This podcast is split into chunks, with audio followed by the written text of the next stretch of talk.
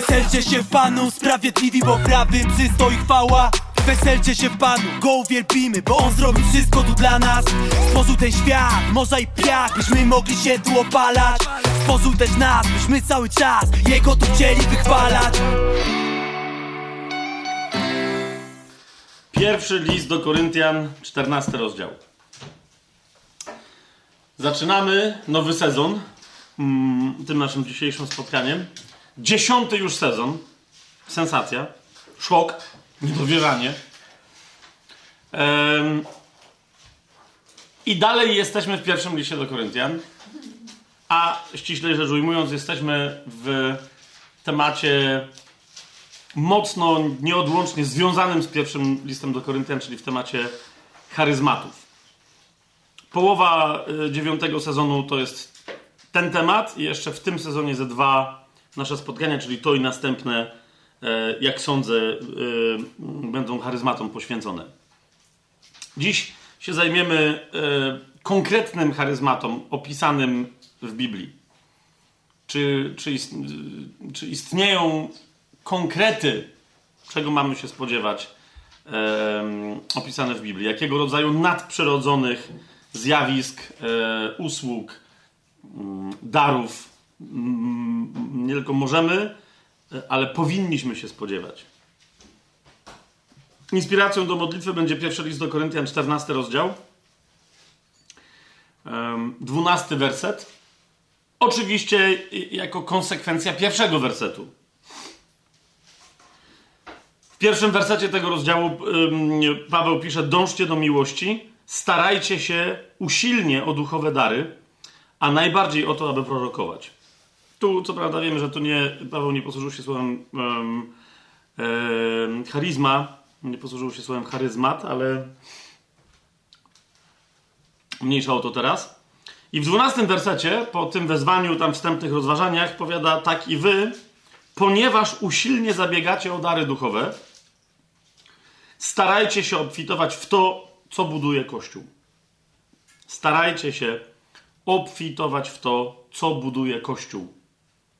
Dzisiaj ten temat jeszcze bardziej rozwiniemy, ale to jest inspiracja do yy, tej modlitwy, którą rozpoczynamy i to dzisiejsze rozważanie i w ogóle chyba cały nadchodzący sezon. Dobry ojcze, ty chcesz nas mieć jako ludzi, którzy usilnie zabiegają o dary duchowe. Bo usilne zabieganie o da- dary duchowe tak naprawdę jest usilnym zabieganiem e, o to, żeby nie zasmucać Ducha Świętego, ale żeby On mógł w nas mieszkać, poruszać się i żyć rozradowany. Ponieważ dary duchowe po prostu są, są, są Jego naturą, ponieważ charyzmaty są po prostu manifestacją Jego obecności w nas. On chce się poruszać, chce się objawiać. On, niewidzialny duch, chce się stać widzialny poprzez to, czym my możemy usłużyć e, sobie nawzajem w kościele i także innym poza kościołem. A więc, ojcze, dzisiaj dziękujemy Ci za kolejny sezon tajemnego planu, który właśnie rozpoczynamy, za kolejne studium. Dziękujemy Ci e, za Ducha Świętego, którego naturę cały czas wprost, czy nie do końca, nie zawsze wprost, ale wciąż rozważamy. Dziękujemy Ci za Twoją wolę, którą On w nas nie tylko objawia, ale chce urzeczywistnić. Dziękujemy Ci, Ojcze, za to, że dzięki temu studium mamy nie tylko nadzieję na to, ale przekonanie mocne, że Twoje słowo nie tylko poruszy nas do tego, żebyśmy wiedzieli na temat charyzmatów, lecz żebyśmy też chcieli chodzić w nich i w nich działać, żebyśmy e, rozszerzając swoje poznanie tego, co Ty nam chcesz dać i przez nas, jak chcesz się objawiać Kościołowi, a nawet światu, żebyśmy my, wiedząc o tym, zaczęli pragnąć, a następnie z pragnienia urzeczywistniać to, to co jest Twoją wolą. Daj tylko, Panie, żeby cokolwiek w tym naszym pragnieniu się pojawi, w tym naszym poznaniu i pragnieniu, żeby służyło e, budowaniu Kościoła. Żebyśmy obfitowali i to obfitowali wyłącznie w to, co będzie budować Kościół, a więc ciało oblubienicy Twojego Syna. Amen. Amen. Teraz y, jedną taką rzecz na początek, bo dziś więc będziemy rozważać konkretne charyzmaty opisane y, w Biblii. Troszkę musimy jeszcze odróżnić y, charyzmaty od pewnych także charyzmatów, znaczy manifestacji obecności Ducha Świętego, ale których nie nazywamy charyzmatami z określonego względu. Więc dzisiaj sobie troszkę jeszcze przypomnimy, czym jest trochę, trochę definicję tego, czym jest charyzmat. Um, w odróżnieniu od tych wszystkich innych rzeczy, innych rzeczy, które też są manifestacjami Ducha Świętego, ale których nie do końca byśmy, na, na, na które nie do końca byśmy się słowem charyzmat e, posłużyli, na, na określenie których. Więc e, jedna z takich rzeczy, która bywa mieszana i mylona z charyzmatami, to są owoce Ducha Świętego. Nie? E, owoc Ducha Świętego to jest także przejaw obecności Ducha Świętego we mnie. Tak? Pracy Ducha Świętego we mnie. Manifestacji obecności Ducha Świętego we mnie. Ale to jest przejaw zasadniczo, którego ja doświadczam, a nie którym usługuję innym. Nie? I ten przejaw, najprościej rzecz ujmując, nazywa się, e, w zasadzie jest tylko jeden i nazywa się miłość. W liście do Galacjan w piątym rozdziale, w dwudziestym drugim wersecie czytamy owocem zaś ducha jest miłość. Ja wiem, że w, w, w większości, jeżeli nie we wszystkich polskich tłumaczeniach, e, tłumaczenia te brzmią albo owocami zaś ducha są, żeby być konsekwentnym i żeby następnie wymienić miłość, radość, pokój, cierpliwość itd., tak itd. Tak albo też tłumaczenie jest takie jak w UBG, czyli owocem zaś ducha jest miłość, ale nadal jest wyliczanka. Miłość, przecinek radość, przecinek pokój, przecinek cierpliwość itd., tak itd. Tak Niemniej zwróćcie uwagę, bo Duch Święty nie popełnia błędów. Yy, wyraz owoc w języku oryginalnym i w tym tłumaczeniu słusznie yy, jest przedstawiony w liczbie pojedynczej. Owocem zaś ducha jest miłość. Jest jeden owoc ducha i to jest miłość. Natomiast miłość to doświadczenie miłości, które się w nas rodzi, które w nas kwitnie, dojrzewa e, i zamienia w owoc, który, który jest życiodajny. E, ono ma to doświadczenie miłości, ten owoc miłości ma swoje, że tak powiem, smaki, e, odmiany. I to jest radość, pokój, cierpliwość, życzliwość, dobroć, wiara, łagod, wiara duchowa w odróżnieniu od tej e, duszewnej, która powoduje nasze, mm, nasze zbawienie, w odróżnieniu od tej, o której pisze, tej, tej wiary duszewnej, o której pisze na przykład Paweł w liście do Rzymian, kiedy mówi, że, czy w liście do Efezjan, kiedy mówi, że jesteśmy łaską zbawieni przez wiarę. Że sercem przyjęta wiara i wyznawanie jej ustami prowadzi do usprawiedliwienia i zbawienia. To, tu, tu jest mowa o wierze jako o owocu już obecnego ducha. Łagodność, powściągliwość przeciwko takim nie ma prawa. Przeciwko takim nie ma prawa. Jeszcze raz my teraz tego nie będziemy rozważać. Dlaczego? E, bo one wynikają z miłości, a miłość jest dokładnie tym owocem Ducha Świętego, który, który to owoc jeden, jedyny w różnych jego odmianach Duch Święty, e, Duch Święty przynosi. Dlatego e, i, i zobaczcie, to rozróżnienie jest dlatego istotne, bo niektórzy mówią, że oni usługują łagodnością, czy że oni nie potrzebują nic więcej ponad doświadczenie Ducha Świętego, które wynika z nowonarodzenia. E, no tak, owoc, ten owoc, który nas prowadzi także do miłości braci i sióstr, w ogóle do miłości wobec innych ludzi, e, on jest większy, on jest ważniejszy w sensie hierarchii wartości niż e, dary duchowe do usługiwania. Ale, na, to, ale jednocześnie jest inny. Rozumiecie o co? Ale jednocześnie jest inny. Nie? Dowodem na to y, 13 rozdział pierwszego listu do Koryntian, nie? gdzie Paweł de facto, wymieniwszy już dwukrotnie w porządku w ogóle charyzmatycznym, a więc usługi duchowej i w porządku funkcji w ciele Chrystusa, ma po wymienieniu dwóch list charyzmatycznych w 12 rozdziale y, tego pierwszego listu do Koryntian, w 13 rozdziale się odwołuje po raz trzeci do tych darów charyzmatycznych, które wymienił i mówi, że żaden z tych darów w porównaniu do miłości jakby się nie może za bardzo równać, bo można mieć te dary, jak się nie ma miłości, to nie? Ale, ale zauważcie, że nawet tu Paweł odróżnia dary charyzmatyczne, stricte te, które byśmy nazwali, mówiąc dzisiejszym językiem polskim, charyzmatycznymi, odróżnia je od owocu Ducha Świętego, którym jest miłość. Czy to jest jasne? Tak? 13 rozdział, chociażbym mówił językami ludzi i aniołów, a miłości bym nie miał, i tak dalej, i tak dalej. Gdybym miał jakiekolwiek dary charyzmatyczne, a nie miałbym tego daru duchowego, którym jest miłość, byłbym niczym. Więc owoce Ducha Świętego to jest coś innego w życiu, tak? Dwa, istnieją też rzeczywiście nadprzyrodzone, czasem nawet ujawniające się w nadprzyrodzony sposób, znaczy w zasadzie, które powinny regularnie e, się, bo to są nadprzyrodzone absolutnie dary, ale uważajcie, dary, które nie mają charakteru jednostkowego, ale które są uniwersalne.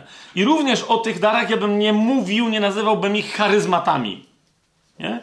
To są mianowicie charyzmaty, ale jeszcze raz, e, które, które mamy, które wszyscy nowonarodzeni mają, a które wynikają z obecności Ducha Świętego, który chce nas upodobnić do Jezusa. Ok?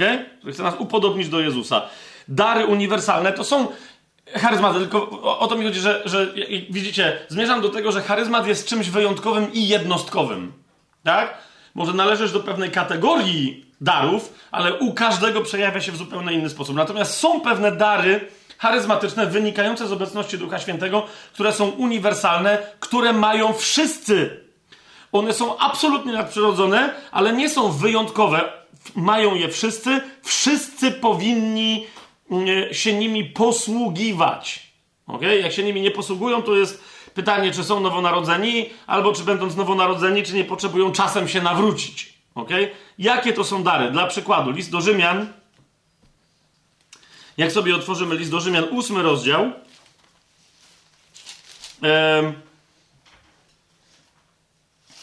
No, oczywiście, pierwsza rzecz, która nas upodabnia do Jezusa, to jest usynowienie.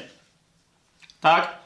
E, świadomość tego, że nie tylko wiedza, tak, że no ja wiem, ty wiesz, że jesteśmy dziećmi bożymi, ale przenikająca dogłębna świadomość, która staje się doświadczeniem bycia dzieckiem Boga.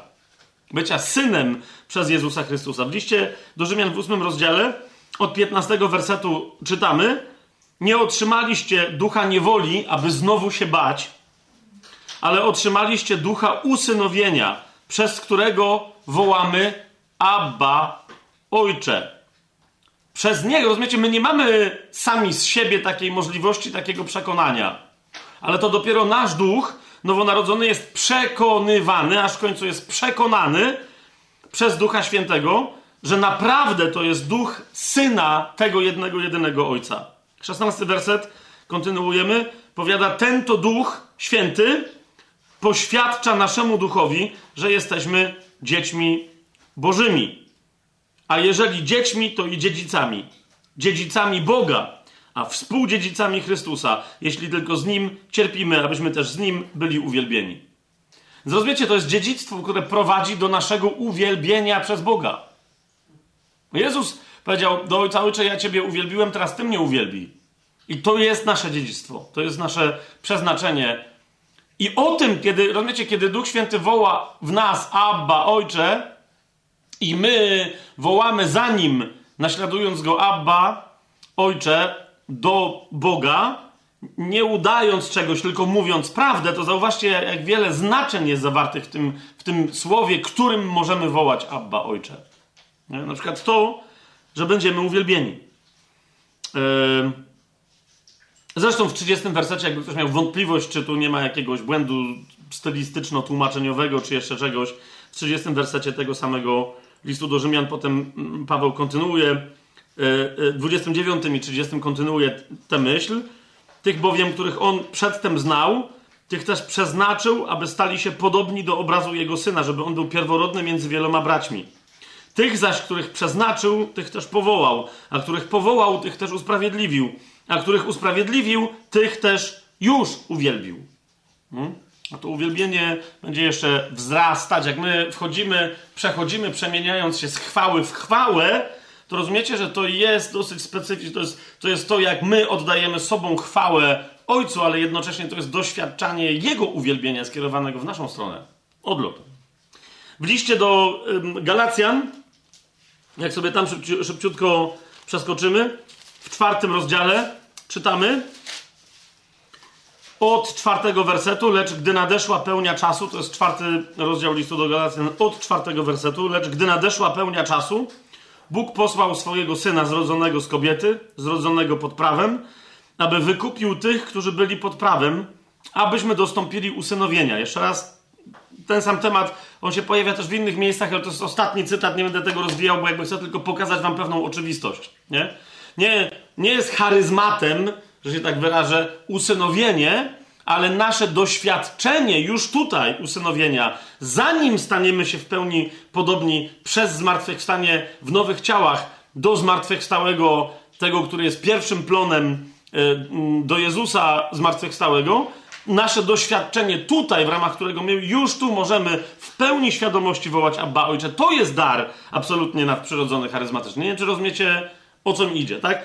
W liście do Galacjan Paweł dalej pisze tak. A ponieważ jesteście synami, Bóg posłał do waszych serc ducha swojego syna, wołającego Abba, Ojcze. Tak więc już nie jesteś sługą, ale synem, a jeżeli synem, to i dziedzicem Bożym przez Chrystusa. I tak dalej. Wprawdzie dawniej, gdy nie znaliście Boga, służyliście tym, którzy z natury nie są bogami, ale teraz, gdy poznaliście Boga, a raczej gdy zostaliście przez Boga poznani, jakże możecie ponownie wracać do słabych i nędznych żywiołów i tak dalej, i tak.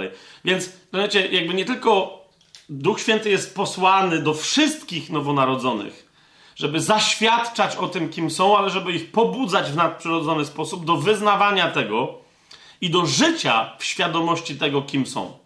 Nie tylko w wiedzy na ten temat. Rozumiecie, bo to jest.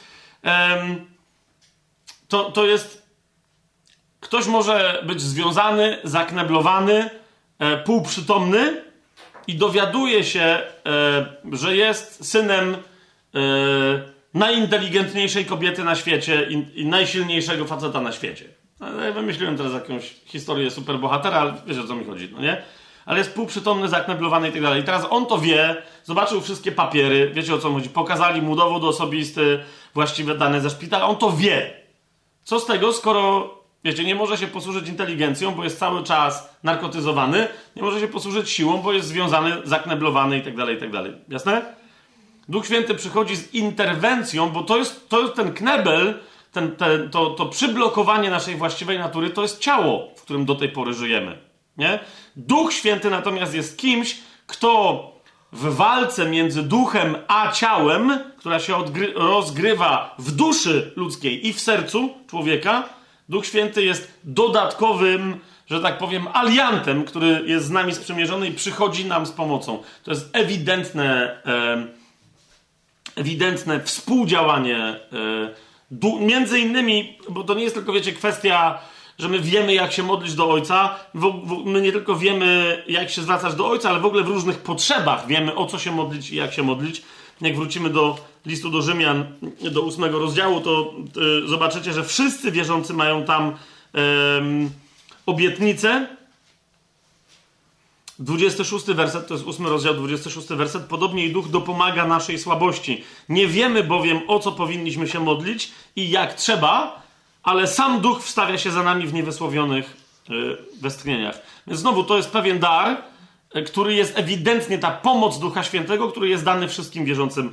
Osobiście uważam, że wszyscy wierzący mają dar języków, e, bez koniecznie jakichś wyjątkowych starań. Niekoniecznie wszyscy się nim posługują, ale mają i według mnie jednym z najmocniejszych dowodów na to jest właśnie ten werset. Nie?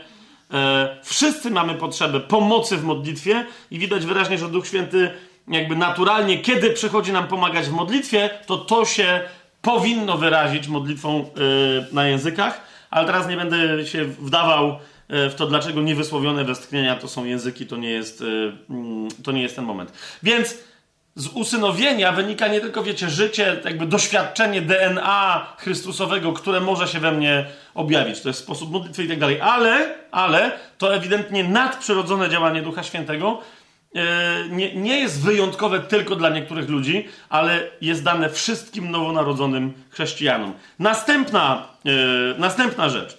W księdze Izajasza, która bardzo mocno nam opisuje Jezusa, Mesjasza, który miał przyjść, mamy parę takich fragmentów, które mówią, co Duch Święty zrobi, my już wiemy, że to jest czas przeszły, zrobił dla Jezusa jako dla Mesjasza po raz pierwszy przychodzącego w ciele ludzkim, wcielonego po raz pierwszy przychodzącego na ziemię. I teraz chcę wam tylko zwrócić uwagę na to, że te opisy Jezus jest pierwowzorem dla nas. Pod każdym względem. Nie? Wielokrotnie o tym mówiliśmy. On demonstruje pewne modele tego, jak my następnie mamy funkcjonować. Bo my, kochając go, mamy się do niego upodabniać nie siłą własnej woli, ale przez naśladownictwo, do którego nas uzdalnia Duch Święty. Okay? A zatem znowu pewne dary charyzmatyczne, które miał Jezus, mają wszyscy, wszyscy, absolutnie wszyscy nowonarodzeni, wszyscy e, nawróceni ludzie. Zaraz, e, e, teraz się jednemu z takich aspektów przyjrzymy. Mianowicie jest to 61 rozdział Księgi Izajasza e, od pierwszego wersetu. Jest to nadprzyrodzony dar, wspomagany, prowadzony przez Ducha Świętego, dar ewangelizacji, dar głoszenia dobrej nowiny, dar świadczenia o zbawczym dziele. 61 rozdział Izajasza, od pierwszego wersetu czytamy, i to są słowa, które wypowiada sam Jezus w Duchu Świętym, ale świadcząc o Duchu. Duch Pana, Jahwe, jest nade mną, bo Jahwe mnie namaścił. Po co? Abym głosił dobrą nowinę cichym. Posłał mnie, abym opatrzył rany skruszonym w sercu, abym zwiastował uwięzionym wyzwolenie, a związanym otworzenie więzienia, abym ogłosił miłościwy rok Jahwe i dzień pomsty naszego Boga, abym pocieszył wszystkich płaczących. Nie? To, to jest misja Jezusa, która, yy, tak bym teraz do, dorzucił, yy, jeszcze z, yy, ona jest bardzo taka z punktu widzenia człowieka, bardzo taka pocieszająca, piękna i miła. Z punktu widzenia diabła natomiast jest przerażająca, bo, e, bo, bo to jasne, że dzień pomsty Pana dopiero przyjdzie, ale dla diabła każde E, każda z tych rzeczy, która należy do ewangelizacji, ogłoszenie wolności uwięzionym, przyprowadzenie do zdrowia chorych, ogłoszenie dobrej nowiny o zbawieniu tym, którzy myśleli, że są na wieki potępieni i tak dalej. E, rozumiecie? Oznacza dobro dla tych, którzy tego doświadczają dla ludzi. Ale za każdym razem z punktu widzenia diabła to jest co? To jest zniszczenie jego dzieła. Okay?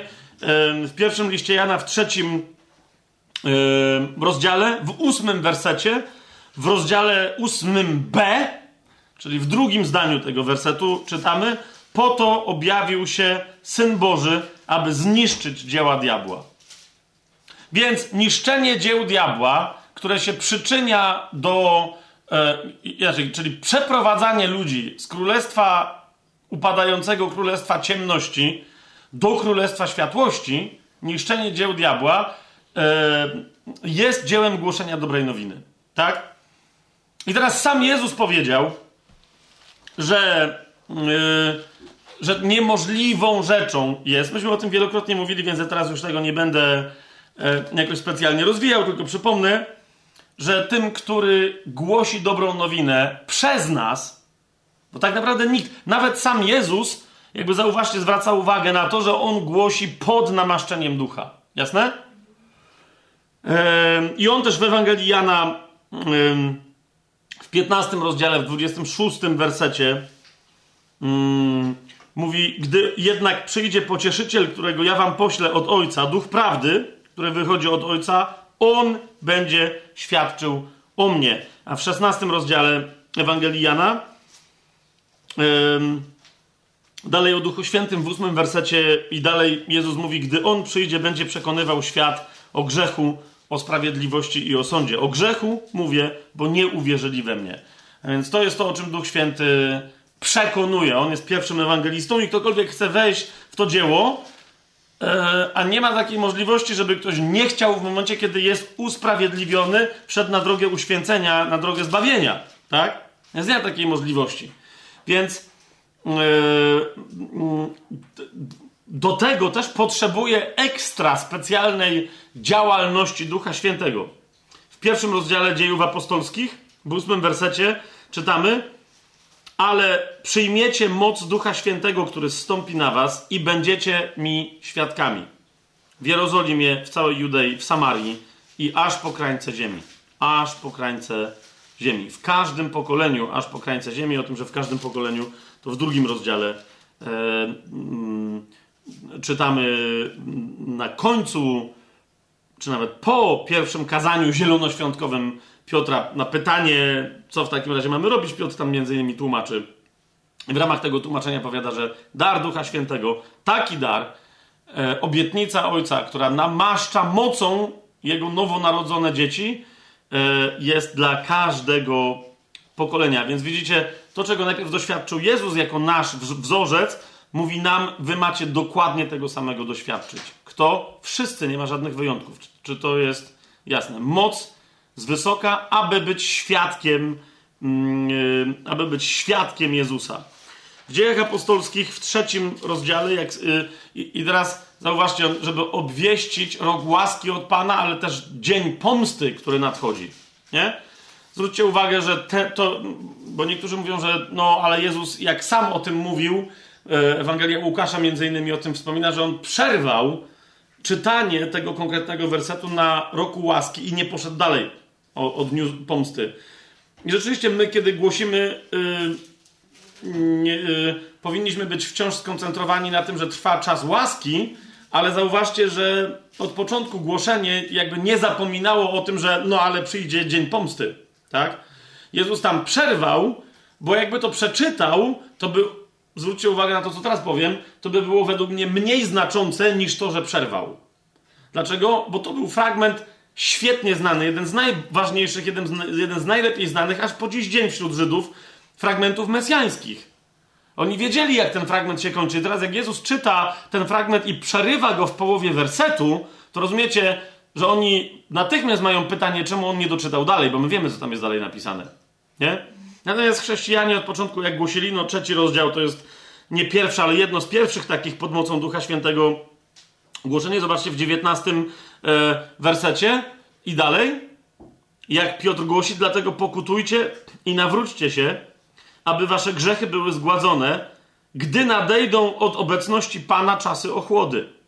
I pośle tego, który był wam głoszony, Jezusa Chrystusa, którego niebo musi przyjąć, aż do czasu odnowienia wszystkich rzeczy, jak Bóg od wieków przepowiadał przez usta wszystkich swoich świętych proroków. Czyli teraz jest czas, kiedy możemy pokutować i się nawrócić, ale to nie jest nieskończony yy, czas. On ma konkretną granicę, tak? Do, dojdzie do zmiany. Pan wróci, on jest zatrzymany w niebie do czasu. Ok? Więc zauważcie, yy, to głoszenie obejmuje całość głoszenia opisanego w, w tych pierwszych dwóch wersetach 61 rozdziału e, Izajasza. Idźmy dalej. Inny taki fragment, ja nie będę ich wszystkich rozważać teraz, ale taki większy, klasyczny fragment z Izajasza, to jest jedenasty rozdział Izajasza. Wersety 1 do 3. 1 do 3. Um, 11 rozdział Izajasza 1 do 3, chociaż w zasadzie interesują nas 2, 3, no ale miejmy kontekst. I wyjdzie gałązka z pnia Jessego, latorośl z jego korzenia wyrośnie. To jest mowa e, oczywiście o Jezusie, tak? o Mesjaszu, o tym jednym, jedynym, e, na którego wtedy wszyscy jeszcze czekali. I teraz, kiedy się pojawi ta latorośl, co się stanie? I spocznie na nim duch Jahwe. No i tu mamy wymienione efekty tego spoczęcia na nim ducha Jahwe, czyli z czym przyjdzie ten duch. Ponieważ Duch Święty jest przedstawiony jako duch siedmioraki w Księdze Objawienia, to potem na siłę niektórzy chcieli tu się dopatrywać siedmiu przejawów Ducha Świętego. I niektórzy twierdzą, że nie tak bardzo na siłę, dla mnie trochę na siłę, nie? Bo konkretne przejawy, konkretnych przejawów jest sześć. Siódmy już nie do końca, ale przyjrzyjmy się im. Otóż, i spocznie na nim duch Jahwe, czyli duch mądrości i rozumu, duch rady i mocy, duch poznania i bojaźni Jahwe. Nie? I teraz niektórzy mówią, nie, nie, bo jest jeszcze siódmy aspekt, że on będzie czujny w bojaźni Jahwe. Niektórzy tu, to słowo tu tłumaczą, nie, bo to nie bardzo wiadomo, co znaczy, że będzie czujny, że będzie rozmiłowany w bojaźni, że będzie się delektować yy, bojaźnią Jahwe. To okej, okay, więc będzie się cieszył bojaźnią Jahwe, ale dla mnie to nie jest jakiś, wiecie, specjalnie ekstra inny dar. Nie wiem, czy rozumiecie, o co, o, o co mi chodzi. Siódmy. Niektórzy twierdzą, że duch Jahwe, że jakby Jahwe tu jest jakimś darem. No okej. Okay. Dla mnie jest sześć konkretnie tutaj darów, e, czyli dar mądrości i rozumu, rady i mocy, poznania i bojaźni. Ok? E, I zwróćcie uwagę, one wszystkie są związane e, z, z rodzajem wiedzy na temat Boga, która jest poznaniem osobistym Boga, z którego to poznania wynika mądrość, którą ktoś ma. Ok? Tych sześć aspektów coś takiego opisuje, czyli mm, spocznie na nim duch Jahwe i ten duch Jahwe to jest duch mądrości i rozumu. I to są dwie, załóżcie, są dwie różne rzeczy. Nie? To nie są synonimy, absolutnie. Tak? Ktoś może mieć bardzo sprawny rozum i wcale ze względu na brak doświadczenia na, przy, na przykład może w ogóle nie mieć mądrości. Rozumiecie? Ostatnio ktoś tam e, jakieś dowodzenie przeprowadził biblijne ja się tylko temu przesłuchiwałem. I bardzo interesującą rzecz ktoś inny mu powiedział, mówi, wszystko co powiedziałeś jest absolutnie się zgadza pod względem formalnym i logicznym. Jest absolutnie rozumne, tak? Jeżeli A to B, jeżeli B to C, jeżeli C to D, jeżeli D to E. Się wszystko zgadza, jak już mówi, czyli mam rację. I ten mu powiedział, no nie, ale to, że to jest logiczne, to nie znaczy, że to jest w ogóle prawda. Więc nie. Było bardzo logiczne, to było bardzo rozumne, ale to nie było w ogóle mądre. O, absolutnie głupie. Dlaczego? No bo wyszedłeś od tezy, która w sobie, tezy A, która w sobie zawierała błąd. Nie? A zawierała błąd, dlaczego? Bo brak ci doświadczenia. Nie widzicie o co chodzi. Ktoś może być inteligentny, wcale nie, nie musi być mądry, tak? E, zresztą to jakby naturalnie ludzie obserwują. E, zwróćcie uwagę na w miarę ogarniętych, bo są też nie, kompletne nieogary, ale w miarę ogarniętych starszych ludzi. Nie? Średnio statystycznie rzecz ujmując, dowolna starsza osoba typu 60, 70, 80 jest grubo mądrzejsza od nie, nieważne jak inteligentnej nastolatki czy nastolatka. Wie, wiecie o co mi chodzi? Jest grubo mądrzejsza. Może nie mieć tej wiedzy, może nie mieć ogarnięcia, znajomości technologii, ale jest życiowo średnio, jeszcze raz mówię, może się znaleźć jakiś wiecie, geniusz i jakiś jełop, tak? Ale chodzi mi o to, że średnio rzecz ujmując, ci ludzie mają więcej, dlaczego? Bo mają znacznie więcej doświadczenia, nie? Mają pewną perspektywę, dystans do pewnych rzeczy i tak dalej. Więc zwróćcie na to uwagę.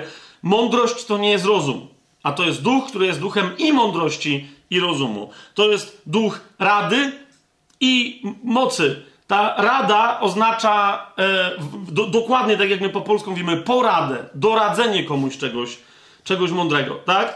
Y, to jest duch, który może zadziałać z mocą, ale też czasem nie działa, bo wystarczy, że komuś poradzi coś sensownego na bazie tej mądrości i rozumu, który też reprezentuje, tak? To jest duch poznania i bojaźni Jachwę. Poznanie jest znowu, wiecie, czymś. jeżeli ktoś ma rozum i ma jakieś doświadczenie, to może na zasadzie indukcji i dedukcji do pewnych rzeczy dojść, nie mając doświadczenia. Jest to jasne, co mówię? Może wnioskować, może coś tam. Ale są pewne rzeczy, na które nie wpadniesz, choćby nie wiem co, jeżeli nie masz poznania bezpośredniego. Nie? Po prostu nie masz. Mm, kiedyś pamiętam, jeden człowiek mi tłumaczył, że próbując właśnie innym wyjaśniać, to nie jest mój pomysł, e, mówię, wyobraź sobie, że, że masz kogoś, kto nigdy w życiu nigdy w życiu nie widział, nie doświadczył, nie dotknął, nie powąchał ognia. Nigdy w życiu nie widział czegoś, co się pali. Nigdy w... nie ma takiej koncepcji. Ona jest tak fundamentalna dla człowieka, że my ją, jakby nam się wydaje, że ale wyobraź sobie, że nigdy w życiu, jak komuś wytłumaczysz, co to jest ogień? Nie? Najlepiej jest wziąć, rozpalić, wtedy każdy, a to jest ogień, nie? Ale weź mu tłumacz, no nie? Przy pomocy mądrości i rozumu. Hmm? Lepiej mu dać doświadczenie. Po prostu. Yy, a jak ktoś z Was nadal yy, ma skomplikowaną historię, co to, co to jest, no to na przykład są wciąż ludzie na świecie, którzy nie wiedzą, co to znaczy pocałować kogoś z miłością w wyniku miłości, która ma charakter romantyczno-erotyczny. Nie? Jak są chłopcy tacy jeszcze w wieku, wiecie, 8-9 lat, to oni doznają głębokiego obrzydzenia na widok rodziców, którzy później dziewczynki doznają później, no nie, bo to z czego, ale chłopcy, no nie, w ogóle.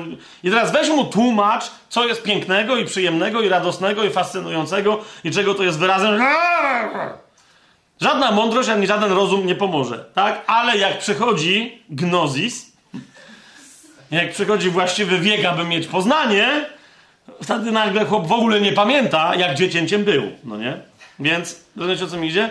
Duch przynosi też poznanie, a więc sposób na, na zrozumienie czegoś, na doznanie czegoś, na doświadczenie czegoś, na poszerzenie swojej wiedzy, która nie jest możliwa e, do poszerzenia na sposób mądrościowo-rozumowy.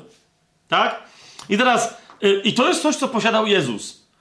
E, no, nie będziemy teraz rozważać całej historii, że no tak, bo on jest mocą i mądrością Bożą sam w sobie.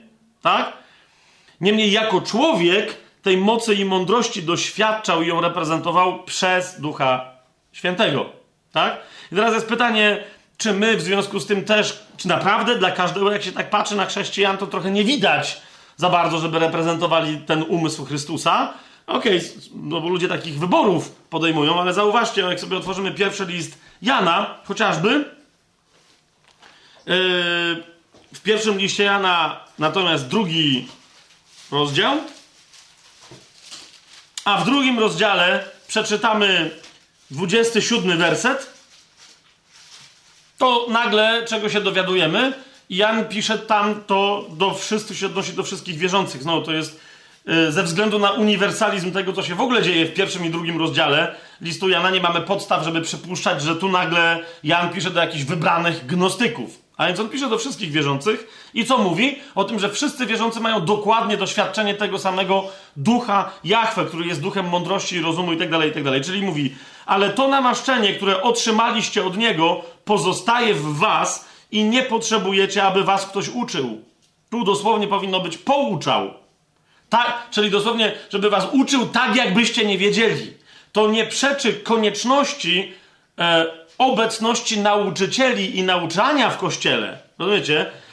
Tyle tylko, że to nauczanie jest formą przypominania ludziom o czymś, o czym oni powinni wiedzieć, a nie objawiania im czegoś, o czym w ogóle nie mieli pojęcia. Tak? Jak niektórzy próbują nauczycielstwo w kościele przedstawiać. Lecz jak to namaszczenie uczy was o wszystkim, to namaszczenie, którym jest Duch Święty. Tak? Jak to namaszczenie uczy was o wszystkim, a jest ono prawdziwe i nie jest kłamstwem, to jak was nauczyło, tak w nim pozostańcie, lub też tak też w nim wiedzcie, że pozostaniecie. Dla tych, którzy by mieli, tu nie sądzę, ale może gdzieś ktoś, ale może i tu miałby wątpliwość, czy to chodzi rzeczywiście o Ducha Świętego, to tylko też szybciutko przypomnę Ewangelia Jana, 14 rozdział, 26 werset. Lecz pocieszyciel, Duch Święty, którego Ojciec pośle w moim imieniu, on nauczy was wszystkiego i przypomni wam wszystko, co wam powiedziałem. Rozumiecie? Dlatego Jan, nawiasem mówiąc, autor tejże Ewangelii przez Ducha Świętego, tak? Przedstawia Ducha Świętego jako kogoś, jako kogoś, jako kogo? Kogoś, kto nauczy, ma nas nauczyć i uczy nas wszystkiego. Bez wyjątku, wszystkiego. I ma nam przypomnieć wszystko, co Pan Jezus powiedział. Tak? Plus do tego jeszcze 16 rozdział Ewangelii Jana, 13 werset. Lecz gdy przyjdzie On, Duch Prawdy, wprowadzi was we wszelką prawdę. I teraz jasne, jeszcze raz powtarzam, że to wprowadzanie nas we wszelką prawdę, ponieważ nie może być tak, że my wszyscy, że żeby ktoś z nas reprezentował uosobienie pełni darów, znajdujemy się w ciele i w tym ciele sobie usługujemy. A więc pewne rzeczy są nam przypominane, nauczane i tak dalej przez nauczycieli, podobnie jak inne rzeczy są robione przez innych. Nie zmienia to jednak faktu, że jak Kościół ma rozpoznać prawdziwe nauczanie? Po tym samym duchu, którego ma. Ta sama rzecz się tyczy prorokowania, ale o tym za chwilę. I jeszcze, yy, chociaż w zasadzie dlaczego by za chwilę, skoro jesteśmy w 16 rozdziale, w 13 wersecie, zobaczcie, gdy przyjdzie On, Duch Prawdy, wprowadzi was we wszelką prawdę. Bo tu mamy drugie zdanie, które w zasadzie nas przeprowadza płynnie do tematu prorokowania. Nie będzie bowiem mówił sam od siebie, ale będzie mówił to, co usłyszy i oznajmi wam rzeczy przyszłe. A więc ci, którzy mówią Duch Święty dzisiaj prorokuje tylko w taki sposób, że pociesza ludzi i pokrzepia i zasadniczo jest jak cukier, po którym się nie tyje. Dobrze, wszystko fajnie, ale Pan Jezus wyraźnie powiedział, że On też będzie mówił na temat przyszłości. Ok? Będzie mówił na temat przyszłości. Yy, I znów, podobnie jak z nauczaniem, jak my rozpoznajemy dobre nauczanie? Po Duchu Świętym, którego mamy. Nauczyciel nie przychodzi, żeby nas pouczać, ale żeby mówić rzeczy, wyrażać je w taki sposób, jaki, w jaki większość Kościoła może nie wyrazić, ale takie rzeczy, z którymi cały Kościół musi się zgodzić, bo cały Kościół ma tego samego ducha, w którym wie, że to jest prawda. Czy to jest jasne, co, co, co powiedziałem? Okej. Okay. Gdy chodzi o prorokowanie, już ostatnio o tym mówiliśmy, ale powtórzmy repetitio mater studiorum, a to są niezwykle ważne rzeczy. W Księdze Objawienia w 19 rozdziale, w Księdze Objawienia w 19 e, e, rozdziale, w 10 wersecie, tam w tym jednym z tych momentów, kiedy Jan upada do stóp anioła, który mu przedstawia pewne rzeczy. Tenże anioł go napomina.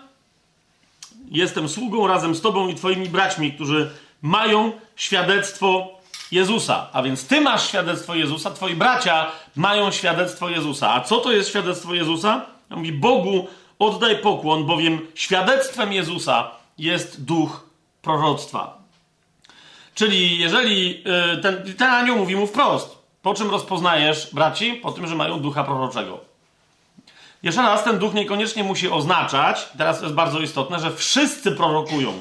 On oznacza, że każdy może prorokować, nie powinien się powstrzymywać, kiedy go duch w tą stronę poruszy. Jak sobie otworzymy pierwszy list do Koryntian, 14 rozdział, my tam jeszcze dopiero następnym razem do tego rozdziału głębiej się przypniemy. E, niemniej teraz, pierwszy list do Koryntian, 14 rozdział, 29 werset.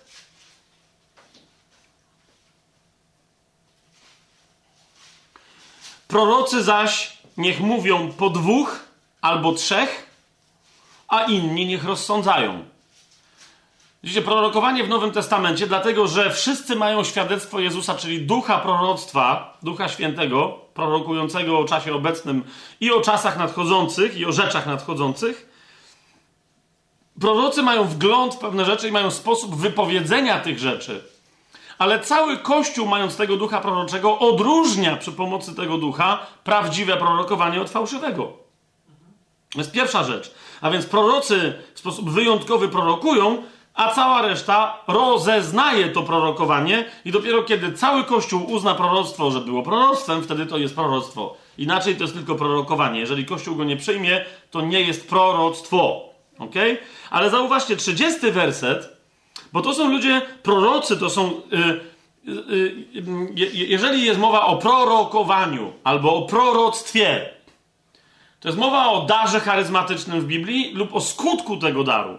Jak jest mowa osobowo o prorokach w Nowym Testamencie, to chodzi o funkcję która wynika z tego rodzaju namaszczenia charyzmatycznego. Ja o tym jeszcze będę mówił więcej później i na to zwrócę uwagę, nie? A więc tu jest powiedziane, że mogą, macie więcej proroków rozpoznanych, którzy już są doświadczeni w prorokowaniu, widzicie, że to, ich, że to, ich jest, że to jest ich posłannictwo do Kościoła, świetnie. Ale cały, nadal cały Kościół ma wciąż obowiązek rozeznawać to, co oni prorokują. Ale zwróćcie uwagę, Paweł mówi, ale jeżeli mieliby prorokować inni akurat pobudzeni przez Ducha Świętego, to ci, mimo że są prorokami z funkcji i ze służby w kościele, powinni ustąpić. A więc prorocy zwłaszcza powinni rozpoznać, że wszyscy mogą prorokować w kościele. Zwróćcie uwagę, prorocy niech mówią po dwóch albo trzech, inni nie, niech rozsądzają, a gdyby komuś innemu z siedzących, komu in, komuś innemu niż prorokowi, tak? Zostało coś objawione, to pierwszy niech milczy. Ci pierwsi w zasadzie, tu chodzi o to, że ci pro, to prorocy niech milczą, tak? Bo to, że oni są prorokami, to nie znaczy, że zawsze, wiecie, gdzieś się dzisiaj w kręgach charyzmatycznych tak jest, że gdzieś się pojawia osoba, która jest rozpoznana jako, jako prorok, tak? I wszyscy y, proszą o to, żeby się za nich modlić, ustawiają się w kolejce i oczekują, że prorok musi im coś powiedzieć, no bo jest prorokiem, tak? No nie, nie wiem, dla mnie to, jest, to nie jest uznanie, że to jest prorok. Czyli, że to jest człowiek, który ma specjalne namaszczenie od Boga, który powie, jak Bóg mu da. To jest raczej wróżbiarstwo. No, wróżka zawsze, jak jej zapłacisz, to coś tam ci bąknie, tak? I ludzie myślą, że tutaj bez płacenia, za darmo mają taką prywatną wróżkę w chrześcijaństwie. Jeżeli ktoś jest prorokiem, to zawsze coś im powinien powiedzieć. Nie? Otóż nie. I tacy prorocy, którzy usługują w taki sposób, który sugeruje, że tak jest, że ktokolwiek chce, że dostanie od nich proroctwo, e, ja nie mówię, że nie są namaszczeni, że nie są prorokami i tak dalej, tak? Ale wprowadzają ludzi w błąd ponieważ nie zawsze mają coś od Boga. Nie? A skoro tak, to sugerowanie, że zawsze mają, jest bardzo, ale to bardzo niebezpieczne. W pierwszym liście do Tesaloniczan, dokładnie na tej samej zasadzie, Paweł przypomina nie prorokom, ale całemu kościołowi, to jest piąty rozdział pierwszego listu do Tesaloniczan, 20 i 21 werset. Paweł, Paweł przypomina całemu kościołowi, czemu to jest cały kościół e, wszystkich pokoleń, no bo kontekst całego tego rozdziału, całego tego listu w ogóle na to wskazuje. Mianowicie mówi e, Paweł nawet od 19 wersetu: Ducha nie gaście. Duch jest duchem proroctwa, więc zaraz Paweł dodaje: proroctw nie lekceważcie. Ale 21 werset, czyli zauważcie, on nie mówi, że wszyscy mają mieć proroctwa, ale mówi na pewno, jeżeli macie ducha, to będą proroctwa. Ktoś będzie je wypowiadał. I teraz 21 werset proroctw nie lekceważcie, ale 21 werset, wszystko badajcie, a trzymajcie się tylko tego, co dobre. Tak? Nie wszyscy mają mieć proroctwa, ale wszyscy mają obowiązek nielekceważenia proroctw, gdy się po, po, pojawiają. Wręcz i nie tylko to, jeżeli mają obowiązek nielekceważenia, mają także obowiązek czego? Rozeznawania tychże proroctw, podobnie jak wszystkiego innego w swoim życiu, czy jest rzeczą z Boga. Na bazie czego? No na bazie tego samego ducha proroctwa.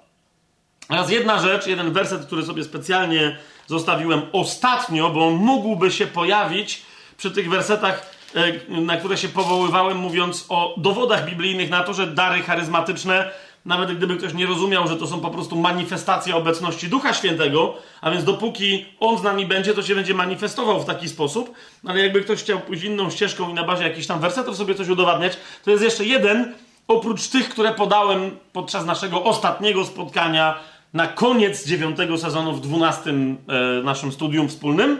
Jest jeszcze jeden taki werset, nie wiem, czy na to zwróciliście uwagę. Mianowicie, kiedy stąpił Duch Święty, w zasadzie w pierwszych słowach, które pod mocą tegoż Ducha Świętego mówi Piotr, zdradza, że tak się będzie działo, aż dopóki Pan Jezus nie wróci. W pierwszych słowach. Nie? A przy okazji zdradza jeszcze coś, że jednym z najważniejszych przejawów Ducha Świętego będzie prorokowanie. Zobaczcie, drugi rozdział dziejów apostolskich.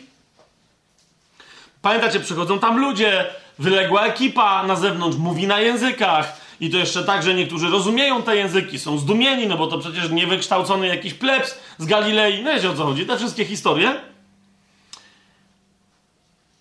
Na co powstaje Piotr w 15 wersecie? Powiada, yy, zaczyna tam mężowie z Judei i tak dalej, i tak dalej. Pokazuje na ludzi, którzy mówią na, na językach i mówi, oni nie są pijani, jak sądzicie, bo jest dopiero trzecia godzina dnia. Eee, Czyli która? No właśnie. No więc to musieliby zacząć co innego, jakby byli pijani o 6 rano, rozumiecie? E, no to znaczy, że chlali całą noc. Ale już potem zasadniczo, kto ma doświadczenie w piciu, zwłaszcza młodego wina, o co są oni oskarżani, albo się pije całą noc i rano się śpi, albo się pije raczej przez poranek i się jest pijanym koło południa, ale nie o dziewiątej, to nie jest właściwa pora, to jest złe rozeznanie, tak? To są Żydzi, oni nie mają doświadczenia, my w Polsce powinniśmy wiedzieć lepiej. Teraz, więc on mówi, oni nie są pijani, jak sądzicie, bo jest dopiero trzecia godzina dnia, ale to jest to, co zostało przepowiedziane przez proroka Joela. I tutaj cytuję, to jest najlepsze w Biblii, w Nowym Testamencie to jest najlepsze. To się wszędzie. Zna... Sam Pan Jezus tak robi, wszyscy pod Nowym Przymierzem tak robią. Czyli mówią, że cytują kogoś, a cytują kogoś innego. Najpierw. Bo jeżeli sobie otworzycie Księgę Joela, jeżeli pamiętacie skąd pochodzi ten cytat, to jest drugi rozdział, 28 werset, to Piotr mówi, a to jest to, co zostało przepowiedziane przez proroka Joela, i on zaczyna i stanie się w ostatecznych dniach, że wyleje. A co Joel powiada, jakbyście mogli mi przypomnieć? Drugi rozdział, 28 werset. Ja celowo nie otwieram. Jola? I stanie się potem. I stanie się potem. Potem, no po, jakby tam jest coś wcześniej, a potem się stanie, to potem. Więc y, nam absolutnie nie ma i stanie się w ostatecznych dniach. Tak? E, Okej, okay, dlatego że ten wstęp pochodzi. Chciałbym powiedzieć, że od Piotra, ale też nie pochodzi od Piotra. Tak? Ale pochodzi od Izajasza.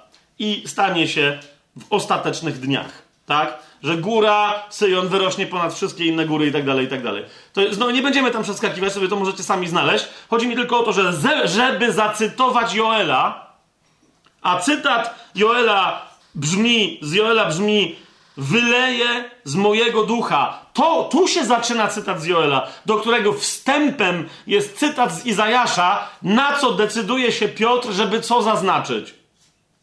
Że podczas trwania wszystkich dni ostatecznych, w ramach których góra Syjon będzie wyrastać ponad wszystkie inne pagórki, co się skończy fizycznym wystrzeleniem tej góry, fizycznie, także się stanie największą górą na ziemi. No nie do, mówił dlaczego o tym wiemy, ale Stare Przymierze o tym aż, aż huczy i grzmi, że tak będzie, że, że geograficzne warunki na ziemi się zmienią. Nie, niemniej, zauważcie, że Piotr celowo nie cytuje dokładnie Joela, początku wersetu Joela. Dlaczego? Żeby nie sugerować, że to się dopiero stanie. Bo on mówi, teraz się to dzieje. Tak? No ale zauważcie, że za chwilę, jak, przeczy, jak, jak przeczytacie Joela, i zresztą za chwilę e, sam Piotr też cytuje, ukaże cuda na niebie w górze i znaki na ziemi, na dole krew, ogień i kłęby dymu. To jest 19 i 20 werset. Słońce zamieni się w ciemność, księżyc w krew, zanim nadejdzie ten dzień pański wielki i okazały. Tu są pewne drobiazgi w tłumaczeniu z hebrajskiego, reinterpretujące tamten fragment, ale które jak się przyjrzycie całości, to co Piotr mówi? To, co nam się wydawało, że będzie jednorazowym wydarzeniem, w zasadzie przynależącym do Dnia Pańskiego. A więc, że zaćmi się słońce, księżyc się zakrwawi, wtedy Pan wyleje swojego ducha i się będą działy pewne rzeczy. Piotr mówi: Nie, to są, to są rzeczy, które należą do czego? Do dni ostatecznych. One się właśnie teraz zaczęły a dni ostateczne skończą się czasami ostatnimi dni ostatecznych, które to czasy ostateczne, ostatnie dni ostatecznych skończą się czym? Dniem pańskim. Taka jest dynamika. Nie? Natomiast zanim słońce się zacznie i tak dalej, co tuż będzie poprzedzać nadejście Dnia Pańskiego, co się będzie działo? Będzie wylewany Duch Pański i co będzie robił? Jeszcze raz wróćmy do, do 17 wersetu. A więc w ostatecznych dniach, które trwają od tego momentu, bo Piotr mówi, to się teraz dzieje. Zauważyliście? To, co wy teraz widzicie, to nie jest to, że oni są pijani. Ale co to jest? To jest wylewanie się ducha pańskiego należne dniom ostatecznym. On mówi, to jest to, co zapowiadał prorok Joel.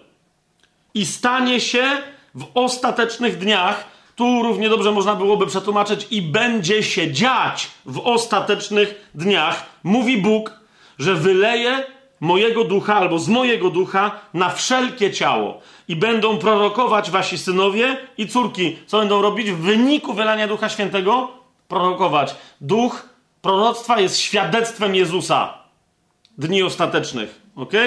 A więc będą prorokować wasi synowie i córki, wasi młodzieńcy będą mieć widzenia, a starcy będą śnić sny. I dalej, nawet na moje sługi i służebnice wyleję w tych dniach z mojego ducha i będą prorokować. Macie drugi raz, czyli e, mamy takie rondo dynamicznie logiczne. Zaczyna się od prorokowania, kończy się na prorokowaniu. Zwróćcie uwagę, a wy, jak zwracacie uwagę, to wszystkim mówię, żeby zwrócili uwagę, że śnienie snów i widzenie wizji, jeżeli tak wyrażę, nie do końca jest nazwane w Biblii prorokowaniem. Ok? Zwróćcie na to uwagę. To nie jest jedyny moment, który, który na to wskazuje. Dziś nie będę tego rozważać. To jest jakiś aspekt proroczego poznania, ok? Ale zauważycie w tych listach, do których zaraz przejdziemy, darów charyzmatycznych, że poznanie, gnozis, na przykład właśnie posiadanie wizji lub objawienia na jakiś temat, nie jest proroctwem. Czy stricte nie jest proroctwem. Nie? Jakby ogólnie niektórzy mówią, że są dary prorocze i one właśnie jakby ujawniają pewne kwestie na temat przyszłości, obecności. Jakby okej. Okay. Ale będąc precyzyjnym, zauważcie, że jeżeli ktoś ma sny, to ma sny. Jeżeli ktoś ma widzenia, to ma widzenia. To jeszcze nie znaczy, że prorokuje, lub wręcz tym bardziej, że jest prorokiem. Może być prorokiem, czy może mieć dar proroczy i przy okazji mieć sny, mieć sny i widzenia. Jest to jasne? Zauważcie, jak wielu takich proroków, o których y, wiemy, słyszymy, których znamy osobiście przecież, y, wyraźnie zaznaczają, jakby tutaj nawet obecne osoby, widzieliście, słyszeliście proroków usługujących i to konkretnie bardzo w duchu. Po iluś tam latach, albo po iluś tygodniach czy miesiącach rzeczy się sprawdzały co do joty, tak? Ale rozumiecie, przypomnijcie sobie, jak prorokowali ci ludzie, czy jak my dzisiaj prorokujemy. I tacy prorocy, zwłaszcza tacy doświadczeni, o których wiemy, których rozpoznajemy w kościele, którzy są rozpoznani w kościele, zauważcie, jak są precyzyjni. Ja teraz mówię o tych ludziach, którzy naprawdę, naprawdę wiedzą, co robią, kiedy zaznaczają, mówią, miałem wizję, i jakby zaznaczają, że ale to naprawdę była wizja. To nie było moje widzenie, przy pomocy którego, przy pomocy wyobraźni coś sobie zreinterpretowałem albo zinterpretowałem. Wiecie o co mi chodzi? To, było, to się re, realnie e, rozgrywało przed moimi. Niektórzy nazywają to otwartą wizją. Nie? Czyli, że nieważne, e, jakby. Co, to, to jest taka otwarta wizja, jak ci ktoś wyświetla film w kinie. Ja nigdy tak nie miałem, ale chodzi mi o to, że znam ludzi, którzy mi to opowiadali, że to jest zupełnie co innego. Nie? Że i, I dlatego oni w języku polskim często to jest, myślę, dobra praktyka, że odróżniają yy, i ktoś mówi, że miałem obraz. Znaczy, że wiecie, miał zamknięte oczy albo nawet i otwarte, ale coś mu się wyobraziło i to było namaszczone przez Ducha Świętego i on teraz na tej podstawie coś mówi, nie? Ale ten obraz to jest co innego niż wizja. W Biblii wizja oznacza konkretnie, rozumiecie, coś, co Bóg rozpostarł przed czyimiś oczami i, i, i, i ten ktoś patrzy na to fizycznie, nie? Więc tu jest mowa dokładnie o takich E, o takich rzeczach. Wasi młodzieńcy będą mieć widzenia albo wizje, a starcy będą śnić sny. Nie? Sen też, jak się pewne rzeczy dzieją, jak ktoś widzi pewne rzeczy e, w śnie, to jest inny rodzaj widzenia, ale nadal to jest pewien rodzaj widzenia. Tak? To nie jest tylko wyobrażanie sobie jakichś tam kwestii. Więc zauważcie, że prorokowanie, jakby już tu na początku jest mówię, wiele innych fragmentów, parę z nich już przytoczyłem, ale prorokowanie jest przynależne obecności Ducha Świętego w ogóle. W ogóle. Ok? Co więcej, yy, nawet sobie tego nie zapisałem, ale to muszę dodać, bo inaczej mnie coś teraz ściśnie. Jest jeszcze jeden bardzo istotny aspekt, na który zwraca uwagę Piotr. Mianowicie, rozumiecie, gdyby nie Duch Święty, Y, jak się, niektórzy z Was może się nad tym nie zastanawiali, ale jak się temu dobrze przyjrzycie, to to zobaczycie. Gdyby nie Duch Święty, nie rozumielibyśmy Biblii. Ona by do nas nie mówiła. Dlaczego? Ponieważ cała Biblia jest napisana, każde słowo w niej, każde słowo stanowi część zdania, zdanie stanowi część większej opowieści, ale cała Biblia jest napisana, zapisana i opisana jako proroctwo. Ok? W drugim liście Piotra, jak sobie otworzycie pierwszy rozdział, Piotr się odnosi do pewnego doświadczenia, które on nazywa doświadczeniem prorockim i się z nim zgadzam, teraz nie będę zaś tego wątku rozwijał, ale jak pamiętacie, tak zwane przemienienie na górze tak zwanej Tabor, Eee, bo co to była za góra, to jest. No ale załóżmy, że to była góra Tabor. Pamiętacie, tam y, Pan Jezus się przemienił. Jeszcze raz, czy on się przemienił, czy oni coś zobaczyli, czego nie było widać normalnymi oczami, to jest inna rzecz, tak? Według mnie, kiedyś i w innym sezonie ja o tym więcej mówiłem, oni tam mieli wizję pewną niebieskiej rzeczywistości, a nie wizję fizycznej, realnej rzeczywistości na ziemi, w ramach której Mojżesz e, z Eliaszem się pojawili na ziemi. Oni widzieli coś, co się dzieje w niebie i to, jak Jezus wygląda jako ten Syn Człowieczy, który jest w niebie, a nie ten, który cieleśnie jest jeszcze na ziemi. Nie? Ale jakby niezależnie od tego, zauważcie w pierwszym rozdziale, yy, w 18, yy, w 17 wersecie, w 16 wersecie, od 16 czytamy, tak? Bo tam Paweł, Piotr to dobrze opisuje. Mówi, daliśmy wam poznać moc i przyjście naszego Pana Jezusa Chrystusa, nie podążając za zręcznie wymyślonymi baśniami, ale jako naoczni świadkowie Jego wielkości. Czyli Piotr mówi nie tylko Jego mocy, usługiwania ludzkiego, ale mówi Jego wielkości. Kiedy Piotr wskazuje wyraźnie, że był świadkiem wielkości, chwały, mocy, potęgi Jezusa. Na tejże tak zwanej górze przemienienia. W 17 wersecie Piotr do tego się odwołuje. Mówi, otrzymał on bowiem od Boga Ojca cześć i chwałę, gdy doszedł go taki głos od wspaniałej chwały: To jest mój syn umiłowany, w którym mam upodobanie. I teraz skąd my wiemy, że to jest ta góra przemienienia? No bo Piotra nie było przy chrzcie Jezusowym, pamiętacie? A na górze był, a mówi tu wyraźnie: I my słyszeliśmy ten głos dochodzący z nieba, gdy byliśmy z nim na świętej górze. Jasne? I on teraz zauważcie, co się dzieje, więc mówi: Ja miałem doświadczenie prorocze i teraz miałem poznanie, Bóg mi objawił coś w ramach tego wydarzenia. I widziałem i słyszałem rzeczy tajemne. I teraz patrzcie, co się dzieje. Więc on mówi: To jest więc słowo prorockie, które ja wam przekazuję, wynikające z doświadczenia proroczego. Ale, mówi, mamy mocniejsze słowo prorocze od nawet takich objawień. Popatrzcie, 19 werset mówi: Mamy wszakże mocniejsze słowo prorockie, a wy dobrze czynicie, trzymając się go jak lampy, która świeci w ciemności, w ciemnym miejscu, dopóki dzień nie zaświta i jutrzenka nie wzejdzie w waszych sercach. Co to jest za, za mocniejsza mowa prorocka? No, mówi, no to jest to słowo, którego się trzymacie. Jakie to jest słowo? To jest pismo, tak? Mówi tylko, pamiętajcie, i cały czas o tym, to macie mieć przed, no, to przede wszystkim wiedząc, że żadne proroctwo pisma nie podlega własnemu wykładowi. Nie z ludzkiej bowiem woli przeniesione zostało kiedyś proroctwo, ale święci Boży ludzie przemawiali, prowadzeni przez Ducha Świętego. Biblia jest całkowicie od początku do końca zapisanym na proroczy sposób, proroczym, czy też prorockim słowem. Amen? Mam amen na to? Um, i zwracam wam uwagę, y, czyli jakby wiecie, to, czyli po prostu dlatego, rozumiecie, dlatego chrześcijaństwo nie jest w tych różnych debatach, ja czasem słyszę i ja nie wiem skąd się ci ludzie biorą z tymi rozważaniami swoimi. Yy, ostatnio słyszałem, że chrześcijaństwo, judaizm i islam nie tylko mają to ze sobą wspólnego, że są monoteizmami, to już jest samo z siebie, jakby wiecie, gdyby tak było, to ani islam, ani judaizm by nas nie oskarżały o politeizm, bo mamy Trójcę Świętą. To prawda, my mówimy, nie, to jest monoteizm, ale oni tego wcale nie rozpoznają, więc od razu umówmy się, że to nie jest żadne źródło żadnej jedności, bo ten Bóg, który jest jeden, nie jest pojedynczy. Natomiast druga rzecz, jaką słyszę, to jest, że chrześcijaństwo, islam i judaizm to są religie księgi. Co prawda, każda z tych religii ma trochę inną księgę, ale wyznaje księgę. Islam wyznaje Koran, e, judaizm wyznaje Stary e, Testament, zwłaszcza pięcioksiąg, Torę, a chrześcijaństwo wyznaje Torę interpretowaną przez Nowe Przymierze.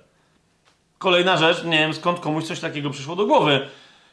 Judaizm jest, jest religią księgi, rzeczywiście, co jest błędem judaizmu, Okay? Islam ewidentnie jest religią księgi, niczego innego, oni nie mają obrazów, więc to absolutnie to się zgadza, ale chrześcijaństwo nie jest religią księgi, kochani, chrześcijaństwo jest religią objawienia. Okay? Objawienia, które przyszło w Chrystusie, objawienia, które mieli prorocy, którym objawiał się Bóg, którym. I, I teraz księga, którą my mamy, jest księgą zapisu objawienia, ale uważajcie na to, Między innymi ten fragment, który teraz przeczytałem, jeżeli ktoś nie ma objawienia wynikającego z nowonarodzenia, a więc nie ma objawiającego mu ducha, to nie rozumie Biblii. Po prostu. I, i, I, stąd cała też ta idea, wiecie, żeby rozdawać Biblię niewierzącym osobom, nie wydaje mi się sensowna. Ponieważ te osoby, jeżeli mają w sobie głód, z rzadka, czytając Biblię, przez Biblię Duch Święty im objawi dobrą nowinę. Tak? Ale to wystarczy dać w takim razie takiej osobie Ewangelię Jana. Albo Ewangelię Jana i list do Rzymian. I tyle. Natomiast cała Biblia, z całym szacunkiem, jeszcze ktoś zechce czytać od początku i ugrzęźnie w księdze kapłańskiej, jeżeli wiecie o co mi chodzi. I, ta, i zresztą znam wiele takich osób, które stwierdziły, ja przeczytam Biblię, no i skończyli dokładnie w księdze kapłańskiej. Jeden walczył, ale e, w księdze powtórzonego prawa już nie dał rady. Po prostu, po prostu no nie? On uznał, że jak tak będzie dalej, to. Zwłaszcza, że niechcący sobie otworzył jakąś tam księgę historyczną, bo uznał, że będzie ciekawie i trafił na jakąś genealogię. No y, i chyba w pierwszej księdze kroniki stwierdził, że nie, to ja, ja nic z tego nie rozumiem.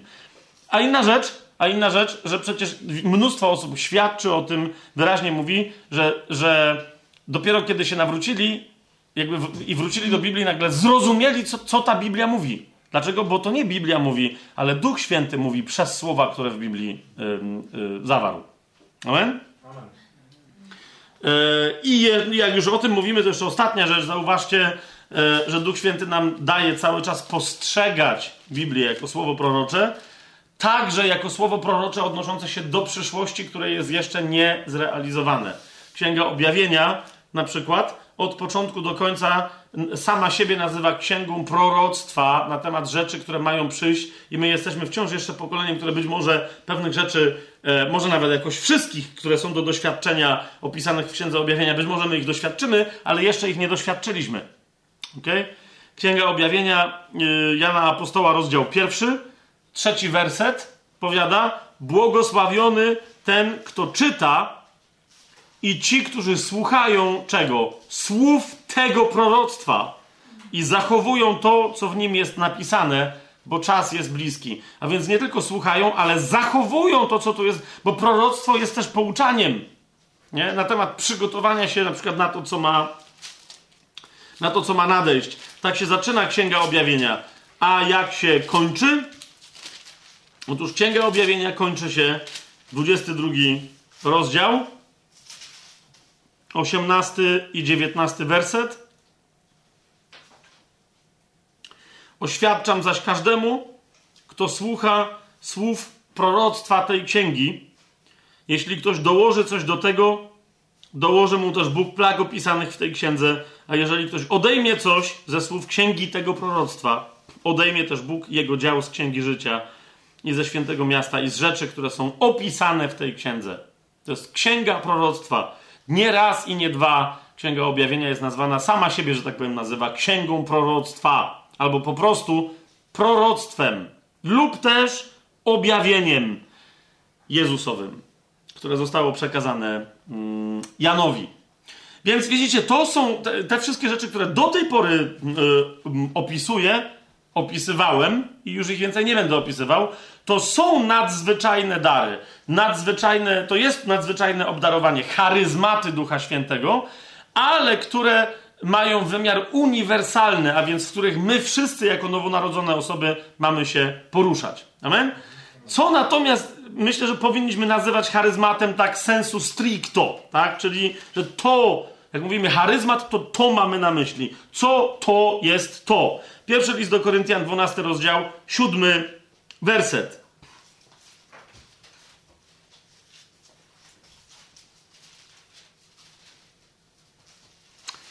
A każdemu jest dany, więc widzicie, tu już jest odniesienie się do indywiduów, które do indywidua należą do całego ciała Chrystusa i są połączone, e, ale no każdy jest inny, każdy jest kimś konkretnym w tym ciele. A każdemu jest dany przejaw ducha. E, tu przypominam wam, że ten przejaw to jest manifestacja, to jest widzialne ujawnienie się czegoś, co jest niewidzialne. Tak? Pamiętacie to słowo, którym e, rozważaliśmy to na, w, w, ostatnim studium. Mm, poprzedniego sezonu. Także tam sobie ktoś może e, wejść i sobie to przypomnieć. Przejaw to, to jest jakoś nie manifestacja, nie? ujawnienie. Każdemu dany jest, yy, każdemu dana jest manifestacja, każdemu dane jest ujawnienie ducha, a więc to jest sposób działania ducha, który się w to u ciebie, przez ciebie przejawia w wyjątkowy sposób. I jeszcze kolejna rzecz, w taki sposób, który służy wspólnemu dobru, wspólnemu pożytkowi. Tak? Każdemu jest dany przejaw ducha, manifestacja ducha dla wspólnego pożytku. A więc to musi być coś, co służy wspólnemu pożytkowi, co służy całemu Kościołowi. Zaczęliśmy dzisiaj od przypomnienia, y, to jest 14 rozdział, 12 werset pierwszego listu do Koryntian. Tak i wy, ponieważ usilnie zabiegacie o dary duchowe, starajcie się obfitować w to, co buduje Kościół.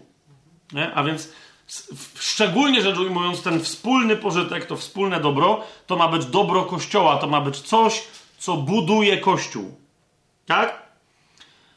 E, I teraz, kiedy mówimy o. I teraz to nazywam charyzmatem. Coś, co ma wyjątkowy wymiar na bazie miary wiary daru Chrystusowego, że zacytuję naraz parę fragmentów Pawłowych, ale zwłaszcza list do Rzymian. A więc w wyjątkowy sposób, w wyjątkowym wymiarze, wyjątkowy sposób manifestowania się Ducha Świętego przez konkretną osobę, która służy wspólnemu dobru Kościoła, która służy zbudowaniu Kościoła. Mamy to? I teraz, gdy mówimy o ta, tak rozumianych darach, które są zindywidualizowane, które są spersonalizowane, że tak powiem, e, potrzebujemy zacząć, i to będzie może nieco zaskakujące, może nie, potrzebujemy zacząć od Piotra. Ja wiem, że wszyscy by chcieli, żebyśmy już od razu teraz przeskoczyli do jakichś list charyzmatów, ale zanim przejdziemy do tych list charyzmatów, to zwróćmy uwagę na coś, na co nam Piotr tę uwagę zwraca. Yy, to jest pierwszy list Piotra. E, mianowicie na pewien podział ogólny, bo on się nie wdaje w konkretne charyzmaty. On tylko daje pewien ogólny podział, który myślę, że powinniśmy mieć z tyłu głowy, jak będziemy potem poszczególne charyzmaty rozważać. Otóż, to jest pierwszy list Piotra. To jest yy, czwarty rozdział, dziesiąty i jedenasty werset. Piotr tu pisze tak. Jako dobrzy szafarze różnorakiej łaski Bożej, jak pamiętacie, tu mamy słowo charis, różnorakiej łaski Bożej, usługujcie sobie nawzajem tym darem, i tutaj mamy charizma, tym darem, jaki każdy otrzymał. A więc widzicie, łaska, która przyszła wraz z Duchem Świętym i zamieszkuje wszystkich, bo łaską jesteśmy zbawieni przez wiarę, ona ma różnoraki charakter i na różne sposoby w konkretnych charizmatach się przejawia. Tak? I Piotr mówi: Wiemy wszyscy o łasce, wiemy o tym, że każdy z nas ma jakiś jeden przynajmniej charyzmat. I teraz co? Nie zaniedbujcie tego, ale usługujcie tymi darami. Usługujcie sobie nawzajem tym darem, jaki każdy otrzymał. I teraz jedenasty werset Piotr powiada tak. Jeżeli ktoś przemawia, niech mówi jak wyroki Boga. Na razie czytam tak, jak tu jest przetłumaczone. Jeżeli ktoś usługuje, niech to czyni z mocy, której Bóg udziela, aby we wszystkim był uwielbiony Bóg przez Jezusa Chrystusa. Jemu chwała i panowanie na wieki wieków. Amen. Interesujące, bo, bo wiecie, Piotr zaczyna obiecująco, jak ktoś mi kiedyś powiedział, że Piotr zaczyna obiecująco, a potem rozczarowująco kończy, szybciej niż zaczął. Bo mówi o tym, że każdy ma dar i żeby sobie usługiwać, charyzmat, a potem zasadniczo dzieli charyzmaty na charyzmaty przemawiania i na charyzmaty usługiwania. No i jakby, no i co? Rozczarowujące to trochę. O, niby tak, ale widzicie, jak potem przyjrzymy się liście konkretnych darów charyzmatycznych, to zobaczymy, że ona dalej nie jest za bardzo konkretna nigdzie. U Pawła. Nigdzie.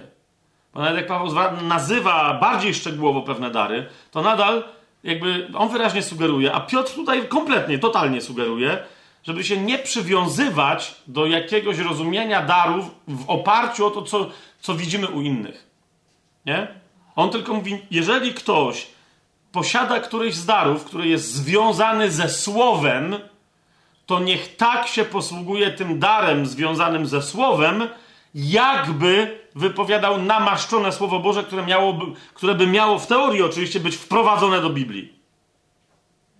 To jest ten sam Piotr, który za chwilę powie o tym, o mowie proroczej, tak? Pierwszy rozdział drugiego listu Piotra, 21 werset. Nie z ludzkiej bowiem woli przeniesione zostało kiedyś proroctwo, ale święci Boże ludzie przemawiali prowadzeni przez Ducha Świętego.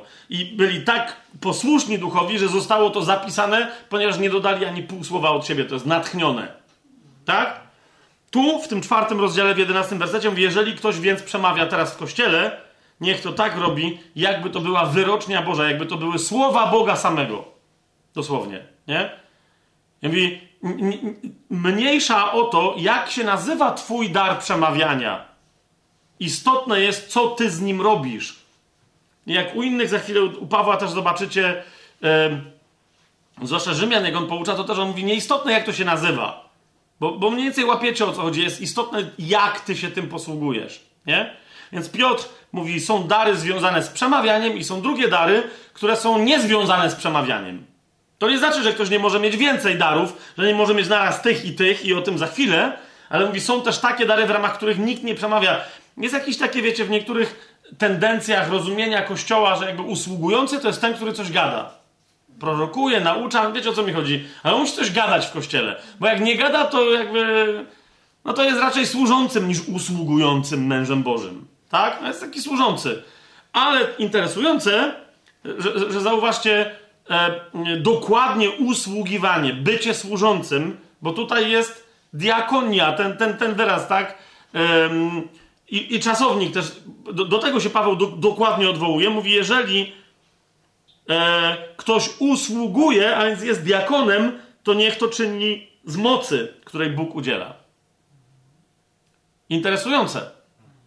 Mówi, istnieją inne dary, które mogą jeszcze bardziej niż dary związane ze słowem głoszonym czy pisanym, mogą jeszcze bardziej przejawiać moc. Ale niech to wynika z mocy, a nie z talentu naturalnego, czy z czyjegoś spięcia, czy z tego, że został wyznaczony do jakiejś funkcji. Nie?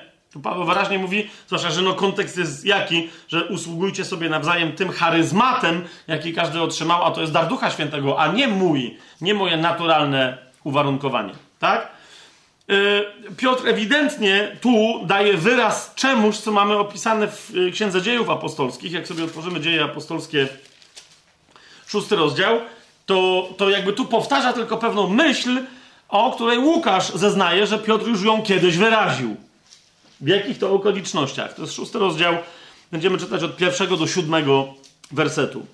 Szósty rozdział Dziejów Apostolskich od pierwszego do siódmego wersetu. W tych dniach, gdy liczba uczniów wzrastała, Helleniści zaczęli szemrać przeciwko Żydom, że zaniedbywano w codziennym posługiwaniu ich wdowy. Wtedy dwunastu, zwoławszy całe mnóstwo uczniów, powiedziało: Nie jest rzeczą słuszną, i teraz zwróćcie uwagę na to, co się tutaj dzieje. Nie jest rzeczą słuszną, żebyśmy porzucili Słowo Boże, a obsługiwali stoły. Niektórzy wręcz, ja słyszałem takie nauczania, które tu wskazują na ten fragment, mówiąc: Oj, tu widać wyraźnie, jak, jak pełnym godności powołania, i, i, który należy otoczyć szacunkiem, jest dar, charyzmat, funkcja, namaszczenie, urząd w kościele związany ze słowem, a jak czymś nędzniejszym jest obsługiwanie stołów. Ale zauważcie, że nie to mówi Piotr. Zauważcie, że nie to mówi Piotr. On mówi tylko, nie jest rzeczą słuszną, żebyśmy porzucili Słowo Boże, a obsługiwali stoły. Dlaczego? Bo nie do tego zostaliśmy powołani. Jemu tylko o to chodzi. A nie, że to jest coś gorszego, albo że to jest lepszego, że to jest rzeczą niegodną. Zauważcie, mówi, to nie jest mądre. Upatrzcie więc, bracia, spośród siebie, uważajcie na to, siedmiu mężczyzn mających dobre świadectwo, pełnych Ducha Świętego i mądrości, którym zlecimy tę sprawę. Żeby wykonywać usługę polegającą na rozdzielaniu jedzenia wdowom, usługę charytatywną, usługę gastronomiczną w kościele, catering pobożnościowy, potrzeba ludzi, którzy będą pełni Ducha Świętego, mądrości, a propos tego, z czym przychodzi yy, Duch Święty, i którzy już są doświadczeni do tej pory, bo ludzie mogą im dać świadectwo, że wykazali się już tym obecnością tego Ducha Świętego i, i, i tej yy, mądrości. My zaś oddamy się modlitwie i posłudze słowa. Posługa słowa. Piotr mówi, yy, i swoją drogą zauważcie, jest druga istotna przy tym yy, sugestia, że to, co Piotr potem w swoim liście zaznacza, tu wychodzi w praktyce. Mianowicie Piotr wyraźnie uważa, że nie należy łączyć tych dwóch rodzajów posługi. Ok? Jeżeli ktoś się oddaje usłudze słowa, to niech się z przeproszeniem odwali od pieniędzy i niech się odwali od usługi materialnej. Nie? E, z jakiegoś tajemniczego powodu, jak trzeba pokazać, kto jest wielce godny w kościele, to się wskazuje na ludzi, którzy się parają kaznodziejstwem. Ale ponieważ oni już są tak niezwykle godni, to oni też trzymają łapę na kasie. If you know what I mean. Dlaczego? No bo są niezwykle godni i koło się zamyka, ale jest to koło błędne. Czy tu jest wszystko logiczne? No jest, ale to nie jest prawda. Tak? To nie jest prawda. Piotr mówi wyraźnie, wy się tym zajmujcie, bo pamiętacie, do stóp apostołów były składane pieniądze, tak? Potem były rozdzielane, za te pieniądze kupowali jedzenie, dawali to jedzenie wdowom i tak dalej. I Piotr mówi, ale to nie my się tym powinniśmy zajmować, to jest bez sensu. Możecie składać te pieniądze u naszych stóp. Ale my mamy głosić Słowo Boże. Wyznaczcie mądrych facetów, którzy będą mieli, do, którzy będą mieli dobre świadectwo swojej uczciwości i tak dalej, którzy ewidentnie demonstrują znaki, objawy, że tak wyrażę, obecności namaszczenia Ducha Świętego i niech oni się zajmują pieniędzmi. Powiedziałbym, wiecie, to jest tak jak Pan Jezus powiedział, co jest łatwiej powiedzieć? Odpuszczają ci się twoje grzechy, czy wstań, weź swoje łoże i chodź. To ja trawestując nieco, jakby tę myśl prezentując, co jest łatwiej dzisiaj? Wstać, żeby ktoś zaczął coś gadać w kościele i żeby zaczął brzmieć, jakby był posłany do, do głoszenia Słowa Bożego, czy dać komuś w kościele ciężkie pieniądze i żeby nadal go utrzymać w uczciwości? Wiecie o co mi chodzi? Więc dlatego oni tu, wiecie, oni tu nie cwaniankowali. Tylko wyraźnie powiedzieli, nie, nie, my mamy usługiwać słowem. Jednocześnie zauważcie, bo oni z czego mieli żyć? Jeżeli się mieli oddać modlitwie i usłudze słowa, to znaczy, że oni tak jak te wdowy, swoją drogą później, ym, e, później y, o starszych usługujących słowem dokładnie to samo powie e, Paweł. Nie? Powie, że, że wdowy powinny być otoczone czcią w kościele, te prawdziwe wdowy, nie te udawane, tak? E, które, że się tak wyrażę, żartobliwie obumarły własnego męża, tak, że on już nie zdzierżył i odszedł. Więc no, jak są prawdziwe wdowy, już w pewnym wieku określonym i tak dalej, to należy im się cześć od kościoła. Czyli co? Czyli utrzymanie. A mówi, ale jak macie e, starszych, którzy usługują słowem, to im należy się podwójna cześć w stosunku do tej czci, która wyznacza nam jakąś liczbę, którą otaczacie wdowy. Nie? To zauważcie, konsekwentnie tu jest to samo. Piotr mówi, niech się tymi wdowami zajmują diakoni. Tym bardziej, na, więc na końcu tego wszystkiego są też apostołowie. Oni się oddają w ręce diakonów. Tak? Jeżeli oni rezygnują z decydowania o tym, na co idą pieniądze, na zakup jakiego jedzenia, na, na, na, na czyje wsparcie, w jakiej kolejności itd. Tak itd. Tak Zauważcie. Um, Piąty werset dalej czytamy do siódmego. I spodobało się to całej gromadzie zebranych. Wybrali więc Szczepana, męża pełnego wiary i ducha świętego, Filipa, Prochora, Nikanora, Tymona, Parmenasa i Mikołaja, prozelitę z Antiochii. Przedstawili ich apostołom i teraz zwróćcie uwagę, że to nie apostołowie, nie ta dwunastka wybiera diakonów. Dwunastka na bazie swojego poznania proroczego w tym wypadku, zwróćcie na to uwagę, mówi, że należy znaleźć takich facetów, ale ich nie szuka. To zgromadzenie, które tego wysłuchuje, znajduje tych facetów, przyprowadzają z powrotem do apostołów i mówią, to to są ci ludzie.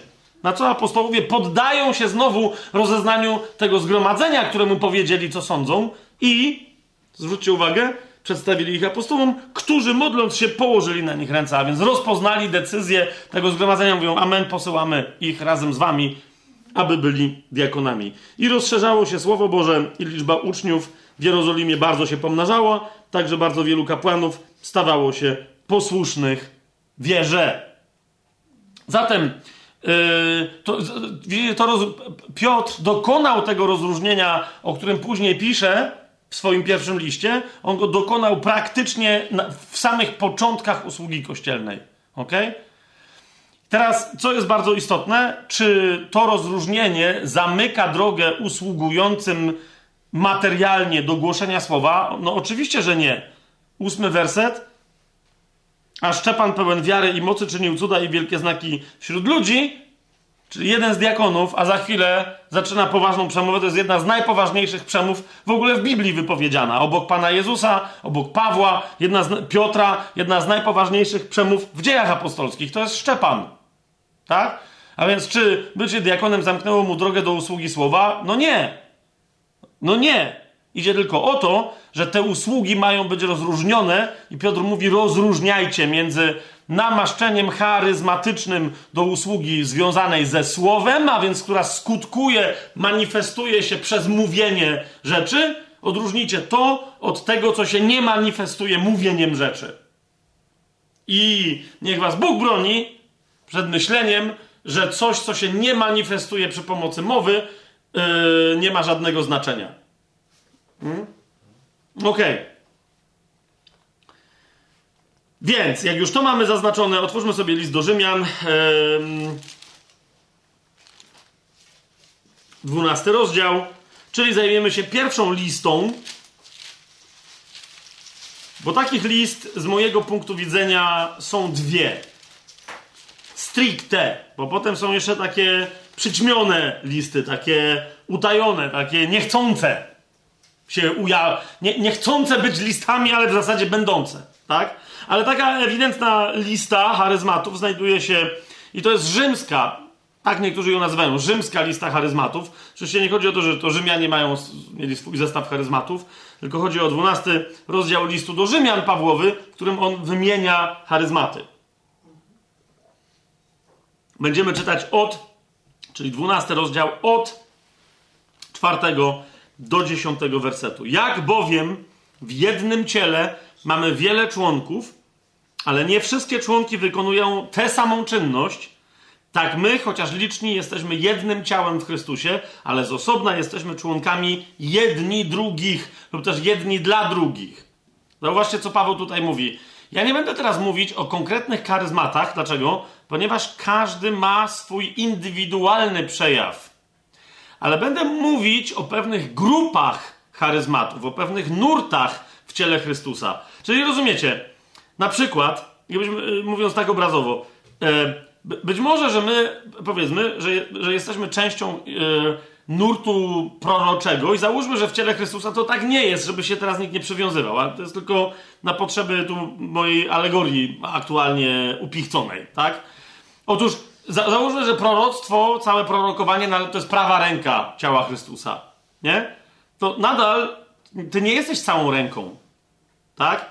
Jesteś częścią tej ręki. I teraz jest pytanie, czy ty jesteś tą częścią, którą jest biceps, czy ty jesteś tą częścią, którą jest palec wskazujący?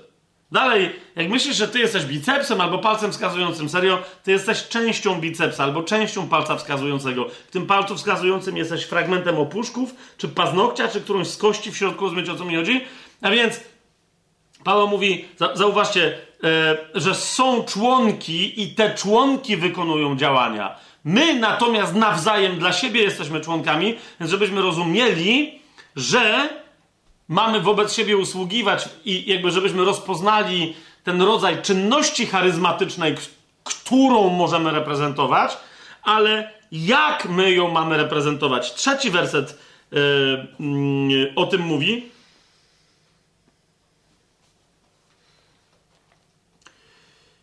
Yy, mówię bowiem przez łaskę, która mi jest dana każdemu, kto jest wśród was, aby nie myślał o sobie więcej niż należy, ale żeby myślał o sobie skromnie, stosownie do miary wiary, jakiej Bóg każdemu udzielił. Ta miara wiary stanowi treść, ja teraz tego też nie będę znowu rozważał, bo chcę się po prostu przyjrzeć charyzmatom, ale ta miara wiary stanowi treść dosłownie bezpośrednio treść dwóch przypowieści Pana Jezusa. Przypowieści o talentach i przypowieści o minach. Ok? I to niech będzie kluczem, jakby ktoś, bo tu widzę, że większość kiwa głową, czy nawet wszyscy rozumieją o co chodzi. Jakby ktoś, nie wiem, słuchał teraz tego nagrania, to miara wiary e, to, to jest przypowieść o minach, przypowieść o talentach. Tak? Jeden dostał jeden talent, drugi dostał trzy talenty, trzeci dostał pięć talentów. Tak? Teraz rozumiesz, o co chodzi być może, że oni wszyscy obracali tymi talentami, prorokując. Zaraz ja, tak? Tro, trochę, no bo to ta, ta, ta, Pana Jezusa się do realnego tam świata odnosiła. Ale prorokowanie kogoś, kto ma jeden talent wiary, no czujecie, że ma inną skalę, inny wymiar, inny, inny rodzaj niż prorokowanie kogoś, kto ma pięć talentów, pięć miar wiary. Po prostu. I to może powodować, że również. Ym... I to wiesz, to, wiecie, to nie chodzi mi, to mi teraz nie chodzi o wymiary takie ludzkie. Aha, czyli kto, im więcej ktoś ma miar wiary, tym do większej liczby ludzi ma prorokować. To w ogóle nie o to idzie. W ogóle nie o to idzie. Nie? E, wręcz, no po prostu to jakby ta miara wiary powoduje sposób prorokowania nawet, nie? Posłannictwo, kierunek tego prorokowania, rodzaj tego, tego prorokowania i wszystkich innych darów charyzmatycznych. A zatem, jeżeli ktoś nawet, ktoś możemy powiedzieć, ktoś ma charyzmat nauczycielski, ktoś ma i jeszcze ktoś, i ktoś ma, jest banda nauczycieli. Wiecie, po czym ktoś powie, no ale każdy z nich w ogóle robi co innego w inny sposób. Nie? No bo nikt nie powiedział, że nauczanie w kościele to jest jedno i to samo. Tak? My mamy dokładnie taką tendencję w kościele, w protestantyzmie ogólnie, ale to zwłaszcza przyszło ze Stanów Zjednoczonych, żeby się oglądać na innych i żeby unifikować się na wzór kościoła rzymskokatolickiego. Jak wygląda nabożeństwo? Ano tak. Jak wygląda kazanie? Ano tak. Jakie mamy zwyczaje, jakie mamy tradycje? To się robi tak, tam to się robi owak i tak dalej. Zupełnie, znaczy niektórzy wręcz innych chrześcijan odżegnują od czci i wiary tylko dlatego, że pewne rzeczy robią inaczej. Po, po prostu je robią, robią nawet dokładnie to samo, ale robią inaczej. Tak? Słyszałem o pastorze, który został wyrzucony z denominacji, a Kościół cały za nim poszedł. Uważajcie teraz e, dlaczego? Ponieważ zaczął głosić w stroju kowbojskim, bo uznał, że w zasadzie dlaczego on ma wychodzić w krawacie i w tych wszystkich rzeczach, skoro ma zbór e, dla rancherów, dla kowbojów, dosłownie dla hodowców bydła, nie, wiecie, nie dla rewolwerowców. Nie? I on sam jest którymś tam pokoleniem e, takiego, wiecie, cowboya. Nie? I, i, i po prostu i on ci raz tam, szukając tam swojej tożsamości i tak dalej, przeszedł na nabożeństwo, w, wiecie, w tych butach takich, ko... nie w stylizacji na kowboja, żeby to było jasne, po prostu przyszedł ubrany odświętnie, tak jak chodzili wszyscy tamci ludzie, nie do kościoła, a nawet niektórzy chodzili do, ale jemu jako pastorowi nie wolno było, tak? Natomiast jak on potem, wiecie, po, po kościele i po obiedzie niedzielnym, jak były imprezy jakieś, to on potem się ubierał tak jak cała reszta i wszyscy, wiecie, wod świętny, kowbojski no, i, i, ktoś go tam kiedyś zapytał, że w zasadzie co za problem, żeby on przyszedł na nabożeństwo i on był zszokowany, że nie, tak to, istnieje, to jest inny uniform, nie? I niby, że nie ma e, w protestantyzmie e, sutanny. No jest, no tylko wygląda nieco bardziej na ogarnięte, ale... Więc ten jak przyszedł w tym stroju kowbojskim, to nagle w ogóle masa, wiecie, innych ludzi zaczęła przychodzić, bo tam ktoś, wiecie, rozeszła się wieść, że kowboj głosi, nie? Wiecie, mówią, no to, no to, to duchownego, to tam kto by to słuchał, te jakieś cioteczne wypowiedzi, ale jak głosi kowboj, no to może warto go posłuchać, nie? To cały ten zbór tam się rozrósł, no tam jest cała taka, wiecie, taka poważna historia. Nieco o niej wspomina Nieco, bo on nie opisuje chyba całej dokładnie tej historii. Jest taka książka E, nie pamiętam teraz znowu autora, bo mi coś się zupełnie rzuciło na mózg e, to wspomnienie, ale jest taka książka, która się nazywa Dlaczego mężczyźni nienawidzą chodzić do kościoła. Bardzo dobra książka. Nie wiem dlaczego w Polsce wydali ją Dominikanie, skoro z tego żyją przecież, żeby ludzie chodzili do kościoła, bo to jest religia, która nie może zabroń, zakazać ludzi, uwolnić ludzi od chodzenia do kościoła bo nie pójście do kościoła w niedzielę jest grzechem ciężkim, który powoduje, że idziesz do piekła według religii rzymskokatolickiej, przecież wiecie. No ale oni wydali tę książkę i tam w tej książce ten autor, a to jest protestancki autor, on tam wspomina między innymi o tym, o tym pastorze kowboju. Nie opowiada całej historii, ale o nim wspomina. Jaki jest autor? David Marrow. E, David Marrow. To chyba, chyba. Nie, tym, jak to powiedział, znacznie lepiej niż ja. Jego nie przedrzeźniam. E, Okej. Okay. Okej, okay, więc, więc, więc zwróćcie, zwracam wam tylko na to uwagę, że Paweł mówi o różnych miarach wiary. Nie? Miej świadomość, że ty, jeżeli masz dar jakiś, o którym za chwilę będę mówił, mówi Paweł, możesz mieć inną miarę wiary niż ja otrzymałem. Tak? Od, yy, od Pana. O tej mierze wiary on też mówi yy, mierze daru Chrystusowego, mierze wiary dla daru Chrystusowego mówi w liście do Efezjan. Ale jak już to wspomina, to mówi, więc po pierwsze jest miara wiary, którą operujesz, która zasila jak paliwo twój dar charyzmatyczny. I teraz ten twój dar charyzmatyczny może być podobny do innych, którzy mają też ten podobny dar co twój, należy do pewnego nurtu, ale twój jest twój, a ty jesteś kimś innym niż inni, więc zrozum, że pewnych rzeczy możesz się od innych w ramach tego daru nauczyć, ale pewnych nie. Jasne to jest to, co, to, co teraz powiedziałem? I teraz, jak już to wiemy, Paweł pisze w szóstym wersecie, mamy więc różne dary, różne charyzmaty według łaski, która nam jest dana. I tu zaczyna wymieniać te charyzmaty. Jeżeli ktoś ma dar prorokowania, niech go używa stosownie do miary wiary. No to mówi zwłaszcza, gdy chodzi o prorokowanie. Tak? Dalej, ale zauważcie, zauważcie, Paweł nie wymienia darów, tylko on, on mówi o darach, o których uważa, że Rzymianie powinni wiedzieć, jak się nimi posługiwać, a nie, że one istnieją. Zauważcie, tak? Jeżeli więc ktoś ma dar prorokowania, niech go używa stosownie do miary wiary. Jeżeli ma dar usługiwania, to niech usługuje. To, no to jest interesujące, no to jak ma, no to co? Idziemy dalej, zaraz to będziemy wyjaśniać. Jeżeli ktoś naucza, to w nauczaniu, tu UBG dodaje, to niech trwa w nauczaniu. Nie. Tu jest też powiedziane bardzo rozsądnie, szaleńczo. Jeżeli ktoś naucza, to w nauczaniu. Okej. Okay. Jeżeli ktoś napomina, to w napominaniu. Jeżeli ktoś rozdaje, to w szczerości. Jeżeli ktoś jest przełożonym, niech nim będzie w pilności, a jeżeli ktoś okazuje miłosierdzie, niech to czyni ochoczo.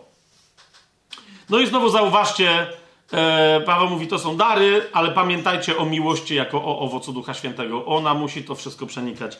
Miłość niech będzie nieobłudna i tak dalej, i tak dalej. Nie? Zawsze jak Paweł on nie ma takiego miejsca u Pawła, żeby nie natychmiast nie przypomniał o miłości, gdy mówi o charyzmatach. Nie, nie on jeden zresztą, ale no, tylko tak wam zwracam uwagę.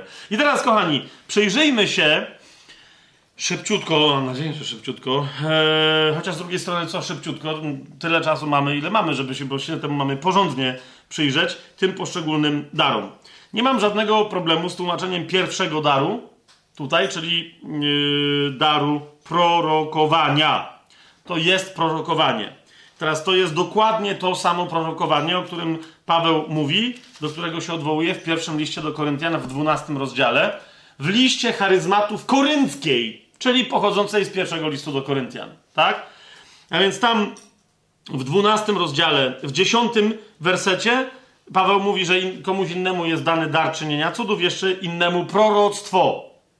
I tu jest dokładnie, w liście do Rzymian jest wykorzystany dokładnie ten sam wyraz, proroctwo. Tak? A więc widzimy, że jest pewien dar, charyzmat, który jest rozpoznany, który jest oczywisty. Co to jest dar prorokowania? Myśmy dzisiaj jakby wspomnieli o nim jako o darze uniwersalnym, tak? Ale przyjrzyjmy się, czym on się charakteryzuje jako dar indywidualny, tak? Wyjątkowy u kogoś, kto przez to, że ma ten dar, może się stać, ma najlepszą, e, że tak powiem, ma, ma wszystkie dane po temu, żeby się stać prorokiem. Ok? Pierwszy list do Koryntian sobie otwórzmy, 14 rozdział, szósty werset. Najpierw. Teraz więc, bracia, gdybym przyszedł do was, mówiąc obcymi językami, jaki pożytek mielibyście ze mnie, jeśli bym nie mówił do was albo przez objawienie, albo przez wiedzę, albo przez proroctwo, albo przez naukę?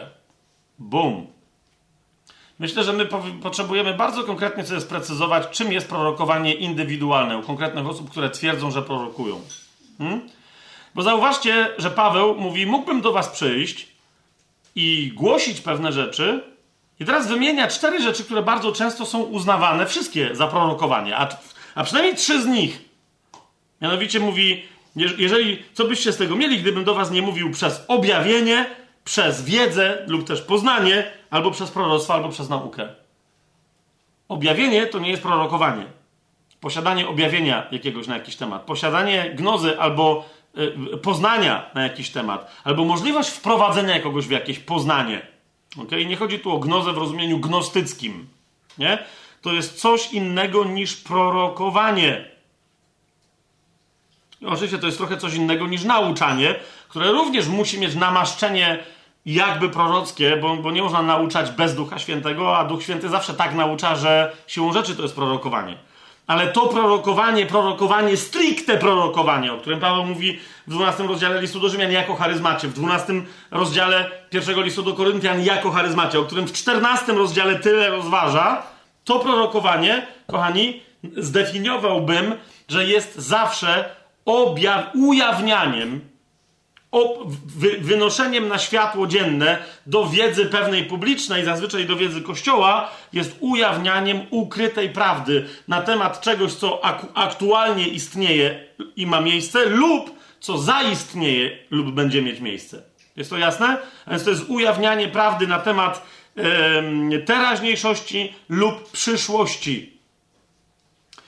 W, skąd o tym wiemy? W 14, bo niektórzy tutaj definicję prorokowania wyjmują e, z początku 14 rozdziału pierwszego listu do Koryntiana, to nie jest definicja. Okay?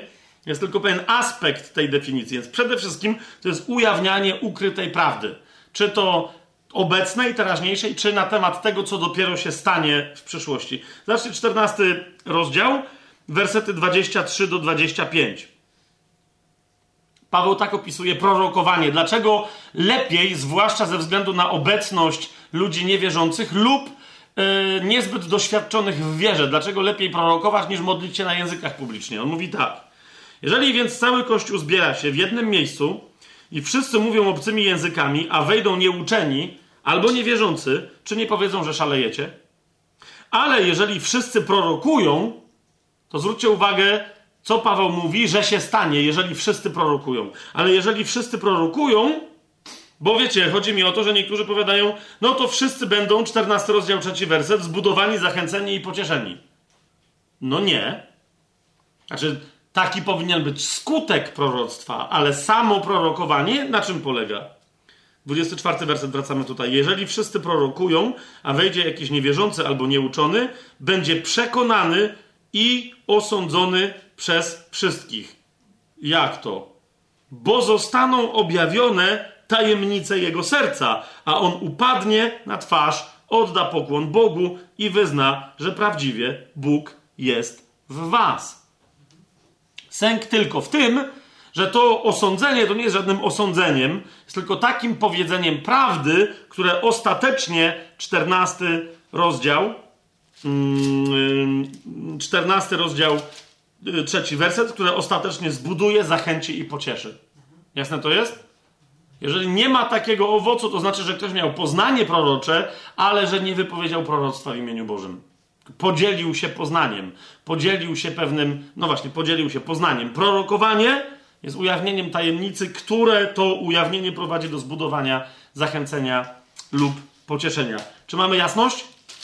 O darze proroctwa, zauważcie a propos tego ujawniania też znajomości tajemnic, Paweł mówi w tej takiej właśnie e, liście, która niby nie jest listą darów charyzmatycznych, w 13 rozdziale. Bo co prawda on tam mówi o miłości, ale niechcący mówi po kolei o różnych darach charyzmatycznych, które ktoś mógłby mieć, e, a nie mając miłości nadal byłby niczym, tak? I tam wymienia te dary charyzmatyczne. Zobaczcie, 13 rozdział, drugi werset.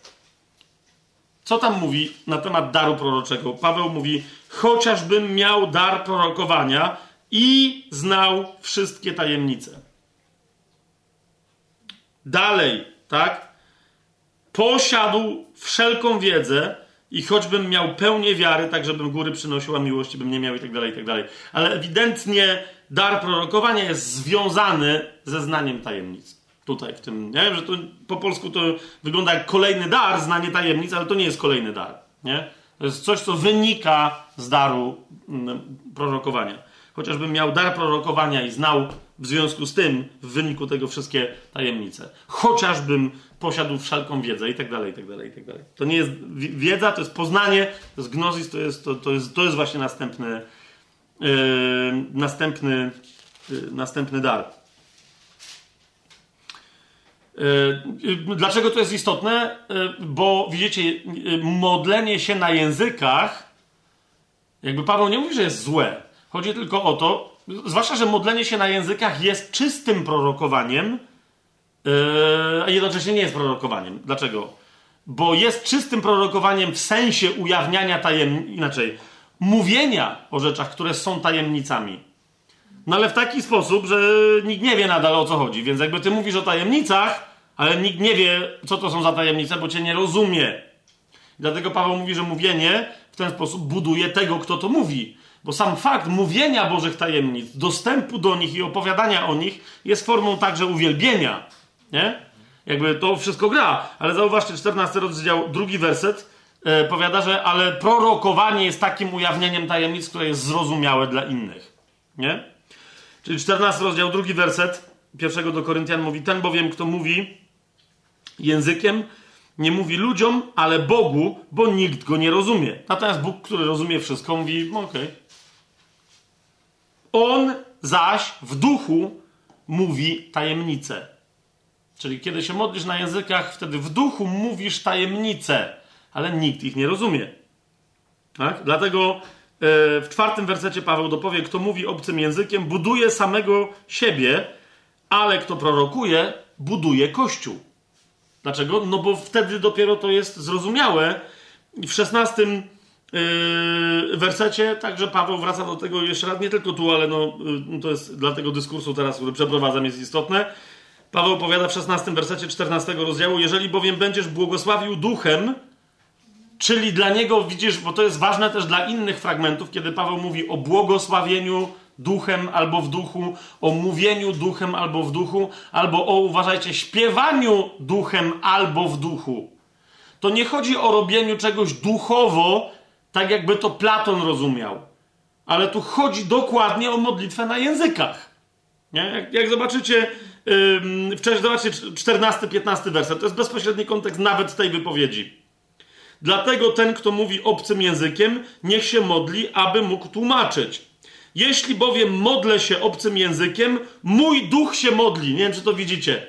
A więc ja się modlę w duchu. Modlenie się w duchu nie jest modleniem się, w ramach którego nic nie mówisz. To jest potoczne nasze sformułowanie. U Pawła modlenie się w duchu oznacza modlenie się na językach. A modlenie się zrozumiałym językiem oznacza modlenie się rozumem. No jeszcze raz zobaczcie, jeżeli bowiem modlę się obcym językiem, czy modlę się na językach, mój duch się modli ale mój rozum nie odnosi korzyści. No bo no ja nawet jak sam sobie nie przetłumaczę, to ja nadal nie wiem, co ja gadam. Tak? Tylko mój duch to wie, ale mój rozum nie wie jako funkcja duszy. Cóż więc, mówi Paweł, będę się modlił duchem. Co to znaczy? Będę się modlił na językach, będę się modlił, będę się też modlił i rozumem. Co to znaczy? Będę też się modlił zrozumiałymi słowami. Będę śpiewać duchem, a więc będę śpiewać na językach, będę też śpiewać i rozumem, ale będę też śpiewać pieśni, które będą zrozumiałe dla innych. I skąd my wiemy, że Pawłowi chodzi o rzeczy, które inni słyszą? Bo w szesnastym wersecie kontynuuje: Jeżeli bowiem będziesz błogosławić duchem, jakże ktoś spośród nieuczonych na to Twoje dziękczynienie odpowie Amen, skoro nie rozumie, co mówisz? Widzicie o co mi chodzi? Że błogosławienie duchem jest mówieniem rzeczy? To jest to. Nikt, nikt nie zrozumie. Ty wprawdzie dobrze dziękujesz, ale drugi się nie buduje. No i potem e, Paweł rozwija, że woli więc powiedzieć rozumnie, rozumnych i zrozumiałych pięć słów niż, niż tysiąc niezrozumiałych i tak dalej.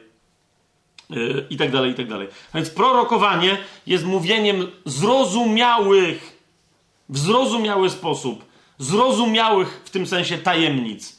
Rzeczy, które były tajemnicze albo które były zagadką, jest przynoszeniem rozwiązań. Także, rozumiecie o co mi chodzi? Ale jak ktoś mówi, że ma proroctwo i po jego proroctwie jakby jest jeszcze większe, wiecie, zmulenie i konfuzja niż była wcześniej, to jest żadne proroctwo, tak? Znaczy, że ktoś ma objawienie i to jest całkiem możliwe, że to jest głęboki, wiecie, że to jest głęboki wgląd w jakieś prawdy Boże. Ale to, jest, to nie jest prorokowanie. Ktoś się z tobą dzieli swoim poznaniem swoim objawieniem, ale niekoniecznie zrozumieniem. Okay? Prorokowanie jest właśnie czymś, co przynosi ci e, prawdę, którą ty rozumiesz. Mówisz, mhm, okej. Okay. E, I druga bardzo istotna rzecz, prorokowanie jest niezwykle istotne, jako normalnie rozumiecie rzecz, e, jakby to powiedzieć, wiecie, im mniej Kościół mm, był wierny Duchowi Świętemu, im bardziej chciał być samowystarczalny w durny i głupi sposób, mm, im bardziej Kościół uważał, że Duch Święty jest, nie wiem, inwalidą, niepełnosprawnym i że to Kościół musi służyć na świecie Duchowi Świętemu, a nie, że Kościół się porusza yy, w Duchu Świętym i że to Duch Święty porusza Kościół. Rozumiecie, o co mi chodzi? Im bardziej się te rzeczy działy, tym bardziej Kościół wymyślał sobie rzeczy.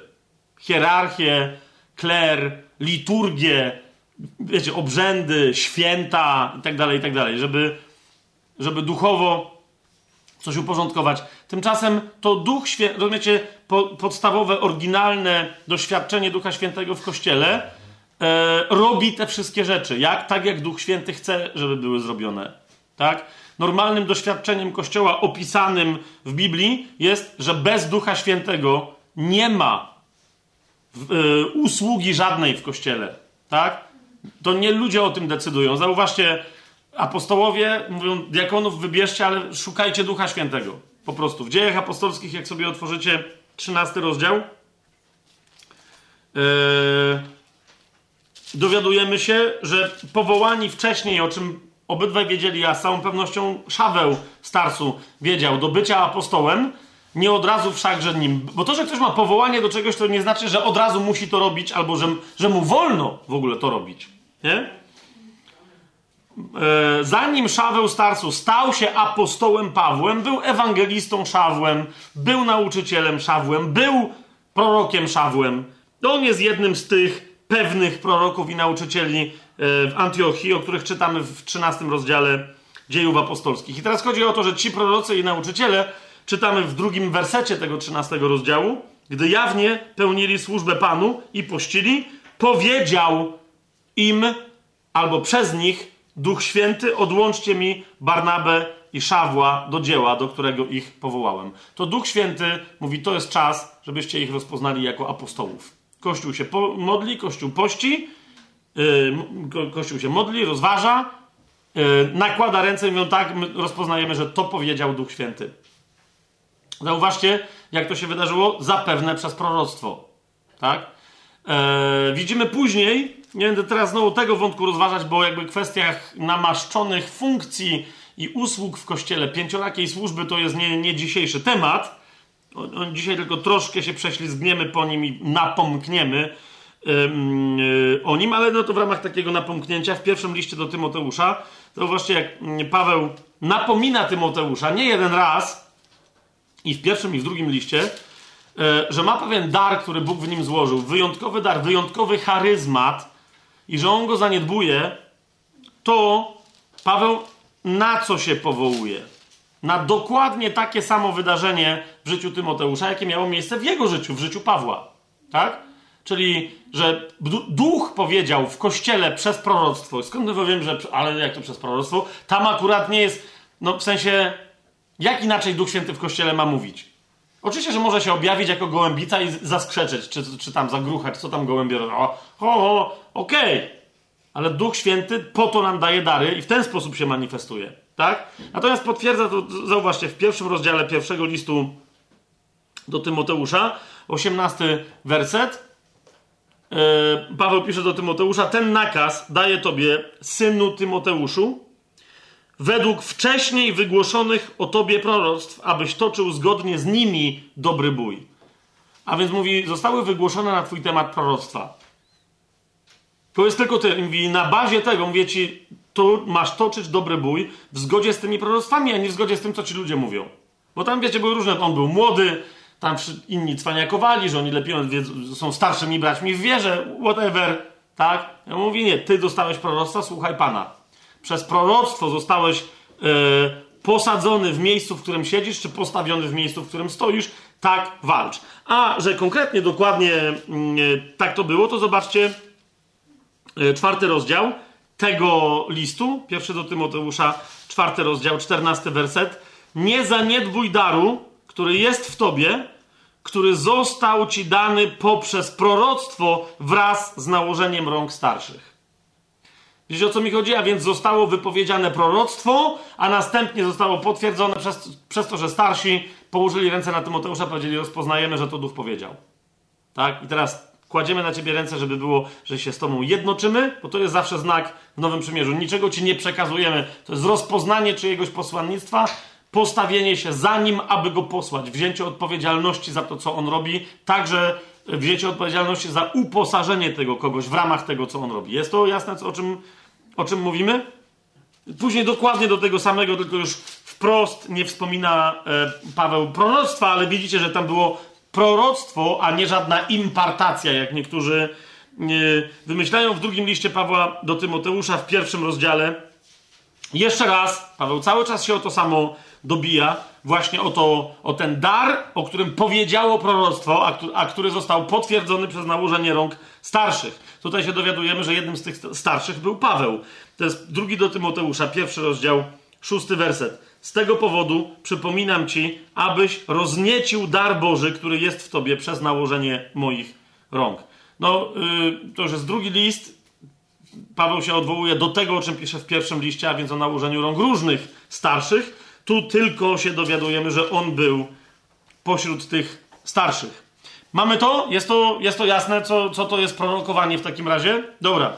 W liście do Rzymian drugim darem, który się pojawia po darze prorokowania, jest dar usługiwania. Zgadza się?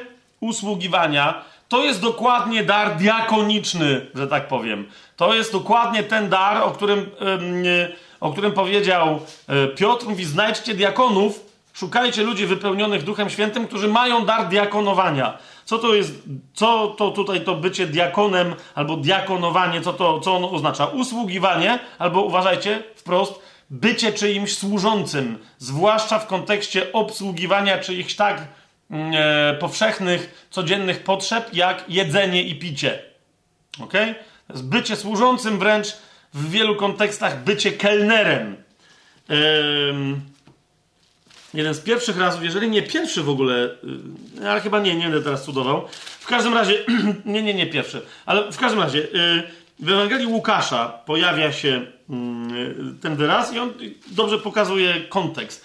Bo oczywiście, to jest druga rzecz, musimy pamiętać, że, że diakonia i tak dalej oznacza służbę też tak jak w języku polskim. Każdy rodzaj służby. Jak ktoś usługuje komuś, to jakby to jest to. Natomiast ten konkretny dar e, jako rodzaj działania ma właśnie ten konkretny e, profil, tak? To jest Ewangelia Łukasza, 10 rozdział, 40 werset. Ewangelia Łukasza, 10 rozdział, 40 werset. Ale Marta krzątała się koło rozmaitych posług. I, I tu w tym miejscu, to nie ma z tego co pamiętam liczby mnogiej, tylko jest właśnie pojedyncza, jest tylko przymiotnik yy, taki dodany, mianowicie, że Marta krzątała się wokół rozmaitej posługi. Czyli wiecie, byli goście w domu. I chodziło o to, żeby ich obsługiwać. I to wiecie, co to oznaczało. Dolać komuś wina, przynieść przekąski. Teraz wjeżdża bigos, tak? Trzeba talerze po się odnieść, teraz wjeżdżają ciasta. No rozumiecie o co mi chodzi, tak? Tam ludzie imprezują, znaczy akurat nie, nie, do końca imprezują, bo słuchają Pana Jezusa, ale tak czy siak, no to uczta jest tym bardziej i duchowa i cielesna. A Marta jest odpowiedzialna za diakonię, za dokładnie usługę w tym, w tym miejscu, obsłużenie ludzi fizyczne. Więc podszedłszy powiedziała do Jezusa, Panie, czy nie obchodzi Cię, że moja siostra zostawiła mnie samą przy tym usługiwaniu. Powiedz jej, aby mi pomogła. No to, to, to rozumiecie? I teraz zauważcie, drugi z darów charyzmatycznych po prorokowaniu, jaki Paweł wymienia, to jest dar usługiwania albo bycia służącym, dar obsługiwania stołów w kościele. Zdumiewające Paweł mówi, że żeby to robić w kościele, trzeba mieć wyjątkowy, szczególny dar charyzmatyczny i on musi być przez kościół rozpoznany. Absolutnie, to jest w ogóle dla mnie nie do pomyślenia. To jest jakiś rodzaj przedziwnego kościelnego e, rasizmu i dyskryminacji, że de facto ludzie, którzy są chętni, żeby coś robić, a przez elitę uznani, że ale nie bardzo się nadają do poważnych stanowisk, to są odsyłani do tego, wiecie, żeby ustawiać krzesełka, albo rozstawiać, albo je składać, żeby e, robić jedzenie, picie i tak dalej, i tak dalej. Jakby ci gorsi, nikt tego ci oczywiście nie przyzna, ale każdy wie, że ci gorsi, ale chętni są do tego rodzaju roboty odsyłani. I to jest jakieś radykalne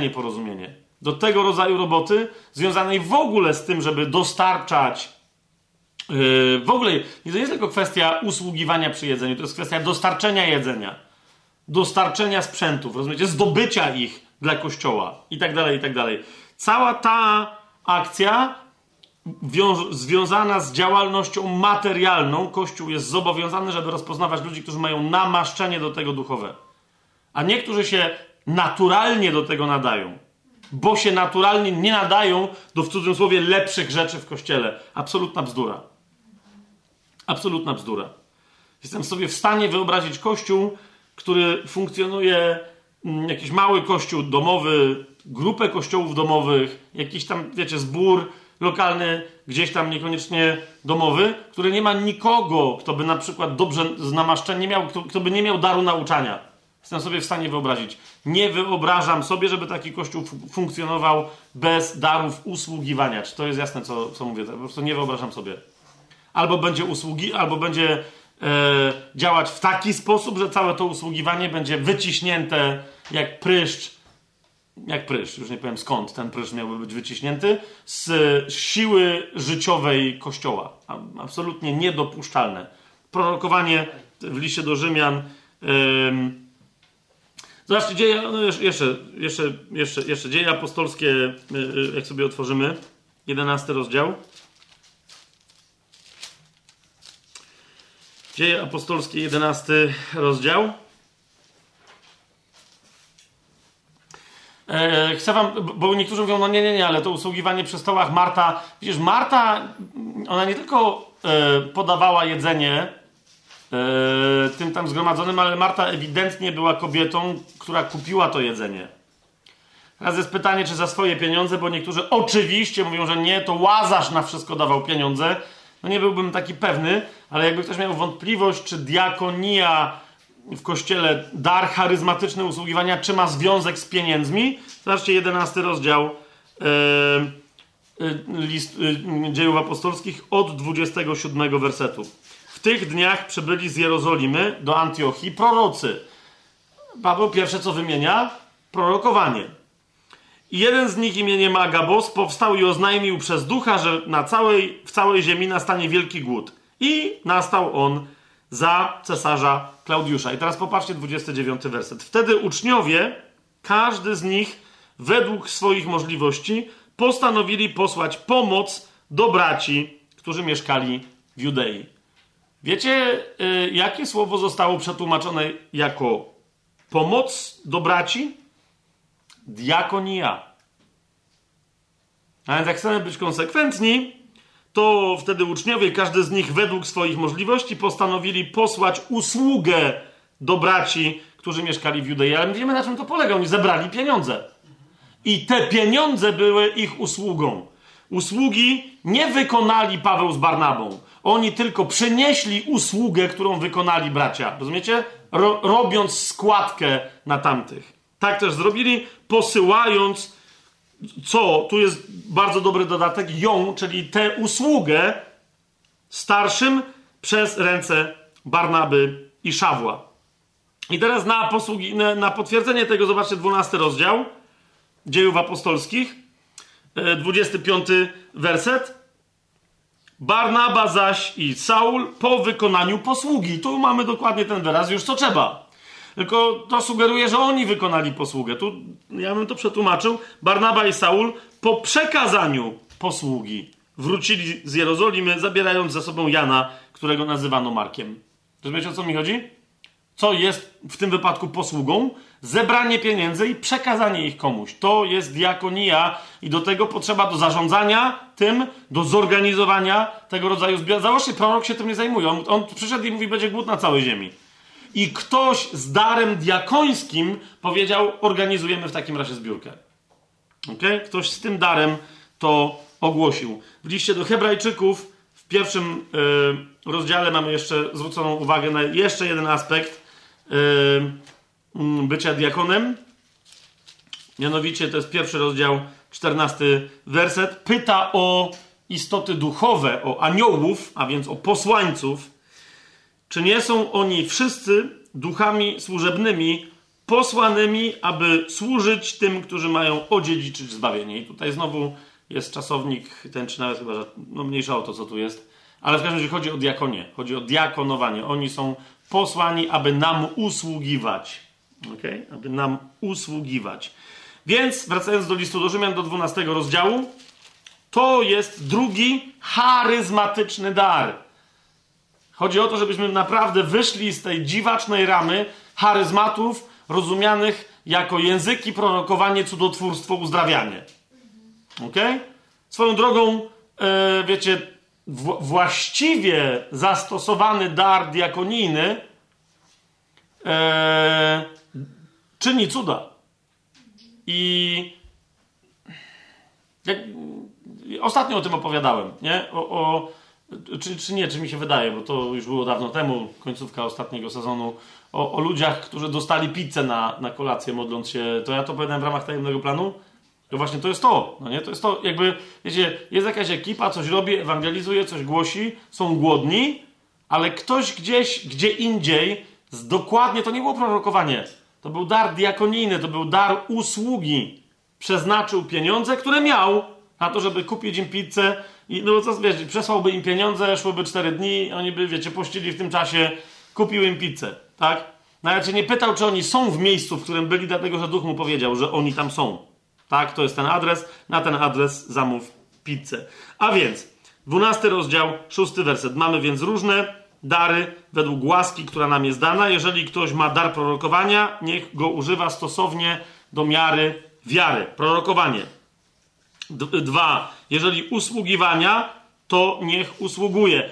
Tu, tu, tu, tu jest dosłownie taka myśl, jak my widzimy, że ona tu jest zawarta. Jeżeli ktoś ma dar diakonijny, to niech go Bóg broni, żeby nie usługiwał. Ok? To niech usługuje. Trzeci, jeżeli ktoś naucza, to w nauczaniu. Niech naucza. Interesujące, o cóż tutaj chodzi? Dokładnie o to tutaj chodzi, o co Piotrowi, jak pamiętacie, chodziło, więc nie będę się teraz na temat nauczania rozwijać. Mianowicie, jeżeli ktoś głosi, naucza, jeżeli ktoś przemawia, to niech to będą słowa jakby natchnione Słowo Boże, jakby to miało być Pismo Święte. Ok?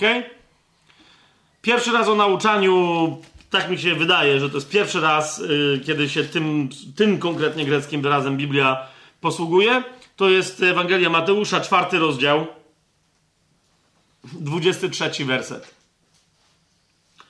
I obchodził Jezus całą Galileę, nauczając w ich synagogach, głosząc Ewangelię Królestwa i uzdrawiając wszystkie choroby i wszelkie dolegliwości wśród ludu. Zauważcie, że tu w tej usłudze Jezusa odróżnione jest nauczanie od głoszenia dobrej nowiny, od głoszenia Ewangelii o Królestwie. Nauczanie jest e, przeznaczone dla synagog.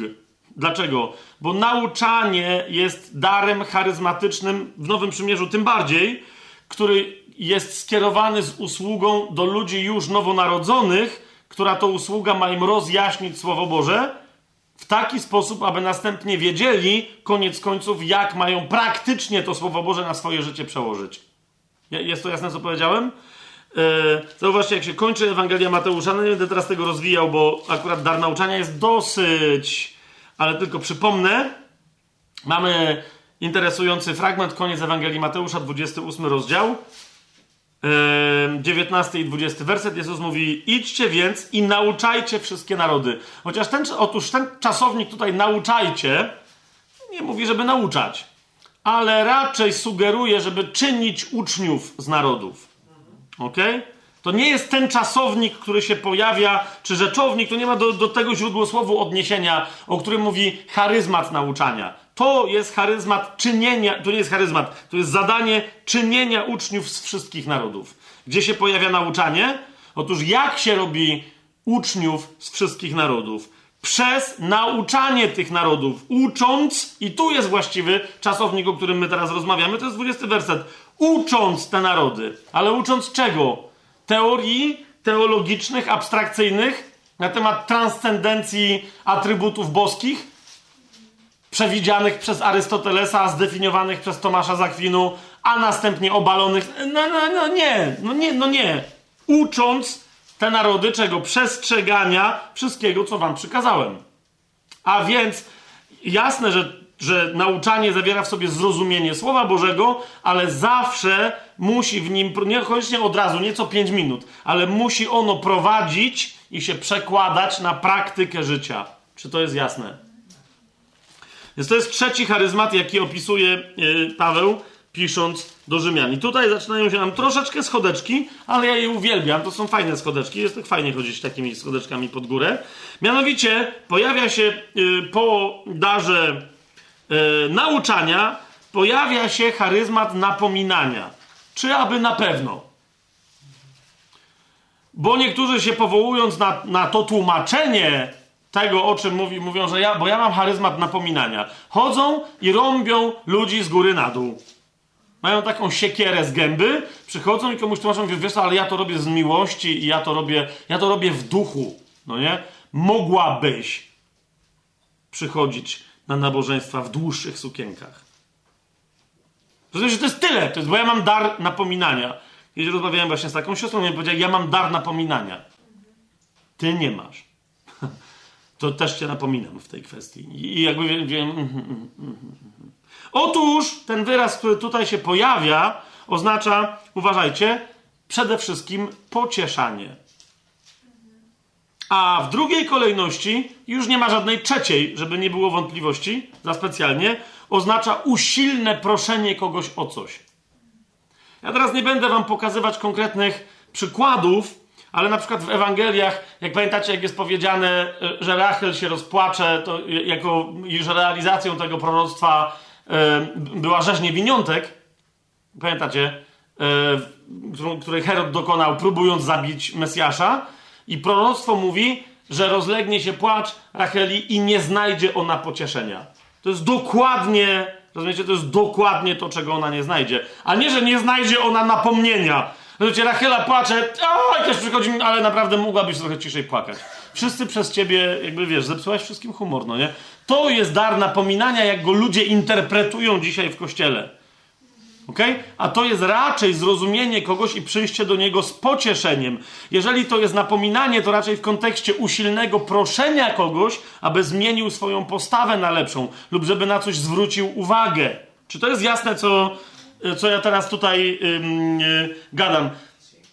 I wręcz powiedziałbym, że częściej ten czasownik yy, pojawia się nie, jak, nie jako pocieszanie, ale wręcz jako proszenie usilne kogoś o coś. Sam Paweł w liście do Rzymian tutaj mówi, że jeżeli ktoś napomina, yy, zostańmy przy tym, że jeżeli ktoś pociesza albo usilnie na kogoś naciska, by był pocieszony, to niech to tak robi, żeby to skutkowało pocieszeniem. To jest taka, wiecie, to jest taka myśl, no nie? I niech się nie tłumaczy, że to, co on robi, to jest to, jak nie będzie owocu pocieszenia. Tego jego, w cudzysłowie, napomnienia.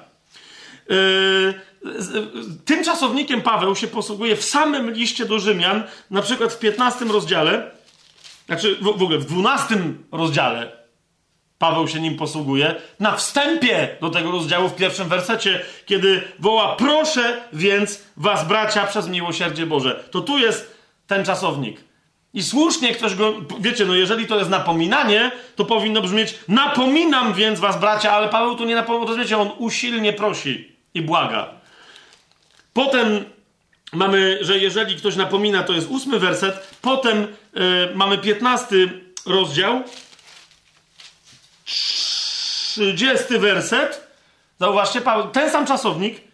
A proszę was, bracia, przez naszego Pana Jezusa Chrystusa i przez miłość ducha i tak dalej, i tak dalej. Proszę was, bracia. I jeszcze raz w liście do Rzymian, w 16 rozdziale, w 17 wersecie ten sam czasownik się pojawia. A proszę was, bracia, abyście wypatrywali tych i tak dalej, i tak dalej. Widzicie, o co mi chodzi? To jest proszenie kogoś o coś, ale usilne. Takie, na, wiecie, takie proszę cię, ale takie, że chwytasz kogoś za fraki i mówisz, ale proszę cię, no nie? I ty mówisz, no, no ale jak się proszę? Bo nie odpuszczę. Bo mi zależy na tobie. To jest proszenie, ale ze względu na czyjeś, yy, na, na, na czyjeś dobro. Ja zobaczcie Mateusza, piąty rozdział. Tu, tu żeby, żeby to było jasne, więc to napominanie To nie jest pierwszy raz, jak się ten wyraz pojawia, ale, ale się on pojawia i no tu jakby nikt, nikt nie mógł, wiecie, wycofać. Em, no bo pojawia się w błogosławieństwach Pana Jezusa. To jest piąty rozdział, czwarty werset Ewangelii Mateusza. Błogosławieni, a więc szczęśliwi, którzy się smucą, ponieważ oni będą napomnieni. What? Widzicie o co mi chodzi? Ponieważ oni będą pocieszeni, po prostu. Zostaną dosłownie skutecznie nakłonieni, żeby się ucieszyli. Nie? Zostaną skutecznie przekonani, poproszeni. Gdzie sam ten wyraz jest nie do końca, rozumiecie o co, o co, co się tu dzieje? No ale to na pewno nie jest napomnienie. No, no, no, no patrzcie tu na to, no. Błogosławieni, którzy się smucą, ponieważ oni będą napomnieni. A, Okej. Nie dość, że się ktoś smuci, to jeszcze ktoś do niego przyjdzie i go zrąbie. Okej, no muszę teraz pokutować. Z wszystkiego naraz. Słowo Boże to jest pocieszanie. To jest, y, to jest pocieszanie. W pierwszym liście do Koryntian, mm, w czternastym rozdziale, w pierwszym liście do Koryntian, w czternastym rozdziale, e, zauważcie, jak e, mówi. e, No, bo, no zobaczcie, jaki ma być skutek. Skutkiem wszystkiego, co się dzieje na wspólnych zgromadzeniach w kościele, ma być właśnie to pocieszenie, które Paweł wskazuje jako dar charyzmatyczny. 31 werset. Możecie bowiem wszyscy jeden po drugim prorokować, aby się wszyscy uczyli i, uważajcie, i wszyscy zostali pocieszeni. To jest dokładnie ten sam czasownik. A nie, aby wszyscy zostali napomnieni. Nie, aby wszyscy zostali pocieszeni. Zresztą to jest jeden ze skutków prorokowania w ogóle. To jest 14 rozdział, trzeci werset. Kto prorokuje, mówi do ludzi dla zbudowania, zachęcenia i pocieszenia. Ja wiem, że niektóre tłumaczenia tutaj mają i dla napomnienia. To zwłaszcza tym się te tłumaczenia podobają, którzy prorokują po to, żeby ludzi potępić, żeby ludzi pognębić, żeby się pochwalić przed światem poznaniem czyichś tajemnic, w ramach ujawnienia których komuś szczęka spadnie i powie, skąd ten gościu to wie, tylko że nikogo to nie pocieszy, ani nie pokrzepi, ani nie zbuduje. Ok? Więc y, y, mm, te, ten skutek w drugim liście do Koryntian, y, to, rozumiecie, to jest coś, bo teraz tylko, żeby to było jasne, to może być skutek takiego daru charyzmatycznego, jakim jest prorokowanie. Tak? Ale ktoś może mieć ten dar charyzmatyczny pocieszania, jakby rozumiecie, zupełnie niezależnie od prorokowania. Czy to jest jasne, co, co mówię? Jakby bezpośrednio, że ktoś po prostu przyjdzie samą swoją obecnością, gestem, słowem, czy ja nie wiem, bo ja takiego daru nie mam. Ta siostra, co mi powiedziała, że nie mam daru napominania, jakby ogólnie niechcący trafiła. Ja nie mam takiego daru. Ja nie pocieszam ludzi w żaden nadprzyrodzony sposób. W przyrodzony czasem tak, ale w nadprzyrodzony raczej nie. Natomiast, yy, to jest interesujące, ten dar, wiecie, kto jest opisany w Biblii przez Pawła samego jako ktoś, kto się posługuje tym darem właśnie w taki charyzmatyczny sposób, yy, że po prostu nie bardzo wiadomo jak, ale tak działa. To jest sam Bóg Ojciec we własnej osobie. Nie? To jest drugi y, list do Koryntian, pierwszy rozdział. No, tam jest nagromadzenie tego daru, trzeci i czwarty werset. Błogosławiony niech będzie Bóg i Ojciec naszego Pana Jezusa Chrystusa, Ojciec miłosierdzia i Bóg wszelkiej pociechy. Tu jest ten wyraz, nie? Bóg wszelkiego, każdego rodzaju pocieszenia, który nas pociesza w każdym naszym utrapieniu. Ten sam czasownik, który nas pociesza, abyśmy i my mogli pocieszać trzeci raz ten sam czasownik, abyśmy i my mogli pocieszać tych, którzy są w jakimkolwiek ucisku, taką pociechą, czwarty raz, jaką i my sami jesteśmy piąty raz pocieszeni przez Boga. E, ale jednocześnie pokazuje doskonale charakter pocieszania w duchu. Rozumiecie o co mi chodzi? To jest coś, co tym, jakby to jest pewien, pewna cecha charakterystyczna macierzyńskiego albo ojcowskiego pocieszenia. Tak jak tylko ojciec potrafi. Nie wiem, czy czujecie to intuicyjnie, o co, o co mi chodzi. Ja trochę gadam teraz jak ślepy o kolorach, ale to jest, tu ewidentnie jest ta dynamika pokazana. Tak jak ojciec pociesza swoje dzieci, tak my możemy w ogóle wszystkich innych pocieszać, bo my to mamy od niego.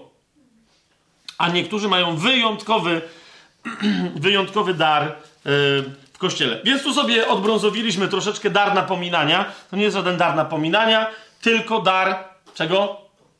Pocieszania, dokładnie. Dar pocieszania, naciskania na kogoś, ale ku jego dobru, dla jego pocieszenia.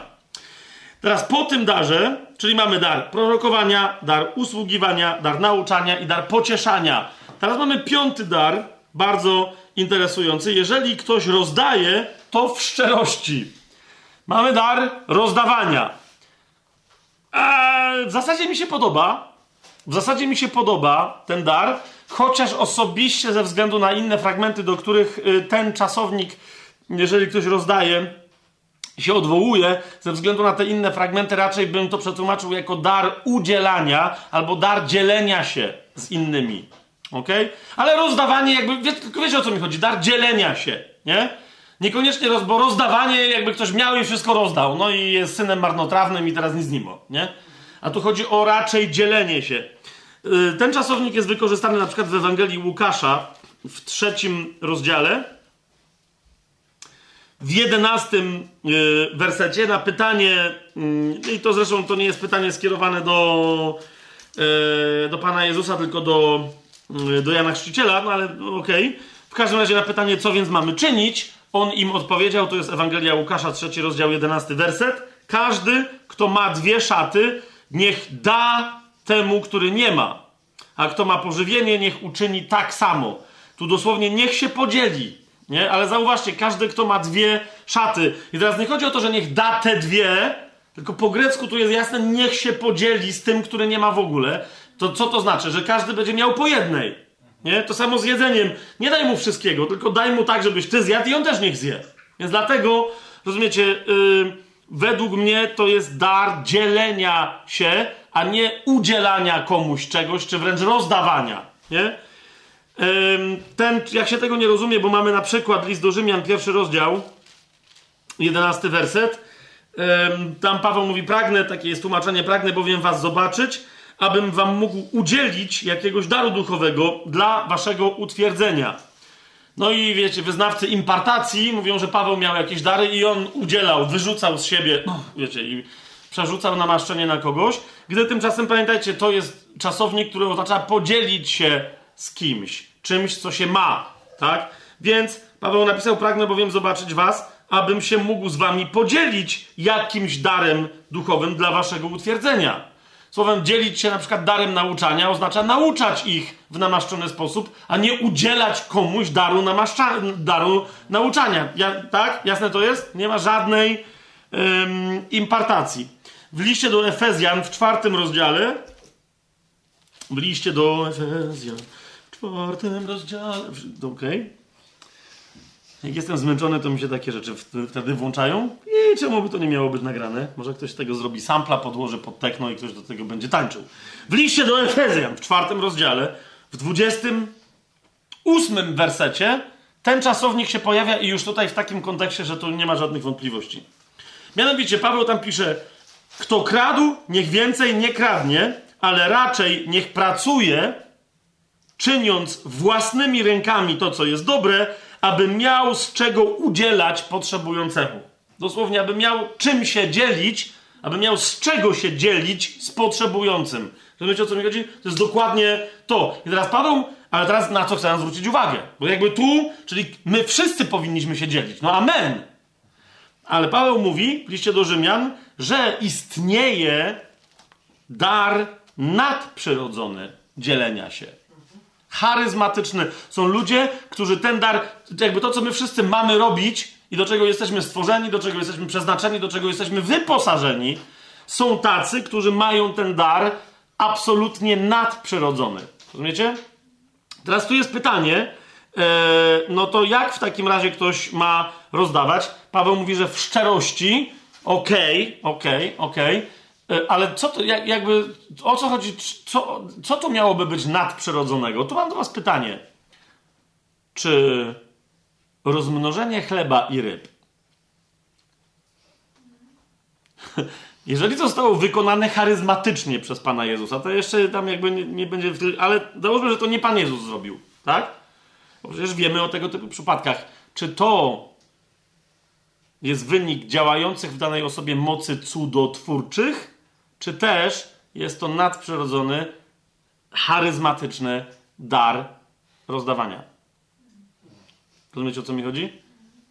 E, I jak dobrze się przyjrzycie temu, co się dzieje u Pana Jezusa, on, bo zauwa- rozumiecie, wiecie kiedy by był cud? Jakby Pan Jezus stworzył te chleby i te ryby, nie? A On je rozdaje. Tylko ty, zauważcie, że tam nie ma jakby momentu napięcia się tam, wiecie, Dragon Ball Z i tam inne historie, wszystkie te japońskie, wiecie, wstrząsy, kule świetlne, nie? Pan Jezus tylko mówi, no to on zaczął łamać, ja mówię, wy rozdawajcie. Rozumiecie, o co mi chodzi? E, jeszcze raz ja nie chcę teraz nic sugerować, ale pomyśl, nie? Jeżeli rozdawanie, dzielenie się z innymi jest czymś, co charakteryzuje chrześcijan, to na czym polega charyzmatyczny dar rozdawania. I ja osobiście widziałem na własne oczy tego typu sytuacje. Po prostu widziałem na własne oczy tego typu sytuacje, że ludzie, którzy nie mieli w ogóle żadnego związku, pantofel mi spadł, nie mieli żadnego związku, rozumiecie, z mocami cudotwórczymi. Uważali, że nie mają żadnego... Ym, ym, jakby to powiedzieć, nie, że, że, że no w ogóle uzdrawiania, to wszystko to jakby, no nie. Po czym nagle w posłuszeństwie Panu zaczęli się zajmować na przykład uprawami, uprawą roli, i nagle się okazuje, że wiecie, mają określoną ilość terenu, hodują tam rzepę, coś tam, e, ale z myślą o na przykład ubogich, tak? I potem okazuje się, że oni rozdają e, tego jedzenia znacznie więcej, jakby Pan im mówi, to wystarczy. Nie? To pole, które masz, to wystarczy. Tylko musisz to, co, co, co tam urośnie, musisz to rozdawać. I nagle się okazuje, że rozdają, jakby nie mieli hektar, tylko jakby mieli 10 hektarów. Nie? A ewidentnie to u nich nie urosło. Idziemy dalej. A więc mamy dar yy, rozdawania, czy też dzielenia się. Teraz mamy następny dar, kontrowersyjny dar. Dalej niech będzie. Jeżeli ktoś jest przełożonym, no świetnie, ale w języku greckim jest tu napisane wprost. Tu widać, że jakaś taka spina nastąpiła, że jeżeli ktoś jest przełożonym, aha, no przełożeni, no przeło... okej. Okay. Tu jest napisane wprost, jeżeli ktoś rządzi. No, wie, wiecie, my jak mówimy, mówimy o, o, poddawaniu się innym w kościele, o autorytetach w kościele, wiecie o co mi chodzi? O, to jest cały czas, że no ale ci, którzy są przełożeni, oni służą, to wszystko jest prawda. Tylko, że jeżeli ich służba polega na tym, że oni są moimi, twoimi przełożonymi, rozumiesz, to znaczy, że oni mają rządzić. I oni mają sprawować rządy w ramach służby, która jest im zlecona. Czy to jest jasne, co, co gadam? Nie, nie mają władać ludźmi ale mają rządzić w kościele. I teraz rządzenie przez Pawła zostało, i nie ma żadnego innego miejsca, które by mówiło, że jest inaczej. Rządy w kościele to jest charyzmat. Nikt nie może rządzić w kościele, jeżeli mu nie zostało to dane przez Ducha Świętego. Koniec i kropka. Tu jest to przetłumaczone, jako bycie przełożonym. Eee, to okej, okay, ale w wielu innych miejscach też jest przetłumaczone w UBG w paru innych miejscach jako bycie przełożonym, gdy tymczasem chodzi po prostu o rządy lub o tych, którzy rządzą, a nie którzy są przełożonymi. Jest taki charyzmat w kościele, który się nazywa rządzeniem. W pierwszym liście do Tymoteusza e, ten czasownik, który się tu pojawił, tu nie ma czasownika być przełożonym. To jest jeden czasownik, który oznacza rządzić. Podam wam tylko przykład, bo on się pojawia parokrotnie w pierwszym liście do Tymoteusza. Zobaczcie w jakim kontekście. I tam nagle się okazało, że ten czasownik oznacza rządzić, a nie być przełożonym. Ok? Więc to jest pierwszy list do Tymoteusza, trzeci rozdział. Najpierw wersety 4-5. Tu chodzi o to, kto ma być e, nadzorcą, czyli e, według UBG biskupem. No niech będzie, tak? Zwał jak zwał. Cieć to cieć. W każdym razie, Jaki ma być tenże cieć kościelny? Dobrze, czwarty werset, zauważcie co mówi, dobrze rządzący własnym domem. No ale tu jest ten sam czasownik, co tam, no to, czyli powinien, chyba powinno być przetłumaczone, będący dobrym przełożonym własnego domu. No ale widzicie, co się dzieje? Nagle z rodziny, e, z życia rodzinnego by się zrobiła świątynia. Albo jakaś, nie wiem, armia czy coś, bez sensu. No, no właśnie, bo on ma dobrze rządzić własnym domem. To, to znaczy trzymać dzieci w posłuszeństwie i wszelkim szacunku. I w piątym wersecie znowu się pojawia ten sam czasownik. Jeżeli bowiem ktoś nie umie rządzić własnym domem, jakże będzie mógł troszczyć się o Kościół Boży. Znowu słowo rządzić. I tłumaczenie nagle okazuje się, że nie. Co, co my mamy tu przetłumaczyć? Jeżeli bowiem ktoś nie umie być przełożonym we własnym domu, no Bogu dzięki, że mu do, to do głowy nie przyszło. Tak? I jeszcze raz przy okazji diakonów. To jest y, dwunasty werset. Diakonie niech będą mężami tego samego rozdziału. Diakonie niech będą mężami jednej żony, rządzący dobrze dziećmi i własnymi domami. No jakby to zabrzmiało, jakby miało być będący dobrymi przełożonymi własnych dzieci. No nie, rządzący dobrze swoimi dziećmi. I każdy tu rozumie, o jakie tu rządy być może yy, może chodzić, tak? W piątym rozdziale, w siedemnastym wersecie, z tym werset, do którego już się odwoływałem, starsi, zauważcie, jak, ale jak to są starsi w kościele, tu jest takie sformułowanie starsi, którzy dobrze rządzą, a mamy tłumaczenie starsi, którzy dobrze przewodzą. Co, prąd? Starsi, którzy dobrze rządzą, niech będą uważani za godnych podwójnej czci, a zwłaszcza ci, którzy pracują w słowie i w nauce. To jest, to jest ten, ta podwójna cześć, to jest w porównaniu do pojedynczej czci, jaką powinny być otoczone yy, wdowy. Mamy jasność? Pierwszym liście yy, do Tesaloniczan, w piątym rozdziale, w dwunastym wersecie mamy napisane: Prosimy Was, bracia, abyście darzyli uznaniem tych, którzy pracują wśród Was, którzy są Waszymi przełożonymi w Panu, nie którzy Wami rządzą w Panu i Was napominają. No, okej. Okay. W każdym razie, teraz jesteśmy skoncentrowani nie na napominaniu, tak, ale na rządzeniu. Więc ty, tymi, którzy Wami rządzą. My się mamy dawać zarządzać w kościele. Jeszcze raz, nie naszym życiem ktoś ma rządzić, nie. Zupełnie inna historia. Tu chodzi o wykonywanie misji przez Kościół jako, jako jedno ciało. Tu nikt nie jest niczyim. Yy, tu nikt nie jest niczyim yy, niewolnikiem. Absolutnie. Więc mamy, yy, jasne to jest, dar nie bycia przełożonym, list do Rzymian, wracamy, ale dar bycia, dar rządzenia w kościele, dar rządzenia w kościele. Następny dar, któremu się potrzebujemy przyjrzeć, po darze rządzenia, to jest okazywanie miłosierdzia. I to jest ostatni z darów, które, które tu mamy wymienione. Jeżeli ktoś rządzi, niech to czyni w pilności. Jeżeli ktoś okazuje miłosierdzie, niech to czyni ochoczo. A jest też interesujące, co Paweł tu ma na myśli każdy rodzaj nadprzyrodzonego demonstrowania miłosierdzia dla innych osób. Co to jest miłosierdzie? Co to może być miłosierdzie? Stwórzmy sobie Ewangelię Mateusza, bo tym słowem między innymi Pan Jezus się posługuje znowu w błogosławieństwach. Otóż powiada on tam, to jest Ewangelia Mateusza, piąty rozdział, siódmy werset. Błogosławieni, miłosierni, ponieważ oni dostąpią miłosierdzia. Miłosierdziem Bożym jest nazwane okazanie nam łaski, także jesteśmy usprawiedliwieni i zbawieni. W wielu miejscach Paweł wielokrotnie, jakby to jest, to jest jeden z wątków, tak? Drugi natomiast wątek, otwórzmy sobie Ewangelię yy, Mateusza, no bo my ciężko, żebyśmy zbawiali innych ludzi, yy, ale Ewangelia Mateusza, 18 rozdział, Niech nam nieco więcej powie na ten temat. Od 23 wersetu rozpoczyna się następująca przypowieść. Swoją drogą, zauważcie, związana z byciem zbawionym. Ok? Królestwo niebieskie, mówi tam Pan Jezus, podobne jest do króla, który chciał się rozliczyć ze swoimi sługami. A gdy zaczął się rozliczać, przyprowadzono mu jednego, który był mu winien 10 tysięcy talentów. No obczajacie pana, który rozdaje talenty i gigantyczną sumę, jaką komuś daje, to jest 5 talentów, nie? Co ten chłop tu nawykręcał, że był winien 10 tysięcy, to się tylko domyślać mogę, nie?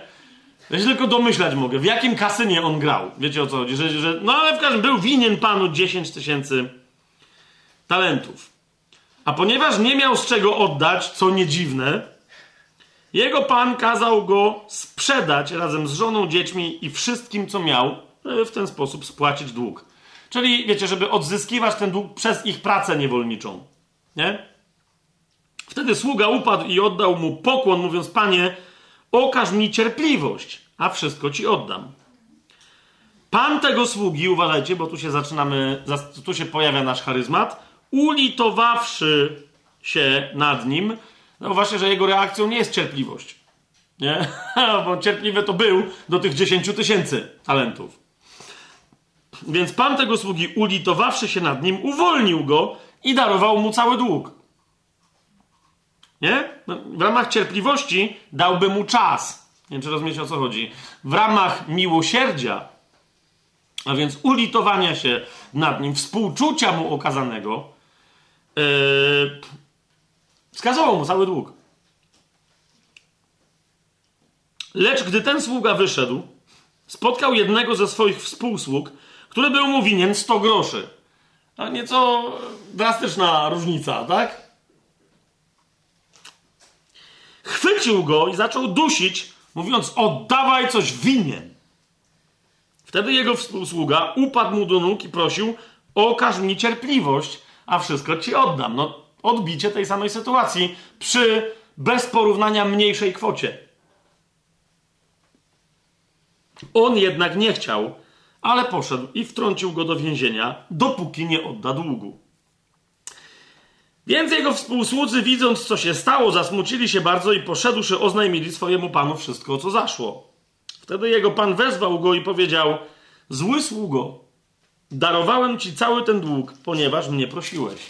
Uwaga, uwaga, uwaga, 33 werset. Czyż i ty nie powinieneś był zmiłować się nad swoim współsługą, jak ja zmiłowałem się nad tobą? Dar, o którym pisze Paweł, dar miłosierdzia, jest darem zmiłowania się. I jest to dar nadprzyrodzony. Tu nie chodzi o okazanie komuś swojej łaski, ale o okazanie mu Bożej łaski w sposób nadprzyrodzony, okazanie komuś Bożego współczucia w sposób nadprzyrodzony, okazanie komuś Bożej nieponiżającej litości, współczucie, miłosierdzie, zmiłowanie się nad kimś.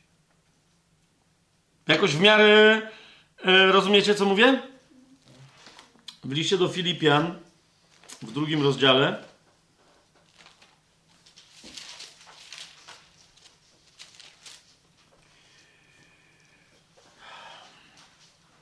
Paweł przedstawia tam w tym rozdziale jednego ze swoich współpracowników, mianowicie Epafrodyta. E, a propos charyzmatycznych darów uzdrawiania i tego, jak mocno Paweł chodził w darze uzdrawiania, w darach rozmaitych uzdrawiania, to jest dosyć interesująca historia. Tak, to jest e, list do Filipian, drugi rozdział, 25 werset. Uznałem też za konieczne, pisze do Filipian Paweł, posłać do was Epafrodyta, mego brata, współpracownika, i współbojownika, a waszego wysłannika i sługę w moich potrzebach. Ponieważ tęsknił za wami wszystkimi i bardzo się smucił, gdyż słyszeliście, że zachorował. I teraz uwaga, interesujący tekst, nie będziemy go dzisiaj egzegezować, ani tym bardziej egzegetować, ale interesujący materiał, przyznacie. Paweł pisze, rzeczywiście bowiem chorował także był bliski śmierci. Lecz Bóg zmiłował się nad nim, a nie tylko nad nim, ale i nade mną, abym nie doznawał smutku za smutkiem. Czyli żeby do tych różnych doświadczeń, które miałem, żeby jeszcze następnego nie dołożyć. Zauważcie, jest, według mnie jest bardzo interesująca wskazówka, jak w wielu innych sytuacjach. Epafrodyt został uzdrowiony poprzez dar miłosierdzia, a nie poprzez jakikolwiek z darów uzdrowienia. Ok? Teraz, czy to była bezpośrednia interwencja Boga po prostu, który, wiecie, powiedział, ok, to my znamy język Pawła i chodzi o to, że ktoś, rozumiecie, mógł po prostu przez doznanie tego, o czym, pamiętacie, jak żeśmy rozważali w zeszłym sezonie Jezusa, i on miał to poruszenie, że on zdjęty litością, poruszony współczuciem, na widok tej nędzy, bidoty całej, wiecie, ludu, który nie miał, zaczął uzdrawiać ich chorych i tak dalej, i tak dalej. Jakby to, to było coś, Rozumiecie, w tych wszystkich opisach tam to jest wyraźnie jakby powiedziane, że część tego odruchu Jezusowego, tej mocy, która przez niego działa, to jest moc ulitowania się nad tymi ludźmi, a nie moc uzdrowieńcza. Nie wiem, czy to jest jasne, co mówię. Tu Paweł, który wiecie, nie, nie wiem, czy on się modlił za Epafrodyta i to i się nic nie stało, czy może się po prostu nie pomodlił, nie? Bo nie wiadomo, co się stało Epafrodytowi. Pawła mogło zresztą przy nim nie być, bo wiecie, że on czasem zostawiał ludzi gdzieś w jakimś mieście, łaził dookoła, mógł wrócić po tygodniu, temu Epafrodytowi coś się stało, ale ewidentnie Paweł mówi, że to, co Epafrodyta podniosło, to było zmiłowanie się pańskie nad nim, a nie dar uzdrawiania. Jasne? Więc nie będę dalej rozwijał, co to jest dar miłosierdzia, dar współczucia, dar ulitowania się nad kimś. Niemniej, w momencie, kiedy szukamy charyzmatów, rozeznajemy charyzmaty u ludzi i tak dalej, bądźcie wrażliwi, bądźcie uważni, czy to u siebie, czy u innych, ponieważ te, rozumiecie, tego rodzaju dar, jak każdy dar, nie może zostać niezauważony w kościele. On jest widzialny, nie? Pamiętam kiedyś jeden klasyk, już mniejsza o to kto, yy, a no ale w każdym razie zapytany, yy, bo tam ktoś do niego przyszedł i, i, się go pytał jako nauczyciela poważnego, yy, skąd mogę wiedzieć, że mam dar nauczania? Nie nauczania, tylko uzdrawiania, bo jakiś prorok mi powiedział, że, ja, że, że Pan mi udzielił daru uzdrawiania. Skąd ja mogę wiedzieć, czy to jest prawda? I ten bardzo mądrze mu odpowiedział, a gdzie masz chorych? I on mówi, no, no nie mam, bo ja jeszcze nie uzdrawiam, bo nie wiem, czy mam ten dar. I ten mu na to powiedział, jeżeli Pan by ci dał dar uzdrawiania, to zaraz po tym zaczęłaby się do ciebie ustawiać kolejka chorych. Jak, przynajmniej z kościoła. Jak ludzie w kościele nie widzą w tobie żadnego daru uzdrawiania, to nic nie dostałeś. Uspokój się. Nie? Samo jest z tym.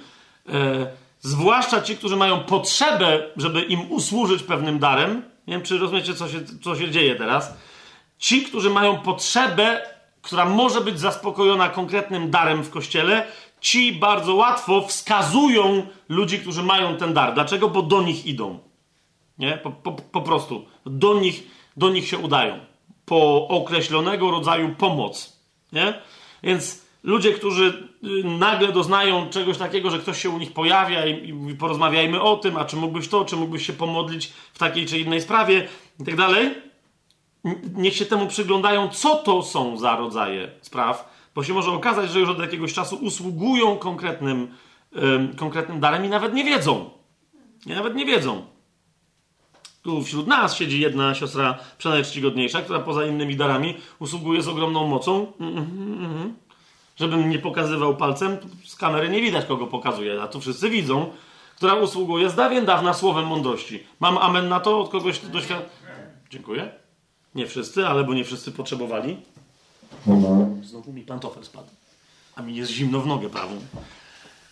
E, więc słowo mądrości. E, a cośmy się musieli na przekonywać, siostrę tu czcigodną, prawda, włącznie z jej mężem, że to, co ona robi, to jest charyzmatyczna usługa. E, nie po prostu, że ona w miarę jest ogarnięta i w miarę coś komuś poradzi. Bo słowo mądrości na tym polega, że się wypowiada mądrość do czyjegoś życia, samemu nawet czasem nie wiedząc, że się w ogóle coś wypowiada, a zwłaszcza, że się wypowiada jakąś mądrość. No nie? To jest takie, a ktoś dotknięty nagle mówi, aha, składa mu się wszystko i, i rusza w świat z zupełnie e, nowym prowadzeniem. Zatem jeszcze raz tu z tą jest nadprzyrodzony w kościele i on jest obecny w kościele, nadprzyrodzony dar miłosierdzia, okazywania litości, który może w ramach tego swojego nadprzyrodzonego wymiaru mieć wszelakie rozmaite skutki, jak wam, e, jak wam na to wskazałem. Jeszcze może, jeszcze może zanim, jeszcze, zanim przeskoczymy już do y, Koryntian i tam się jeszcze szybciutko przyjrzymy tamtym darom, to jeszcze otwórzmy sobie list Judy, ponieważ yy, Juda też mówi o okazywaniu miłosierdzia. I też myślę, że to nam troszeczkę rzuci światło na to, czym ten dar może być. W liście Judy w 21 wersecie do 23 Juda pisze następującą rzecz. Zachowajcie samych siebie w miłości Boga, oczekując miłosierdzia naszego Pana Jezusa Chrystusa ku życiu wiecznemu. I teraz uważajcie. I rozróżniając i rozróżniając, nad jednymi zmiłujcie się, innych zaś ratujcie przez strach, wyrywając ich z ognia, mając w nienawiści nawet szatę, która została skalana przez ciało. Myślę osobiście, będę teraz tego rozwijał, że dar miłosierdzia, o którym pisze Paweł, to nie jest dar charytatywny, bo nie jest związany z rozdawaniem, ale to jest dar związany z rozróżnianiem, ale nie duchów, tak? Nie duchów działających na ludzi, ale z rozróżnianiem ludzi. A więc ze sposobem potraktowania ich. No bo jakby wiecie, kogo mamy ratować przez strach, wyrywając ich z ognia? Niewierzących. Nie? I my mamy rozróżniać, komu okazać miłosierdzie, nad kim się ulitować, na kogo być czułym, wrażliwym, delikatnym i tym go przyprowadzić do Jezusa, a kogo postraszyć ogniem wiecznym. Nie? Rozróżniając nad jednymi, zmiłujcie się, tu jest dokładnie ten czasownik, o który nam chodzi. Okażcie, zmiłujcie się, okażcie miłosierdzie, tak jak wam zostało okazane.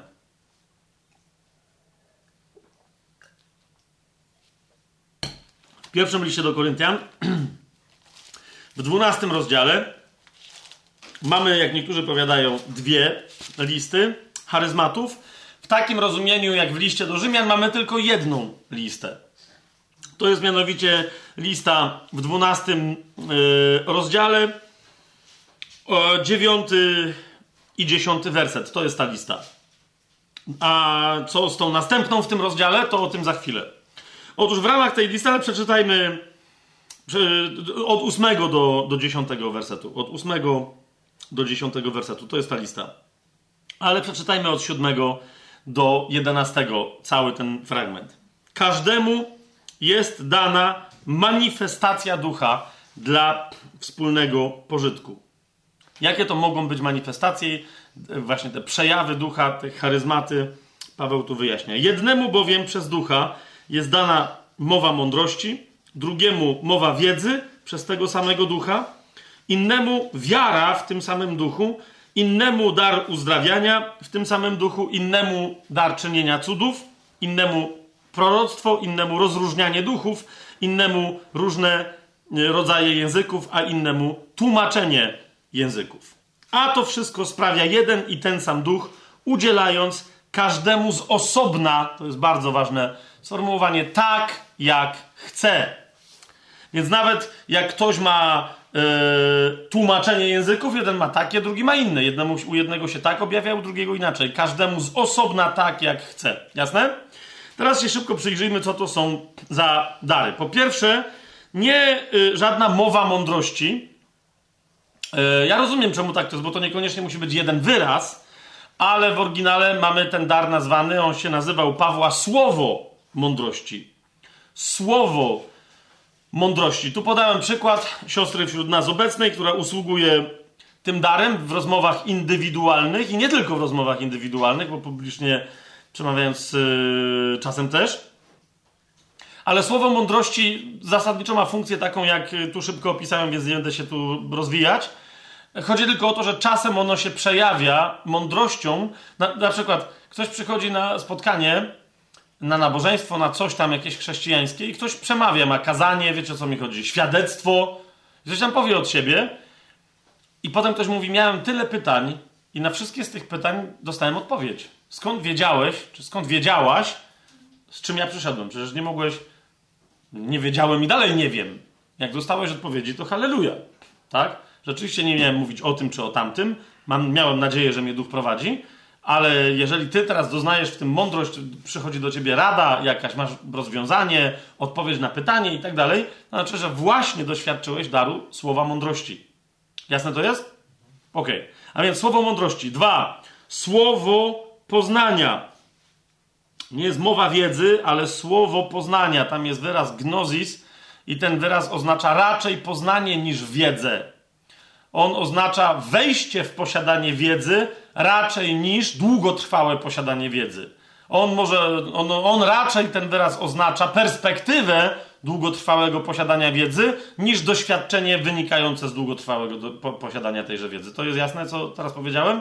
Więc dlatego uważam, że to jest raczej słowo poznanie niż wiedza. Nie? Zwłaszcza, że y, no, y, ono też dobrze oddaje to, co się tu wydarza, mianowicie, że ktoś się o czymś dowiedział. Tak? Czyli, że ma wiedzę na jakiś temat, ale chodzi o sam akt poznania czegoś. Nie? Chodzi o sam akt poznania czegoś, więc słowo poznania przez tego samego ducha w Ewangelii Łukasza, jak sobie otworzymy Ewangelię Łukasza, e, w pierwszym rozdziale się pojawia. I z tego co pamiętam, to jest dopiero trzecia Ewangelia, ale z tego co pamiętam, to akurat ten, to jest pierwszy raz, kiedy właśnie to słowo się w Biblii pojawia. To jest Ewangelia Łukasza, pierwszy rozdział, ale dosyć odległy w tej e, dosyć odległy w tej Ewangelii 77 werset.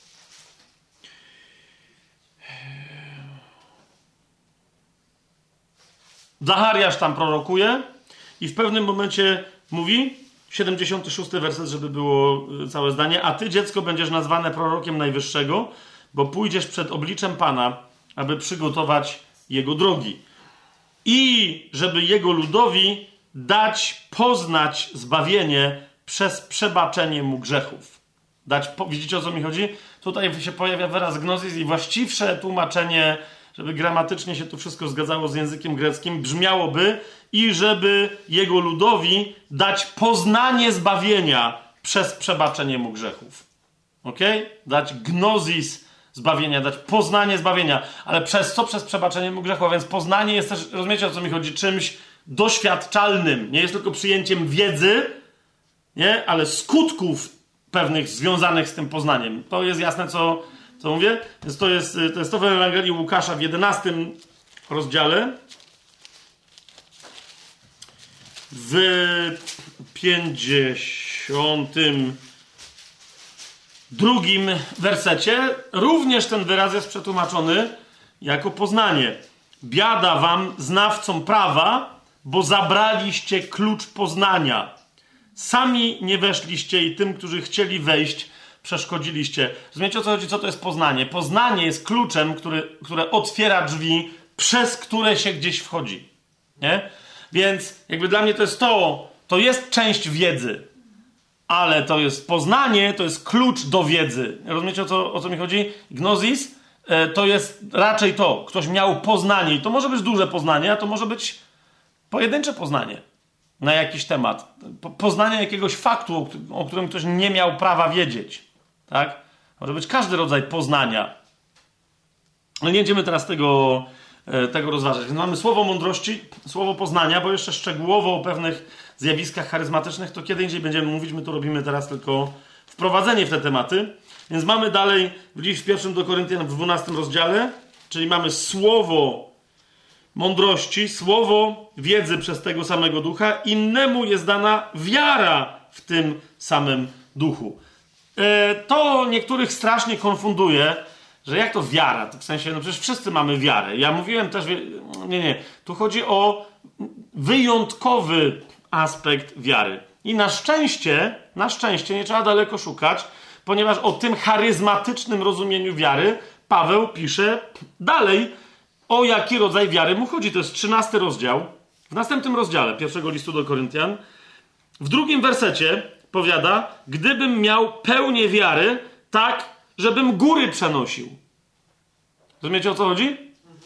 A zatem tu nie chodzi o wiarę w Jezusa, nie chodzi o wiarę, przez którą jesteśmy zbawieni, nie chodzi o wiarę, która jest owocem Ducha Świętego w nas, a która działa poprzez miłość. Nie chodzi o to, ale chodzi o ten rodzaj wiary, który, który może rozkazywać górom, który, który może rozkazywać rzeczywistości i rzeczywistość pod wpływem tej wiary, e, że tak powiem, się przesuwa. Zresztą, wiecie, to jest interesujące, bo, bo Paweł tu no, nie ma kontekstu żadnego innego. Jak, jak on mówi o wierze, która przenosi góry, to wiecie, co to znaczy? To znaczy, że zna dokładnie to samo nauczanie Pana Jezusa, które na przykład przedstawia Mateusz w swojej Ewangelii w 20, na przykład w 21 rozdziale, bo to nie jest jedyny moment u samego Mateusza, a to nie jest jedyny Mateusz, ale no to jest taki klasyczny fragment łatwy do zapamiętania, Mateusz 21, 21. Wtedy Jezus im odpowiedział, zaprawdę powiadam wam, jeśli będziecie mieć wiarę, i nie zwątpicie, nie tylko to, co się stało z drzewem figowym uczynicie, ale jeśli i tej górze powiecie, podnieś się i rzuć się do morza, to tak się stanie. Rozumiecie? Więc yy, dla mnie stanowi pewien problem nauczanie na przykład w ruchu wiary, że skoro my wszyscy jesteśmy wierzący, to wszyscy koniecznie musimy przerzucać górami. Nie? Bo rzucanie górami, zwróćcie uwagę jeszcze raz w pierwszym do Koryntian w 13 rozdziale, w drugim wersecie, Paweł nazywa pełnią wiary, nie? a nie wiarą. A w 12 rozdziale nazywa, wyraźnie wskazuje, że jest wyjątkowym przejawem ducha, którego to, jak innych przejawów, duch daje komuś z osobna tak, jak chce, a może nie dać. Jest to jasne, co. mówię. Nie będę teraz tego jakoś specjalnie. Popatrzcie, dzieje apostolskie. Podam wam trzy, dwa przykłady, może trzy. No zobaczymy. W każdym razie, dzieje apostolskie, trzeci rozdział, gdzie według mnie ewidentnie właśnie dar wiary został zademonstrowany. Są dzieje apostolskie, trzeci rozdział, wersety 3-7. Tam macie, pamiętacie, człowieka, brama piękna, wnoszą tam e, sparaliżowanego od urodzenia, chromego od urodzenia. I trzeci werset i dalej mówią, gdy on zobaczył Piotra i Jana, jak mieli wejść do świątyni, prosił ich o jałmużnę. I teraz bardzo ważny moment, yy, taki charakterystyczny w ogóle dla, dla daru właśnie tej nadprzyrodzonej wiary. Nie? Piotr, przypatrując mu się wraz z Janem, powiedział: Spójrz na nas. Czyli jest jakby moment, rozumiecie, wyjątkowym. Oni patrzą na niego, jakby czy, czyją wiarą kto się będzie musiał. Czy on ma wiarę? Czy, czy, czy, czy, tylko nasza wiara będzie musiała wystarczyć, nie? O tym, ale o tym za chwilę. Więc i Piotr mówi, patrzcie na nas, okay, my się patrzymy na ciebie. Wtedy Piotr powiedział, nie mam srebra ani złota, ale co mam, to ci daję. Zwróćcie uwagę, on mówi, że jemu coś daje konkretnie, że się z nim dzieli. Obdarowuje go właśnie czymś. Co mam, to ci daję w imieniu Jezusa Chrystusa z Nazaretu. Wstań i chodź. I interesujące jest, że po tym nie czeka, aż ten mężczyzna wstanie i pójdzie, ale na bazie własnej wiary, znaczy demonstruje swoją niezachwianą wiarę w to, co właśnie powiedział, że, że mu udziela. Ująwszy go za prawą rękę, podniósł go. I dopiero wtedy natychmiast wzmocniły się jego nogi i kostki, a on zerwał się, wstał i chodził. Zauważcie, on się wtedy zerwał, bo jak go Piotr podnosił, to on go podniósł, rozumiecie, nie pomógł mu wstać. On go podniósł cały czas sparaliżowanego. W tym geście Piotra zostało mu udzielone uzdrowienie. Niektórzy mówią, że no potem, ale przecież potem Piotr tłumaczy, dwunasty werset, mężowie izraelscy, dlaczego się temu dziwicie, dlaczego się nam tak uważnie przypatrujecie, jakbyśmy własną mocą albo pobożnością sprawili, że on chodzi. Ja się do tego odwoływałem. To nie jest moc uzdrowieńcza. Jest bardzo istotne, to nie jest moc uzdrowieńcza. To nie jest dar uzdrawiania. To nie, wiecie, to nie jest, to nie jest kwestia mocy pobożności. No to ktoś powie, no to dobra, no to czyli to w takim razie po prostu Piotr okazał autorytet. No to wtedy, wiecie o co mi chodzi, jakby Jezus go miał podnosić przez autorytet, to nie Piotr by go fizycznie podnosił. Skąd wiemy o tym, że, że tu działa dar wiary? Już pomijam, że jest pewna paralela pomiędzy tym wydarzeniem, a jeszcze innym y, z życia Pawła, ale zwróćcie uwagę na szesnasty werset. Dalej, wyraźnie przecież Piotr mówi, że przez wiarę został uzdrowiony ten człowiek. Przez wiarę w jego imię. Temu, którego widzicie i znacie, imię to przywróciło siły. To wiara, która jest przez niego, dała mu pełne zdrowie na oczach was wszystkich. Rozumiecie, o co mi chodzi? Teraz jest pytanie, czyja wiara? No nie tego chłopa. Bo zaraz przyjrzymy się innemu zdarzeniu, gdzie Paweł zauważył, że ktoś miał wiarę w to, że może być uzdrowiony. Nie? Piotr tu mówi mu, patrz na nas i nic nie widzi. Nie? Ten sam narrator, czyli Duch Święty, przez tego samego ludzkiego autora, czyli Łukasza, w tej samej księdze, w dziejach apostolskich, ma, pokazuje nam dwa bardzo podobne zdarzenia i Piotr mówi, patrz na nas i nic nie widzi w jego oczach. Natomiast mamy drugie wydarzenie, to są dzieje apostolskie 4, ale, jeszcze raz, więc jak Piotr mówi, to wiara, która jest przez Jezusa i w imię Jezusa, to czyja to była wiara? Piotra. Rozumiecie, o co mi chodzi? To jest dar wiary. Nie dar uzdrawiania w tym. No właśnie, skutek znowu, skutkiem jest co? Uzdrowienie, ale nie przez dar wyjątkowy uzdrowienia, tylko dar wiary. Okay? Jak potem pamiętacie, jak na przykład jeszcze Piotr idzie, uzdrawia, czy wskrzesza, to jest dobre pytanie. No nie? Jakimi darami tam się Piotr posługuje. Ale a propos daru wiary, w 14 y, rozdziale dziejów apostolskich, w ósmym wersecie czytamy, że y, w listrze był pewien człowiek o bezwładnych nogach, chromy, już w łonie swojej matki i nigdy nie chodził. Widzicie o co mi chodzi? Że Łukasz bardzo mówi, to jest podobna sytuacja jak ta, którą miał Piotr. Tamten też od urodzenia nie chodził, był chromy. Nie? Ten też taki się urodził. Słuchał on przemawiającego Pawła, który przyglądając mu się uważnie i widząc, że ma wiarę, aby zostać uzdrowionym, powiedział donośnym głosem: Stań prosto na nogach, a on zerwał się i zaczął chodzić. Rozumiecie? Co się, widzicie, jaka jest różnica? Jest bardzo podobna sytuacja, ale Paweł przez dar wiary, nadprzyrodzony dar wiary, który on też miał, dostrzega wiarę w innych. To nie jest tylko kwestia podzielenia się swoją wiarą z innymi. Złota ani srebra nie mam, ale co mam, to ci daję. Co miał Piotr? Wiarę w imię Jezusa. Tak? Dar wiary jest również darem poznania czyjejś wiary. Na przykład wystarczającej do tego, aby był uzdrowiony ktoś. Jest to jasne, co, co mówię? To jest dokładnie bardzo, według mnie, nie, nie ma przypadku tu żadnego, że to jest ta, aż taki paralelizm pomiędzy tym uzdrowieniem z wiary dokonanym przez Piotra, a tym uzdrowieniem e, na rozkaz e, Pawła, który oczywiście na mocy wiary to robi, ale zauważcie, opierając się na wierze tego człowieka, który swoją drogą, yy, bo tamten spotkał Piotra i w ogóle nie wiedział, co jest grane, tylko myślał tak, a ten tu już słuchał nauczania, słuchał Słowa Bożego, więc sytuacja była nieco inna. Wracamy do pierwszego listu do Koryntian. Mamy więc, 14, 12 rozdział, mamy więc słowo mądrości, słowo wiedzy, mamy dar wiary nadprzyrodzonej. I teraz uwaga, następny yy, aspekt. Chociaż yy, jak już o tym mówimy,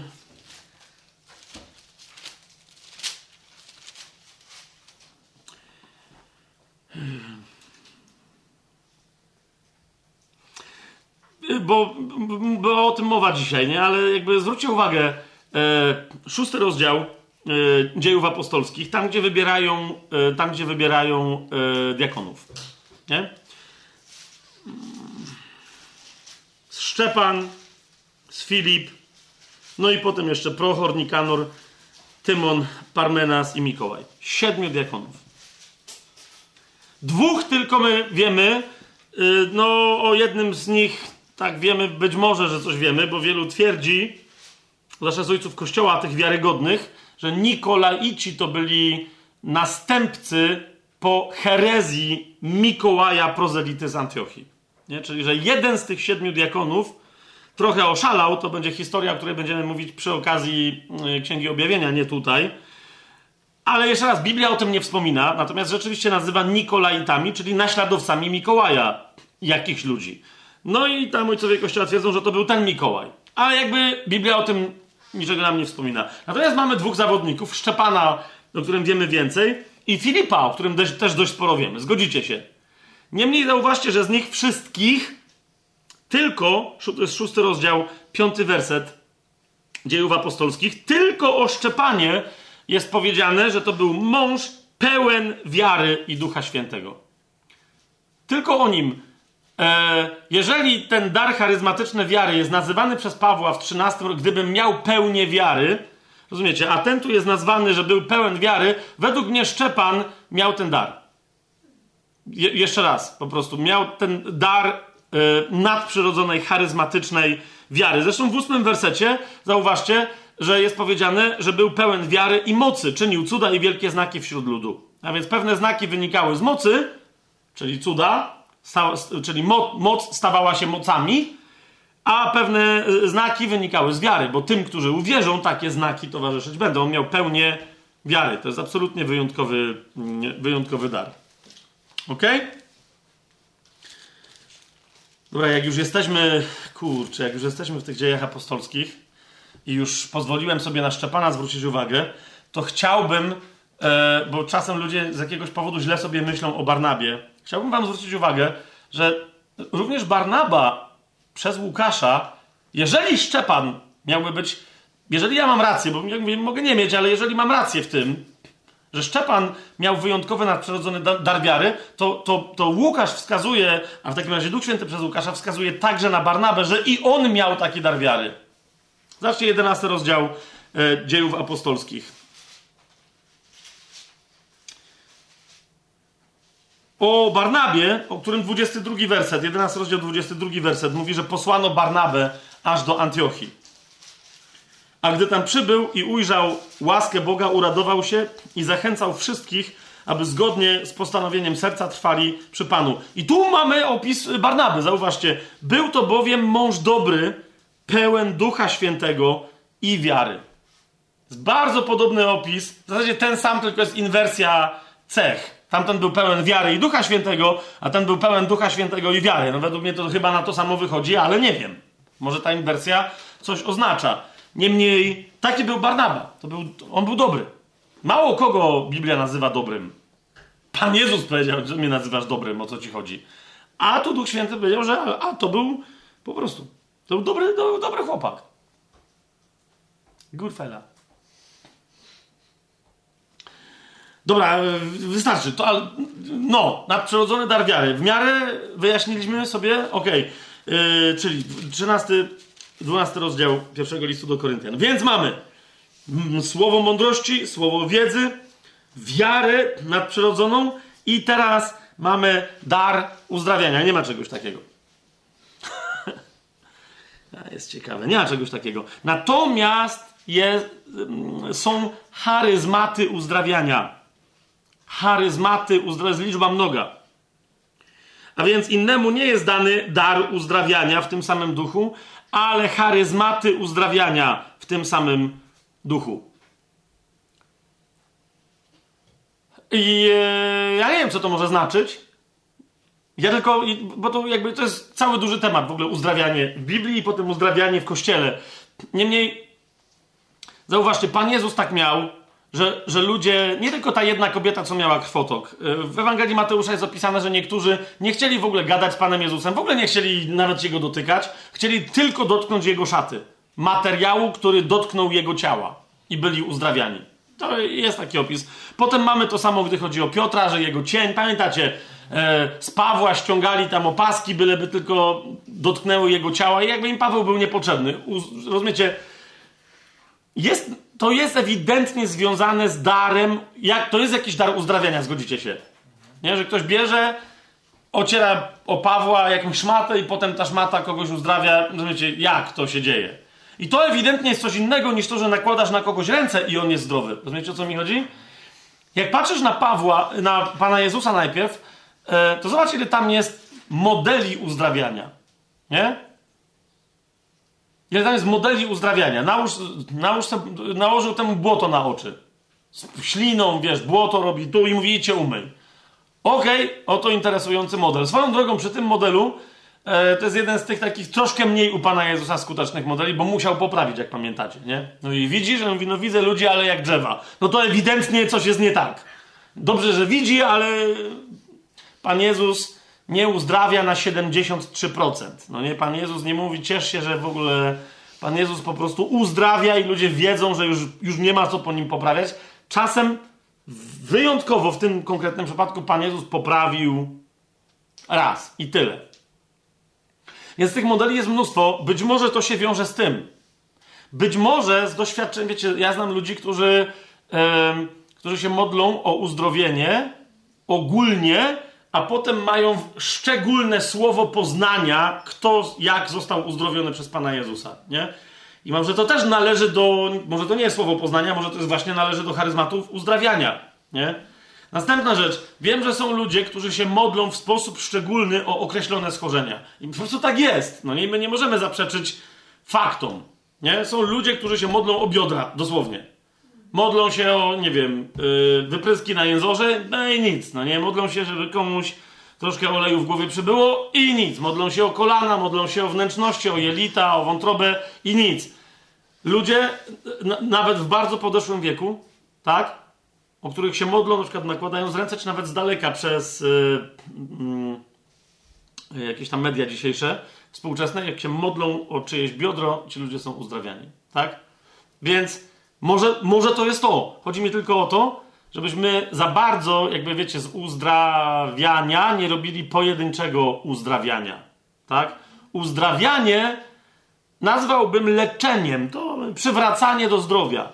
Tak? I to są dary przywracania do zdrowia, to są charyzmaty, liczba mnoga przywracania do zdrowia e, fizycznego. Jasne? Po darach yy, uzdrawiania, po charyzmatach uzdrawiania, pamiętajcie, liczba mnoga. Mamy piąty charyzmat, który jest także w liczbie mnogiej, który został tu nazwany darem czynienia cudów. Jak widzicie w UBG dar nie ma takiego słowa. No więc innemu zostało dane czynienia cudów co? Nie czynienia cudów. Otóż innemu w tym samym duchu zostało udzielone co? Uważajcie, działania mocy. Działania mocy. Ja wiem, że moce, pamiętacie y, ostatni odcinek, chyba to był? Poprzedniego sezonu, gdzie mówiłem o tym, że moc w liczbie pojedynczej oznacza moc, a najczęściej w Nowym Testamencie w języku greckim moc w liczbie mnogiej jest słusznie tłumaczona jako cuda. Tak? I tu jest liczba mnoga, tylko że ta liczba mnoga jest powiązana ze słowem działania, czynienia. Ok? Działania mocy. A więc istnieje moc, ta moc działa i są ludzie, którzy chodzą pod tą mocą. Teraz być może, że te, wiecie, te, te, te skrawki ubrań od Pawła, ta, ten cień Piotra i tak dalej, ta szata Pana Jezusa, no to, to tam nie być może tylko z całą pewnością, to są właśnie e, charyzmaty związane z działaniami mocy, a nie z uzdrawianiem. Nie? Jeszcze raz zauważcie, ja teraz, e, ale nie chodzi o to, bo teraz nie chcę kombinować, ja tylko pokazuję, e, jak czasem ludzie pewnych rzeczy nie rozpoznają. Gdy chodzi o Pana Jezusa, on wyraźnie powiedział, że ktoś się dotknął jego szaty, a z niego wyszła moc. Pamiętacie to? To jest to, nie ma Pawła w miejscu, gdzie ktoś bierze opaskę z jego tam ubrania, z jego, z jego ciała, którą, którą gdzieś tam wziął i na kogoś kładzie, ale ewidentnie działa moc. Zatem być może tu chodzi dokładnie o doświadczenie posiadania pewnego rodzaju mocy, która kiedy się porusza, to człowiek wie, że ona z niego wychodzi i widać to na zewnątrz, że się coś dzieje, że ktoś, wiecie, ktoś jest uzdrowiony, ktoś i tak dalej, i tak dalej. Teraz yy, niektórzy mi mówią, że no to widać, bo, bo specjalni charyzmatycy, jak kładą ręce w specjalnym celu na, na co bardziej chętnych, to ci chętni upadają pod tymi rękami. Tam się drą w niebogłosy i śmieją się i, płaczą i, i wyją i chrząkają jak świnie, leżą na podłodze i się trzęsą i tak dalej, i tak dalej. To ewidentnie jest objaw mocy. Yy, no nie, to jest albo objaw czyjejś głupoty, a i nie mówię, że koniecznie tego, co leży, ale to może być też on, albo dwóch naraz, tego, co kładzie ręce i tego, co leży, albo objaw emocjonalizmu poważnego tego kogoś, kto zaczyna doświadczać te, tego typu kwestii, autosugestii, po trzecie, albo po czwarte, przejaw mocy działających duchów, które nie mają niczego wspólnego z Duchem Świętym po prostu. Skąd my to wiemy? Ponieważ kiedy wychodzi moc z Jezusa, kiedy przychodzi moc, tak jak ją Biblia przedstawia, pamiętacie, myśmy sobie ten wyraz dobrze roztrząsali. Jak nie pamiętacie, to to sobie tam wróćcie i, i, i to sobie przypomnijcie. Moc czyni dobro dla człowieka. Niszczy dzieła diabła, a buduje Boże dzieło w człowieku. Jeżeli to jest charyzmat, a, to, a tu mamy listę charyzmatów i to, są, i to są działania mocy, to wszystkie te działania mają służyć ku zbudowaniu kościoła. Dla zbudowania kościoła. Nie wiem, jak mam je zbudować, widok kogoś, kto potrzebował pomocy, ktoś inny położył na niego ręce i teraz on leży na podłodze i się trzęsie. Ma jakieś doznanie, wiesz, ale on był w ciężkiej depresji, bo mu umarła żona. A ta żona mu umarła, bo się powiesiła. I on nie wie co. I teraz jak on wstaje stamtąd, ktoś mu wmawia, miałeś doświadczenie Boga, on mówi fajnie. I teraz jeszcze gorzej mu się jest przyznać, że nie wie, jak ma sobie poradzić ze stratą po żonie i zaczyna mieć myśli samobójcze. Mhm. Czy on doświadczył mocy? No doświadczył, zdecydowanie nie mocy Ducha Świętego. Kościół nic z tego nie ma, on nic z tego nie ma, żadnej pociechy, żadnego zbudowania, żadnego pocieszenia. Czy to jest jasne? Teraz ktoś może przyjąć moc, bo z nami takie przypadki, że rzeczywiście, kiedy go dotknie ta moc, ten ktoś może upaść i może nie wstać spod tej mocy przez wiele godzin. Znam takie przypadki. Niewiele, ale znam. A jak już wstanie, okazuje się, że nie dość, że ma objawienie, którego wcześniej nie miał, którym kiedy się dzieli z Kościołem, to jest druga rzecz. Kościół jest zbudowany, to jeszcze po trzecie jest uzdrowiony fizycznie z wszystkiego. Są konkretne przypadki, konkretnie, rozumiecie, z, z papierami od lekarza i tak dalej, i tak dalej. I wtedy, jasne to jest, więc ja nie mówię, że ktoś nie może upaść, pod, ale jak upadł i nic więcej, rozumiecie, tam miał jakieś przeżycia, szarpało go, wszyscy dookoła mieli przeżycia, nagrane na telefonie, o kurde. I te, wiecie, to jakby, to jest budowanie, to jest pocieszenie, co tam się wydarzyło. Nie. A więc e, działania, e, działania mocy. Swoją drogą, e, te, te działania mocy, e, w ogóle ten wyraz się prawie, jak w ogóle ma masę wyrazów, którymi się Paweł posługuje, pisząc do Koryntian na temat charyzmatów, pojawiają się tylko tu. Niektóre te wyrazy pojawiają się pojedynczo, jakby Paweł musiał wykon, rozumiecie, wymyślić jakieś słowo, którym się normalnie Biblia nie posługuje, żeby coś nakreślić. Niektórzy się denerwują, mówią, no to jest taki kontrowersyjny temat. I teraz my byśmy, to Paweł nie mógł jakąś się proststrzem jakoś to rozwinąć, zdefiniować, tylko po prostu tak pisze. To nie, dlatego że rozumiesz, to są pewne kierunki, a te kierunki w kościele korynckim w pierwszym czy drugim wieku naszej ery mogły zapewne tylko mogły, ale musiały wyglądać inaczej niż mają wyglądać w dzisiejszym kościele w Krakowie, w Gdańsku, czy w Lublinie, czy w Legnicy, czy w Londynie, czy w Tokio. Rozumiecie, o co mi chodzi? Więc Duch Święty objawił tylko. Natomiast drugi raz, kiedy się pojawia ten wyraz, tu mamy czynienia cudów, ale to są działania, właśnie pojawia się jako działania w tym samym 12 rozdziale, w szóstym wersecie i już z tego co pamiętam, to chyba nigdzie więcej. E, mianowicie, Paweł pisze, różne są działania, ale ten sam Bóg, który sprawia wszystko we wszystkich. Różne są działania. No właśnie. I wśród tych różnych działań, które sprawia Bóg, są specjalne, szczególne działania, które są działaniami mocy, a nie czynieniami cudów. To są działania, mo to jest liczba mnoga, mocy, liczba mnoga, wielu mocy. Jest to jasne? Działania, liczba mnoga, moce, liczba mnoga. Działania tych wielu mocy. Dalej, mamy, czyli mamy działania mocy. To jest który już piąty charyzmat? Szósty to jest proroctwo, o nim już mówiłem, więc w ogóle nie będziemy tego rozwijać, idziemy dalej. Bo mamy siódmy charyzmat, którym jest rozróżnianie lub też czasem przez niektórych zwane, yy, yy, tłumaczone, nazywane yy, inaczej, mianowicie rozeznawanie duchów. Ale to jest rozróżnianie duchów. Jaki duch, jaki duch działa? W pierwszym liście Jana, w czwartym rozdziale, pierwszym wersecie słyszymy umiłowani, nie wierzcie każdemu duchowi, ale badajcie duchy, czy są z Boga, gdyż wielu fałszywych proroków wyszło na świat. Jakie to duchy są badane? To jest, to jest badanie, czy to jest Duch Święty, czy to nie jest Duch Święty. Jeżeli to nie jest Duch Święty, to są jeszcze dwa rodzaje. To może być zły duch jakiegoś rodzaju, albo to może być ludzki duch nowonarodzony, ale który nie działa w zgodzie z Duchem Świętym. Duch, którego Watchman niby nazwał, to jest ludzki, nowonarodzony, ale zdziczały duch, nie? który został do takiego stanu doprowadzony. Eee, zresztą tu jest mowa o tym, że wielu fa fałszywych proroków wyszło, więc Jan mówi, zbadajcie, czy to są... Zauważcie, że y, y, Paweł w 14 rozdziale pierwszego listu do Koryntian mówi, a duchy proroków należą do proroków. Nie? A więc duch nowonarodzonej osoby, jak ma szczególne namaszczenie, to wtedy to jest nie tylko duch tej osoby, to jest duch proroka, nie duch proroczy, bo to jest duch święty, nie duch proroctwa, bo to jest duch święty, to jest duch proroka tego konkretnego, nie? I on, i teraz Paweł mówi, rozpoznawajcie, tak? Bo to może być fałszywy prorok, to może być prawdziwy prorok, ale który nie prorokuje teraz z Ducha Świętego, lecz z własnego ducha. Rozumiecie o co mi chodzi? A może być ktoś, kto jest w ogóle pod złym duchem i w związku z tym robi pewne rzeczy. Tu by można było wiele mówić i jednocześnie niewiele.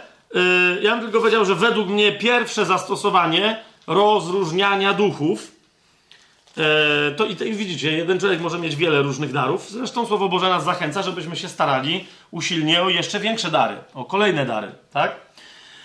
Ale według mnie pierwsze zastosowanie w kościele publiczne daru rozróżniania duchów, teraz was może zaskoczę, to jest piąty rozdział dziejów apostolskich.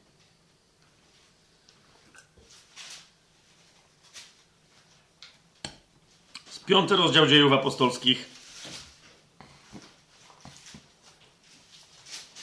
Trzeci werset.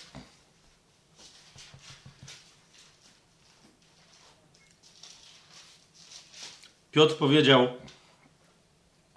Ananiaszu, dlaczego szatan tak napełnił twoje serce, abyś okłamał Ducha Świętego?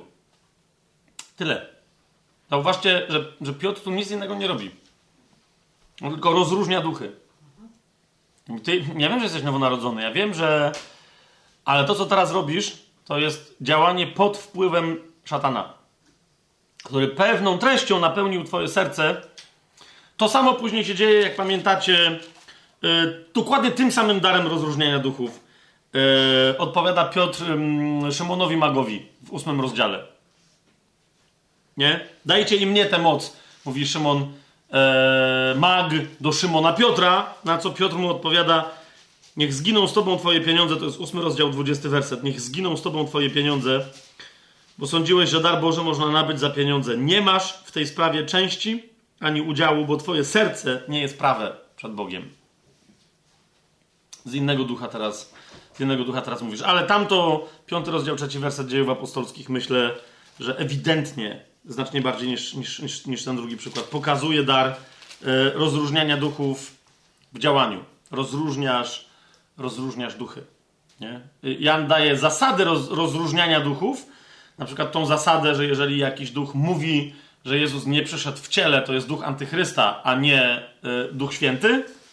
Więc wszyscy, którzy głoszą, że Jezus nie przyszedł w ciele w taki czy inny sposób, Yy, no to już, no, to jakby my wiemy, wtedy nie musimy, wiecie, mieć specjalnego daru. Natomiast ten szczególny dar to jest charyzmatyczne rozpoznanie, zanim ktoś gębę otworzy. Wiecie o co mi chodzi? Ktoś ma poznanie innego ducha. Znam takich ludzi, którzy bywało wręcz, że widzieli e, tego innego ducha, który przychodził razem z człowiekiem, nie? w takiej czy innej e, formie i wiedzieli, że, że ten ktoś nie przyszedł sam. Dalej w 12 rozdziale mamy inne, e, innemu są dane różne rodzaje języków, e, więc mamy dar różnych języków. To jest bardzo istotne. Dar różnych języków, różnych typów, różnych rodzajów języków. To jest dobre tłumaczenie. Nie będę się wdawać teraz tu w historię. A więc są różne języki. No, począwszy od tego podstawowego rozróżnienia, które Paweł podaje w 13 rozdziale listu do Koryntian w pierwszym wersecie, mianowicie mówi, chociażbym mówił językami ludzi i aniołów. Odróżnia języki ludzkie od języków anielskich. Aniołowie też się komunikują najwyraźniej jakimiś językami. To są inne języki niż języki, którymi posługują się ludzie. Więc to są przynajmniej dwa różne typy języków, tak? Niektórzy wiążą te typy z tym, czym, jakby, czym jest glosolalia, czyli mm, posługiwanie się językiem, który nie jest żadnym z języków, którymi normalnie ludzie dzisiaj się posługują, i ksenolalia, czyli posługiwanie się językiem, którego się nie zna, ale który jest językiem, który normalny tłumacz by przetłumaczył. Jasne? To jest ksenolalia. Yy, I tu mogą być różne te języki. To jest ile języków ludzkich, no to tyle, wiecie, to tyle może być tych różnych języków. I teraz na samym końcu mamy ostatni z darów tutaj wymienionych, mianowicie tłumaczenie języków.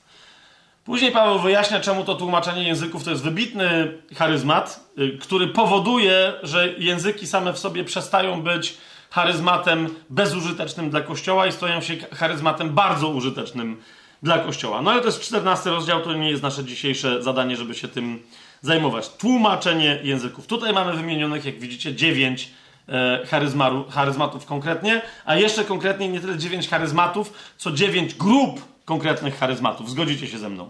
Tak? One, jeszcze raz, zgodnie z tym, co w 11 wersecie jest powiedziane, to wszystko sprawia jeden i ten sam duch, udzielając każdemu z osobna tak, jak chce. A potem jeszcze ludzie, według miary wiary, jaką otrzym, otrzymali, mają się tymi charyzmatami y, posługiwać.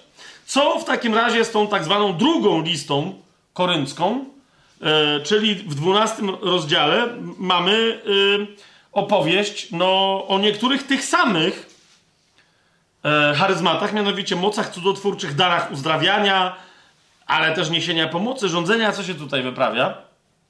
Otóż, kochani, ta druga e, lista jest listą charyzmatów, które powodują, wzbudzają, wywołują, utrzymują także funkcję w kościele, służbę w kościele. Ok? A zatem, żeby być apostołem w kościele, żeby być prorokiem, nie tylko żeby prorokować, bo dar prorokowania to jest jedno, a bycie prorokiem samym w sobie to jest, to jest coś innego. Tak? Do tego również potrzebny jest specjalny charyzmat, czyli namaszczenie specjalne i wyjątkowe, ale wtedy to są namaszczenia w porządku kościelnym i, i nimi się już w ogóle teraz nie będziemy przy okazji listu do Koryntian zajmować, a zajmiemy się przy okazji listu do Efezjan. Już wyjaśniam dlaczego. Otóż Paweł mówi, no wszyscy wiecie, że duch się przejawia i, i wymienił, tak jak sobie teraz wymieniliśmy, dziewięć różnych grup charyzmatów. Ale potem mówi, ale pamiętajcie, że te charyzmaty znajdują się w pewnej hierarchii, gdy chodzi o usługiwanie sobie nawzajem w kościele. Bo to, jak wy się, jakby, co wy z tymi charyzmatami robicie, to potem przed Panem odpowiecie. Ale istnieje pewien porządek i podległość charyzmatów w kościele. To jest 12 y, rozdział, zobaczcie 27 werset i dalej. Mianowicie Paweł mówi tak. Wy zaś jesteście ciałem Chrystusa, a z osobna członkami. I teraz mówi, i jako namaszczenia, które daje Duch Święty ciału Chrystusa i jego poszczególnym częściom, to Bóg ustanowił pewnych tylko ludzi, niektórych w kościele, po pierwsze apostołami. Jak mówię, kiedy indziej będziemy to grubiej rozważać, ale tu jest dosłownie, wiecie, tu jest porządek.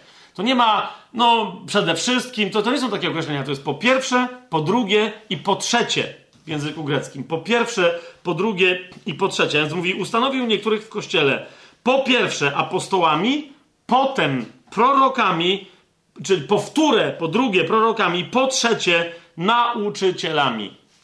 Potem, a więc po nich, i tu według mnie się pojawiają dary, które są równorzędne, czyli jakby te dary są nadrzędne, gdy chodzi o funkcjonowanie Kościoła, a nie, że są ważniejsze, to wiecie o co mi idzie, ale są nadrzędne dla funkcjonowania Kościoła, te trzy, i to w takiej kolejności, a po nich dopiero są moce cudotwórcze, dary uzdrawiania, pomoce, yy, rządy i różne języki. Tak, jak mówię, my się do tego, temu się przyjrzymy bliżej, co to są te pomoce, bo tu jest liczba mnoga, co to są te rządy, liczba mnoga, e, no bo tu wiecie, moce cudotwórcze i dary uzdrawiania się powtarzają. Pomocy i rządów, zauważcie, w pierwszym zestawie nie było.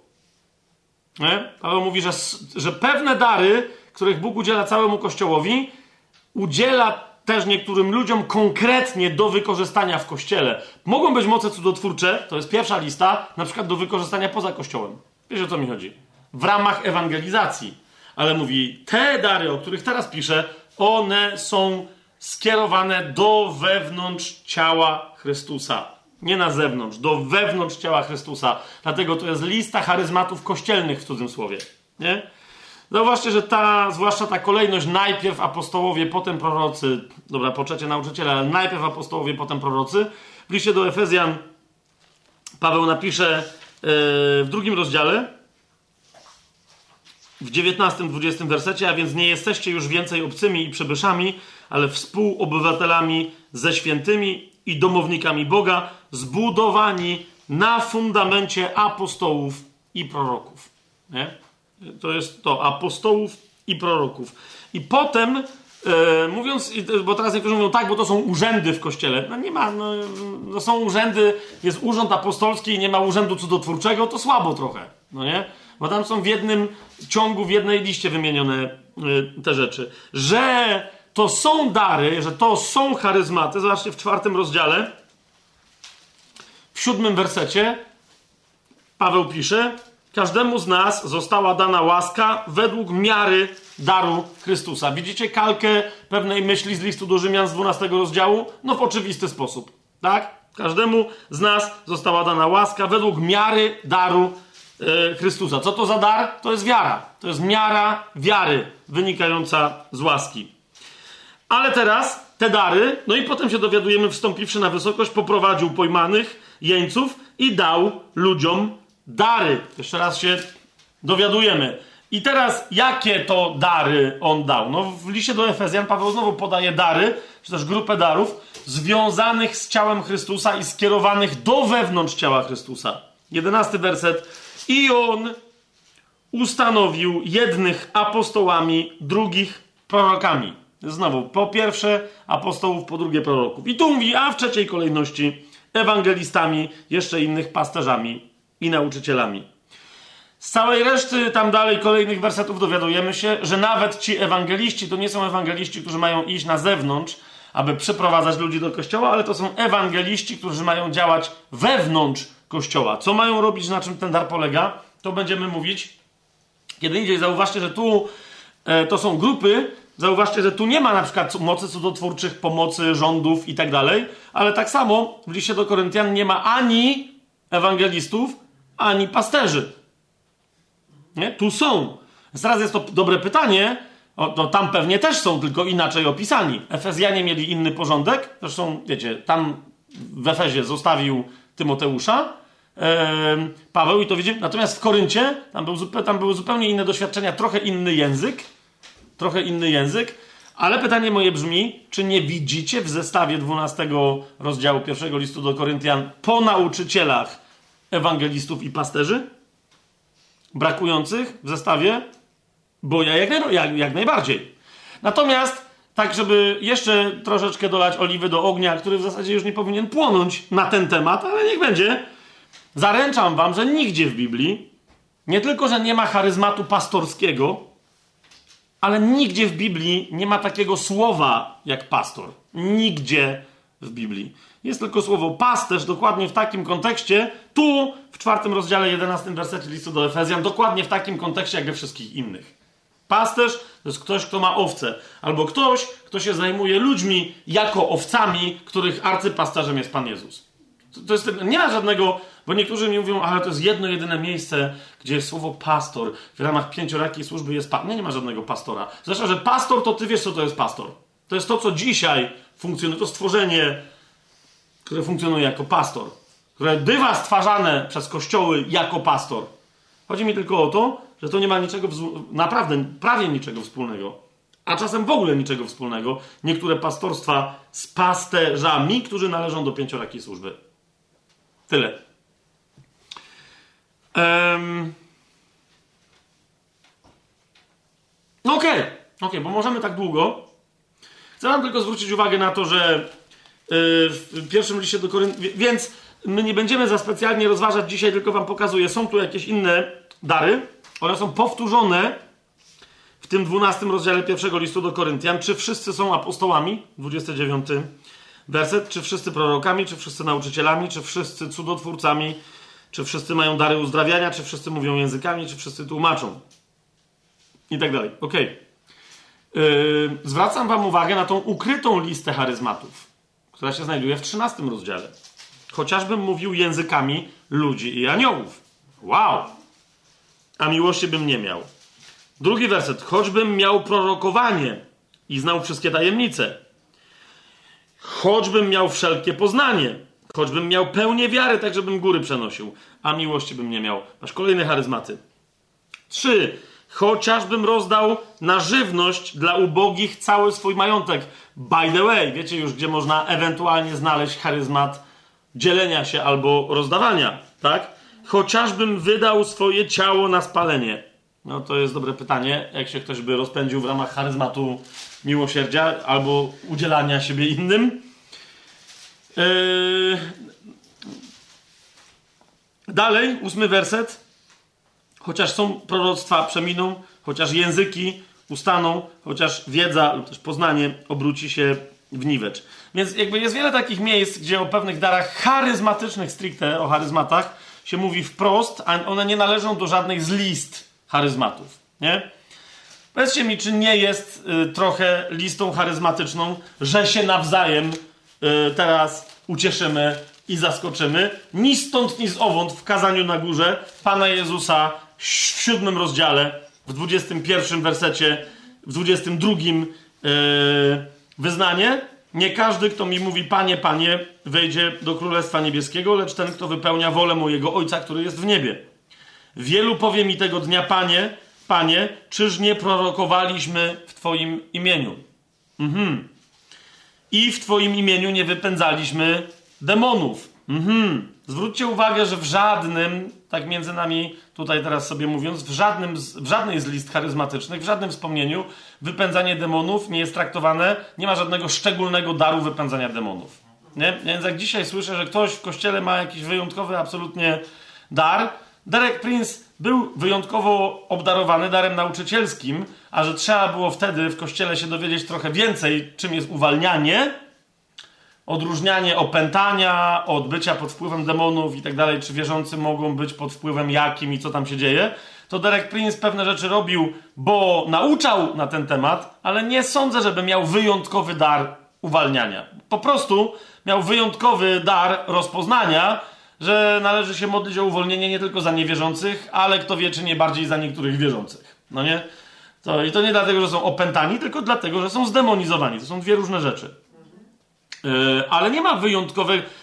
Pan Jezus zaprezentował ten dar jako wyjątkowy w tym sensie, że Żydzi go nie znali, nikt wcześniej przed nim nie wypędzał demonów. On powiedział, że to jest znak, który będzie towarzyszyć wszystkim, którzy uwierzą. W moje imię złe duchy wypędzać będą. Po prostu. Nie? Ym, więc, y, więc nie ma dlatego takiego wyjątkowego daru ym, charyzmatycznego. Ale prorokowanie, widzicie, tu niektórzy się zgłaszają, czy nie prorokowaliśmy w Twoim imieniu, czy nie wypędzaliśmy demonów, czy nie czyniliśmy wielu cudów. Tu już jest ewidentnie charyzmata. Ewidentnie mamy z tym do czynienia. Wtedy im oświadczę, nigdy was nie znałem. Odstąpcie ode mnie wy, którzy czynicie nieprawość. Dlatego Paweł za każdym razem mówi, mamy dary i one są od Ducha Świętego. Tylko nie zgubcie się, bo nawet jak stwierdzicie, że wy z miłości się nimi posługujecie, to baczcie, aby wasza miłość była nieobłudna. Bo nawet miłość może być obłudna. I co wtedy? Nie?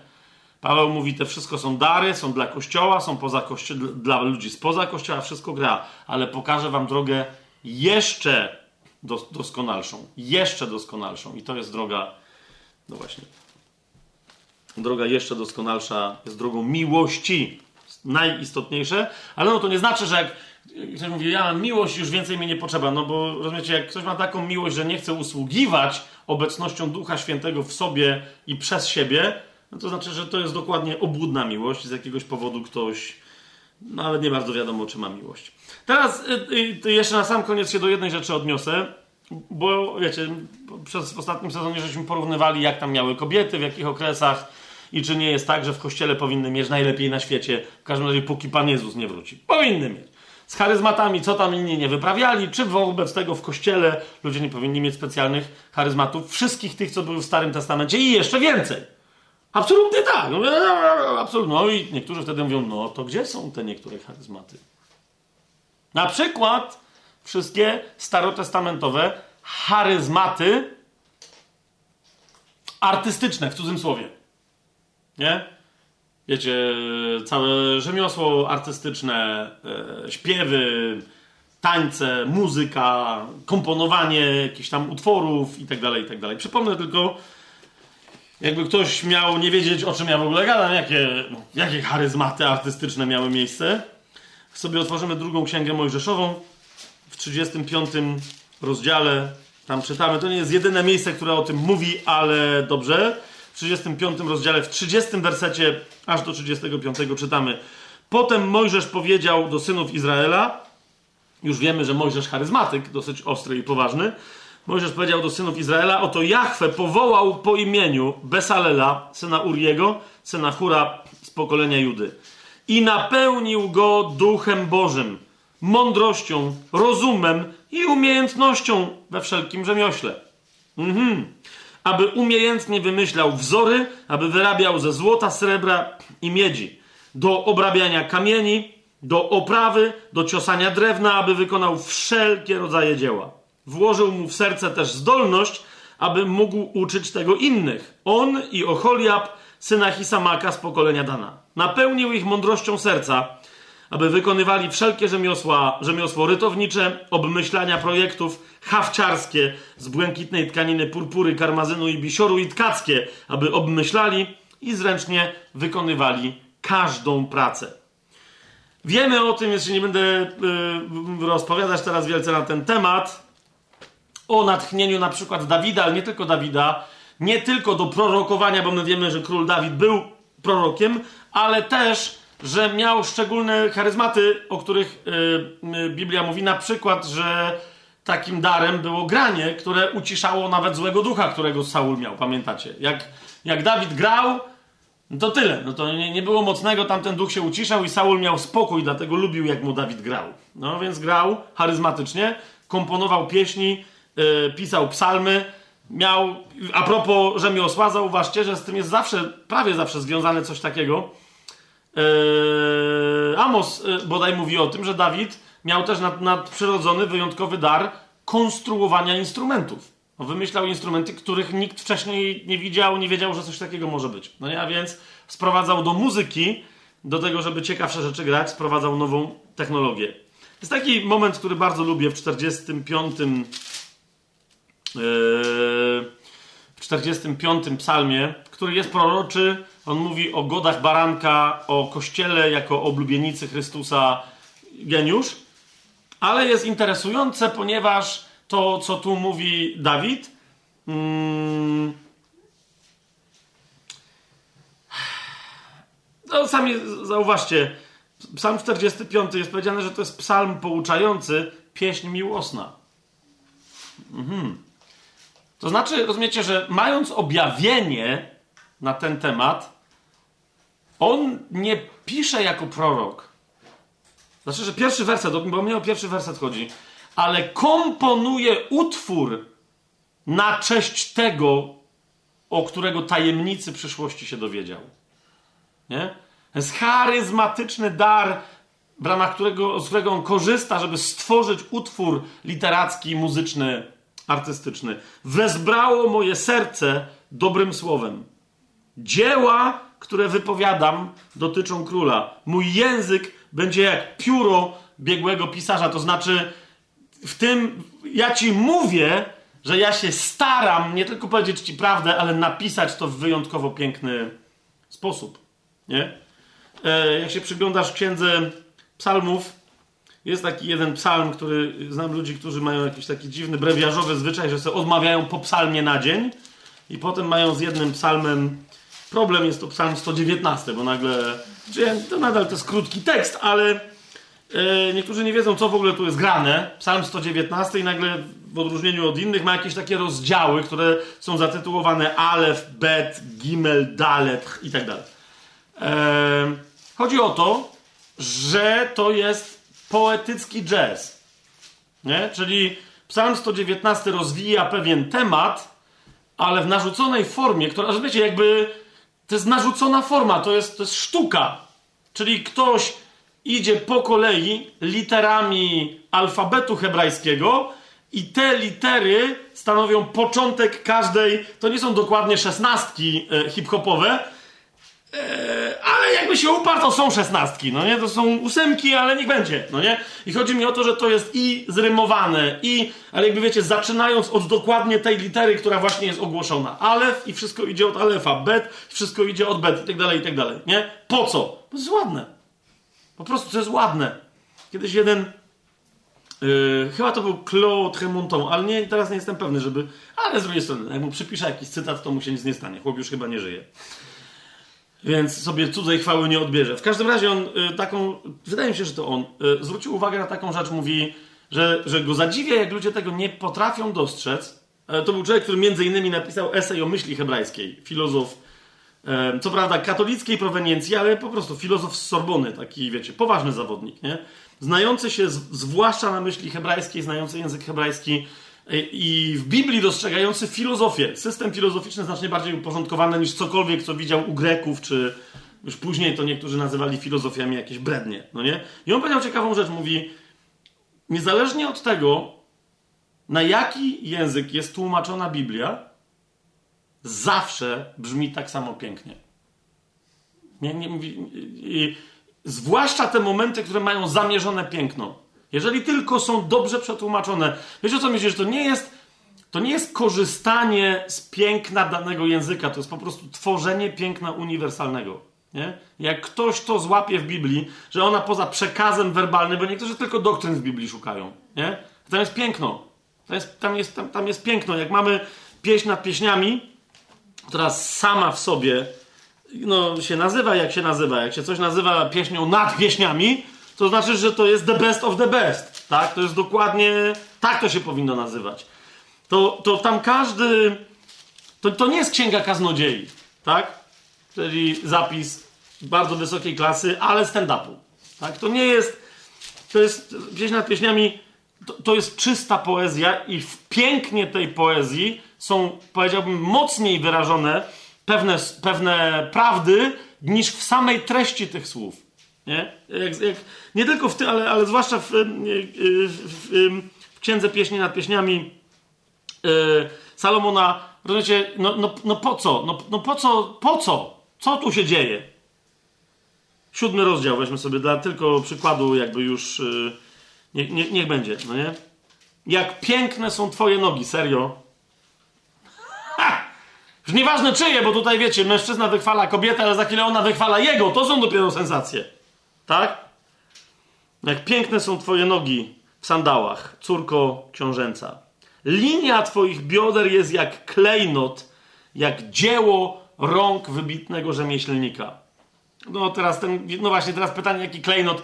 No jak ktoś mówi o linii bioder, to się tu odwołuje, to jest konkretne polskie słowo. Ja teraz nie, wiesz o co mi chodzi? A ktoś tu przetłumaczył, no tak, jak żeby to było w miarę w porządku, w miarę niepornograficznie. No na litość boską.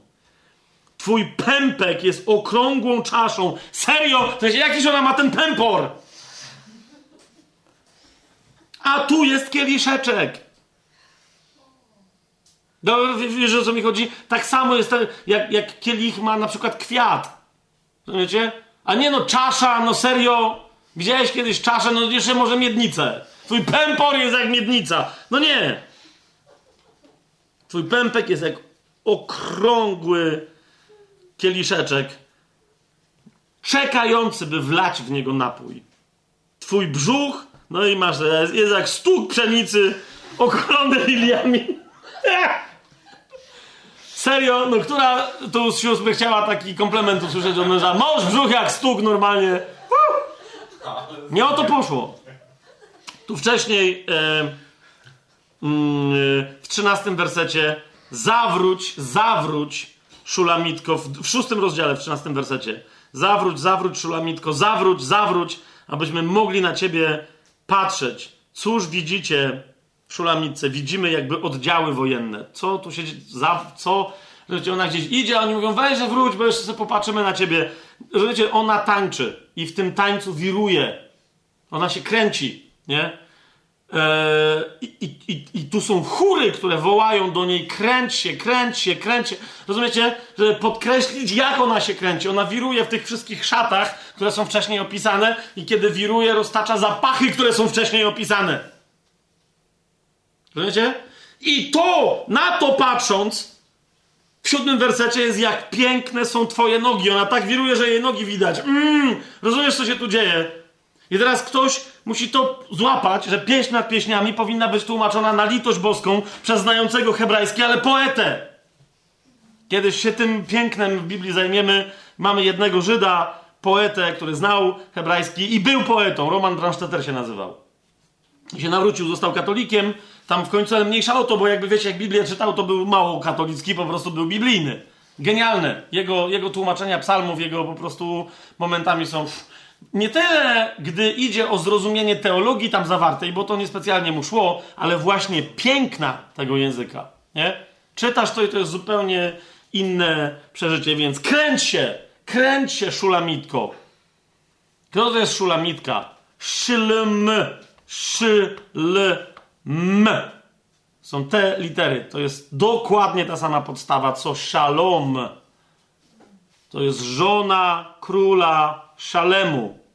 Szalemitka równie dobrze można. To, co, co tu masoreci wstawili, to jest, to jest po prostu szylmy.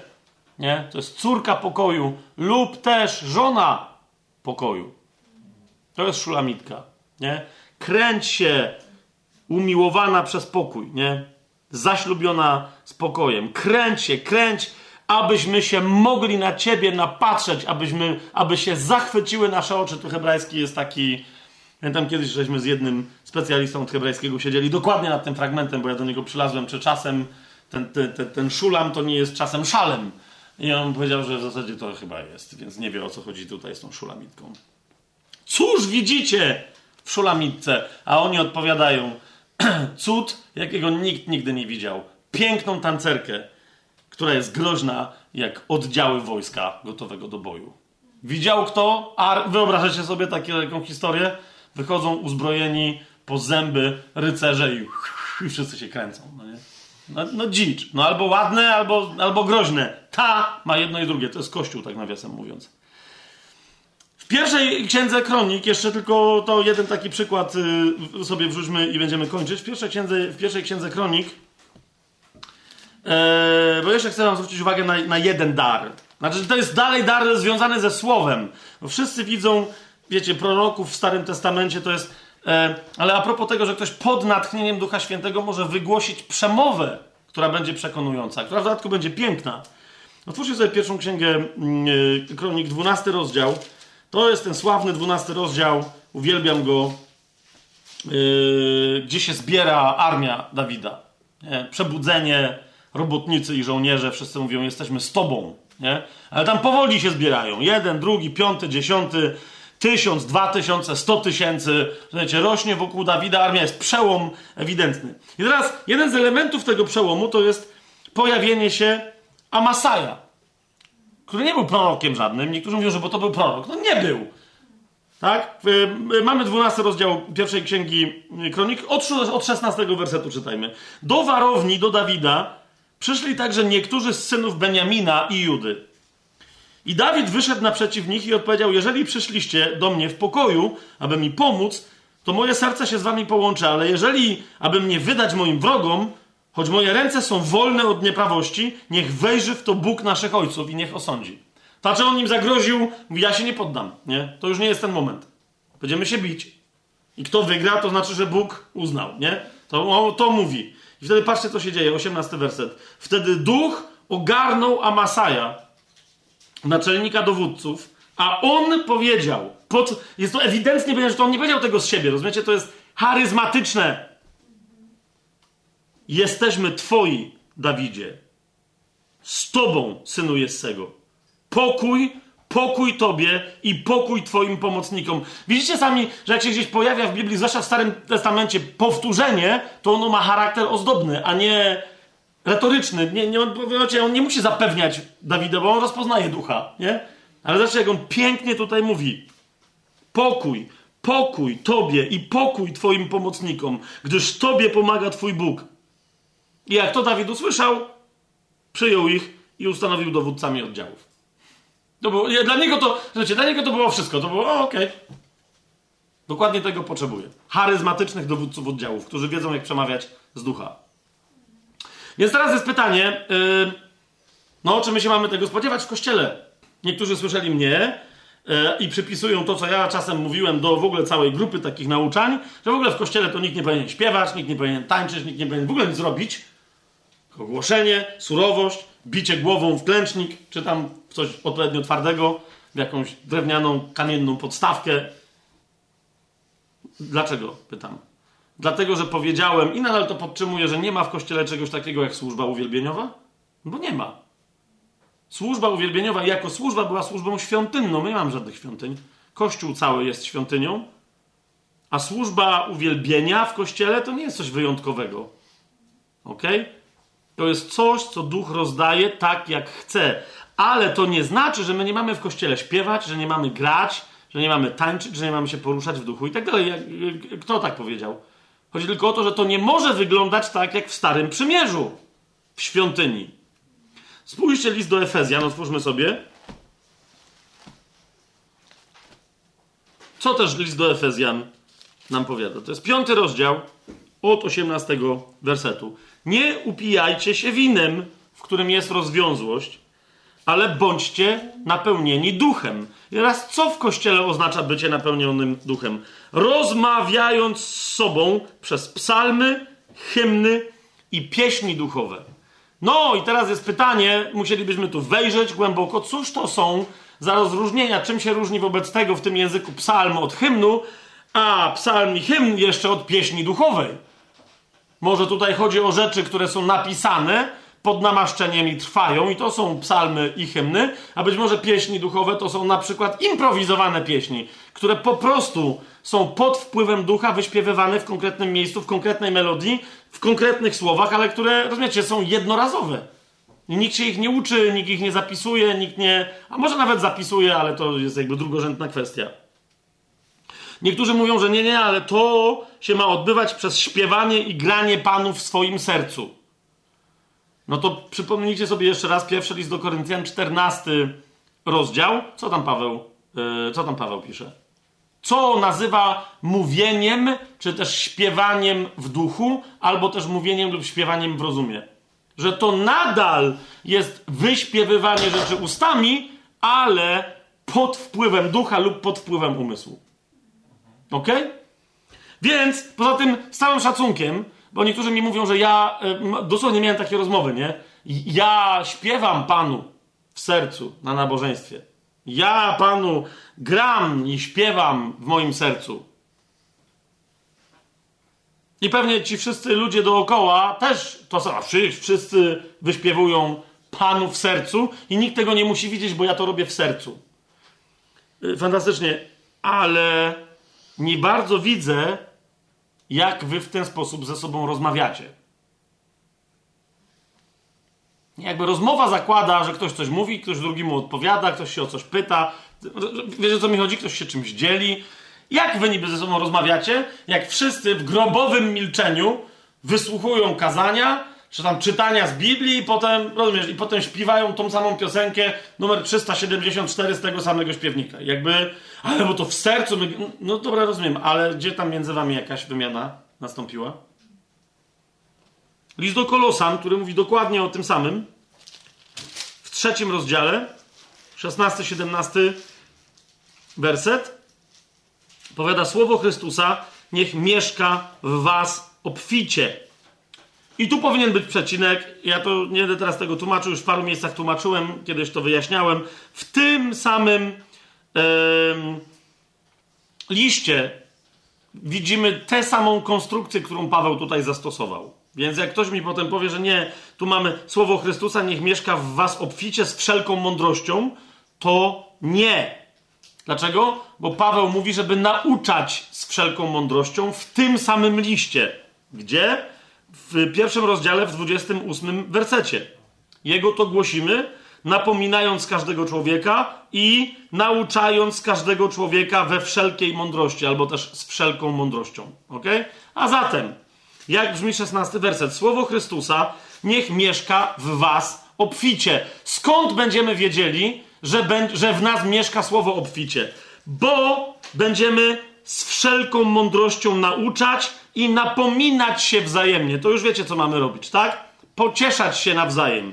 Jak? Przez psalmy, hymny i pieśni duchowe, z wdzięcznością śpiewając w waszych sercach Panu. Krótko mówiąc, co w sercu, to na ustach. Jak nie masz nic na ustach, znaczy, że to jest dokładnie to, co masz w sercu, czyli nic. I jak niektórzy mi mówią, że ale wiesz, obfita słowo Chrystusa niech w was mieszka. Owoc tego, że słowo w tobie mieszka, jest na zewnątrz i służy innym, służy Kościołowi. Jak nie służy, to znaczy, że nic w tobie nie mieszka. Umówmy się. Już tam po prostu są drzwi otwarte, jest przeciąg. To, od, wiesz, tak, od, wiecie, jak w filmach, tych w westernach, jak takie, takie krzaki takie przelatują, to, to dokładnie to ci przelatuje przez serce. No i tam. I to leci, nie? I wtedy wiadomo, że to nie będzie żadnego pojedynku, się nic nie stanie, to jest nuda. Coś się musi stać, żeby te krzaki przestały latać. Wiecie o co mi chodzi? A wszystko, co czynicie w słowie lub w uczynku, wszystko czynicie w imię Pana Jezusa. W każdym razie, to jest drugi fragment, który mówi wyraźnie o śpiewaniu, o komponowaniu pieśni, ale też o improwizowaniu, o śpiewaniu i graniu. To jest bardzo istotne. No i teraz pierwsze do Koryntian. No bo przecież jak czegoś nie ma w pierwszym do Koryntian charyzmatycznego, to znaczy, że w ogóle tego nie ma? W pierwszym do Koryntian w 14 rozdziale, nie wiem jak to się dzieje, że niektórzy przeoczają ten fragment tak drastycznie, jak go przeoczają. Niektórzy to nawet tak to przeoczają, że aż przeoczywują. To jest 14 rozdział pierwszego listu do Koryntian. 14 i 17 werset. Przypomnę, jeszcze raz to, o czym mówiliśmy. Jeżeli bowiem modlę się językiem, mój duch się modli, ale mój rozum nie odnosi korzyści. A więc kiedy mój duch się modli? Kiedy się modlę na językach. Tak? Tak? Tak. Okej. Okay. Cóż więc, będę, 15 werset, cóż więc będę się modlił duchem, czyli na językach, będę się też modlił i rozumem. Będę śpiewał duchem, będę też śpiewał i rozumem. Jeżeli modlitwa duchem jest modlitwą na językach, to śpiewanie duchem jest śpiewaniem na językach. To jest proste. I dlaczego, skąd my wiemy, że tak jest, że to, jest, że to ma swój wyraz słyszalny?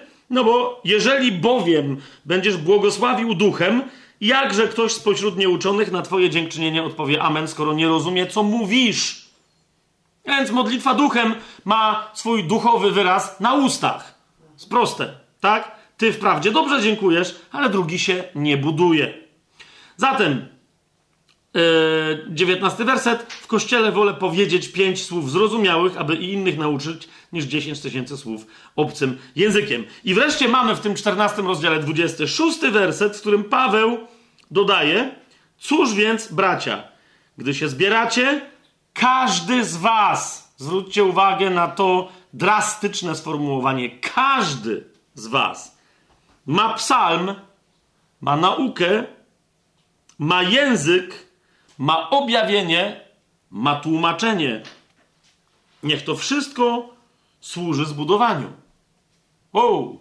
A więc ludzie mogą mówić na językach, śpiewać na językach, mogą to tłumaczyć, mogą mieć przygotowane pieśni, z których inni mogą skorzystać, bo on mówi, każdy z was ma coś. Na przykład co? Na przykład psalm. Czemu mielibyśmy ukrócać? Wiecie, być może dlatego mamy tak mało twórców dobrej muzyki, dobrych pieśni uwielbieniowych w kościele, bo wszyscy grają to samo, powtarzając, wiecie, za Bethel, za Jesus Culture i za po prostu jedynym uświęconym papistycznym ośrodkiem uwielbieniowym na świecie. No, chyba, że sobie ktoś wybierze, wiecie o co mi chodzi. Eee, co sobie może wybrać? Hillsong. Serio? Je jeżeli będziemy mieli ludzi, którzy się będą w cudzysłowie zawodowo zajmować albo półprofesjonalnie zawodować uwielbieniem, wyznaczonych, którzy potem muszą demonstrować swoje umiejętności, czy, teraz, czy to znaczy, że ci ludzie mają nie umieć grać? Ktoś weźmie gitarę, w życiu jej nie dotknął i teraz będzie. Oczywiście, że nie, ponieważ nad każdym z charyzmatów mamy pracować, mamy ćwiczyć, mamy się ich uczyć. Paweł wyraźnie o tym mówi. W 31 wersecie. Możecie bowiem wszyscy jeden po drugim prorokować, aby się wszyscy uczyli. I wszyscy zostali pocieszeni, ale aby się wszyscy uczyli. A więc my, rozumiecie, mamy, możemy popełniać błędy i tak dalej, ale to wszystko musi służyć zbudowaniu, pocieszeniu i jakiegoś rodzaju nauce. Może przyjść ktoś może mieć psalm, niezależnie od tego, że w danym kościele jest lider uwielbienia, liderka uwielbienia, cały chór, zespół, i może ktoś przyjść i mieć psalm i musi mieć prawo, choćby im, ale przedstawić ten psalm. Poddać pod rozeznanie duchowe. Rozumiecie, bo to może wraz z pięknem nie tylko z treścią, ale z pięknem. Inna rzecz, że ile mamy dzisiaj pieśni, które byłyby albo piękne, albo mądre. Ile, w ilu z nich jest, są kompletne herezje. No wiecie o co mi chodzi. Kompletne herezje. No i, i co? Piękno. Piękno jest potrzebne, bo w pięknie też się natura Boża objawia. A zatem, a zatem, czy dary artystyczne zniknęły? Oczywiście, że nie zniknęły. Teraz yy, zgadza się, Paweł niespecjalnie pisze o darach plastycznych, ponieważ te dary w Starym Przymierzu, one konkretnie służyły powstaniu przybytku, yy, namiotu spotkania i tak dalej, potem świątyni, yy, a tego nie ma w Nowym Przymierzu, żeby więc ludzie czasem nie poszli w stronę, wiecie, robienia właśnie sakralnych rzeczy, to, to też nikt nie specjalnie wspomina o robieniu jakichś świętych rzeczy. Ale z drugiej strony, jak ktoś ma problem dzisiaj w kościele z tym, że e, ktoś pod wpływem Ducha Świętego maluje i tak dalej, i tak dalej, no to rozumiecie, czym się różni sztuka plastyczna od sztuki yy, dźwiękowej, od muzyki i tak dalej, nie? No musielibyśmy być szaleńcami kompletnymi, żeby pewnym rzeczom przeczyć, yy, zwłaszcza kiedy to są połączone sztuki. Gdzie jest chrześcijański dramat gdzie jest chrześcijańska yy, kinematografia? Gdzie, gdzie to jest? Dlaczego chrześcijanie, jak już wyprodukują jakiś film czy, czy coś, yy, to tylko z rzadka, bardzo rzadka, to jest w miarę fajne. Nie? Nawet jak książkę piszą, ale jak to nie jest książka profesjonalna, jak tłumaczyć języki w 3 minuty bez uprzedniego przygotowania, no to, ale jak to jest powieść na przykład, to rozumiecie, żeby dobra powieść chrześcijańska, żeby nie była jakaś za bardzo konfesyjna i nie zmuliła nawet wierzących, o mój Boże, co się tutaj wyprawia, żeby to była dobra powieść, która mogłaby kogoś przywieść do Chrystusa na przykład, to, to dlaczego naprawdę Duch Święty nie rozdaje tego rodzaju charyzmatów, nadprzyrodzonych darów? Naprawdę musimy być kościołem, w którym wszyscy muszą mieć albo taki dar, albo w ogóle. Czas najwyższy, żebyśmy się zaczęli rozglądać, przyglądać sobie, każdy sobie, każda sobie i sobie nawzajem, żebyśmy się zaczęli przyglądać, yy, być może oświecając niektórych z naszych braci i z naszych sióstr, że mają pewne nadprzyrodzone dary, że mają charyzmaty, którymi usługują nawet od dawna, ale ich nie rozwijają, bo ich nie akceptują. A więc yy, na, następnym razem zajmiemy się właśnie różnymi praktycznymi aspektami charyzmatów oraz, jak to powiedzieć, podróbami charyzmatów, które niestety yy, szerzą się w, w, pewnych miejscach w kościele i, i naprawdę jest czas najwyższy, E, żeby także to w duchu ukrócić, e, no bo dopóki ludzie nie będą mieli jasności wierzący, co jest prawdziwym charyzmatem, a co nie jest, dopóki będzie wszystko można, bo przecież niczego nie da się rozsądzić, co jest nieprawdą, bo Słowo Boże, jak widzicie o charyzmatach, mówi bardzo, bardzo tyle, ile trzeba i bardzo precyzyjnie i bardzo dużo. Jest czas najwyższy, żebyśmy wreszcie usunęli z pomiędzy siebie to coś, co Biblia nazywa dziwnym ogniem, który jest po prostu, który nie jest ogniem zapalonym na cześć Boga, a żebyśmy mieli w sobie tylko i wyłącznie ten ogień, który, który jest mocą Ducha Świętego i tylko i wyłącznie te nadprzyrodzone manifestacje Jego obecności, które służą zwłaszcza zbudowaniu Kościoła. To następnym razem.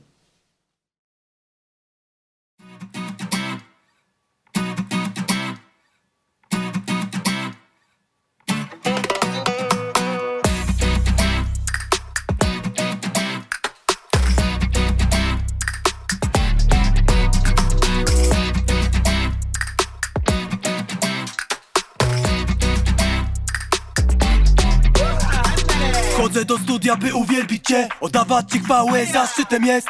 Nowy kawałek dla ciebie tworzę No co mogę więcej, mój dobry panie? Wjeżdżam na mic, czuć kadzidło zmięty. Przez Jezusa, w duchu świętym Uwielbiam ojca na bicie niedrętwym W pogo, całe zastępy. Wiesz te koziołki, smasz te stejki. Wodę na wino, na mnie braknie kropelki. Zapraszaj braci, falców, nie fejki. Wpadajcie siostry, te bez tapety. W ojca królestwie, grube balety Prosto przed tronem, puszczaj te breaki Już tak na wieki, hadzi, save me Nic nas nie wyrwie. Już z jego ręki Wszyscy razem, Jachwe jest wielki Wszyscy razem, Jachwe jest wielki Każdy święty, tutaj nie ma niechętnych. Powodów miliard, za co ci dzięki?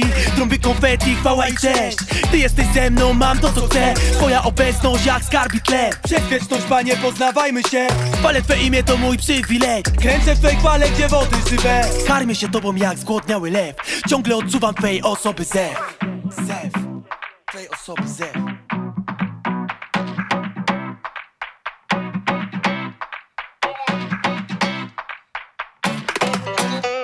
Weselcie się Panu, sprawiedliwi, bo prawym przystoi chwała.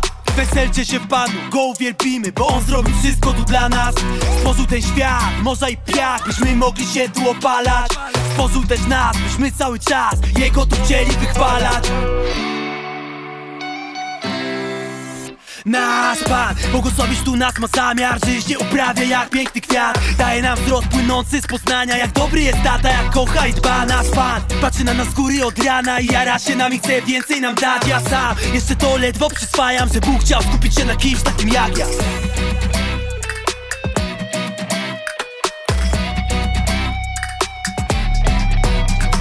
Że Bóg chciał skupić się na kimś takim jak ja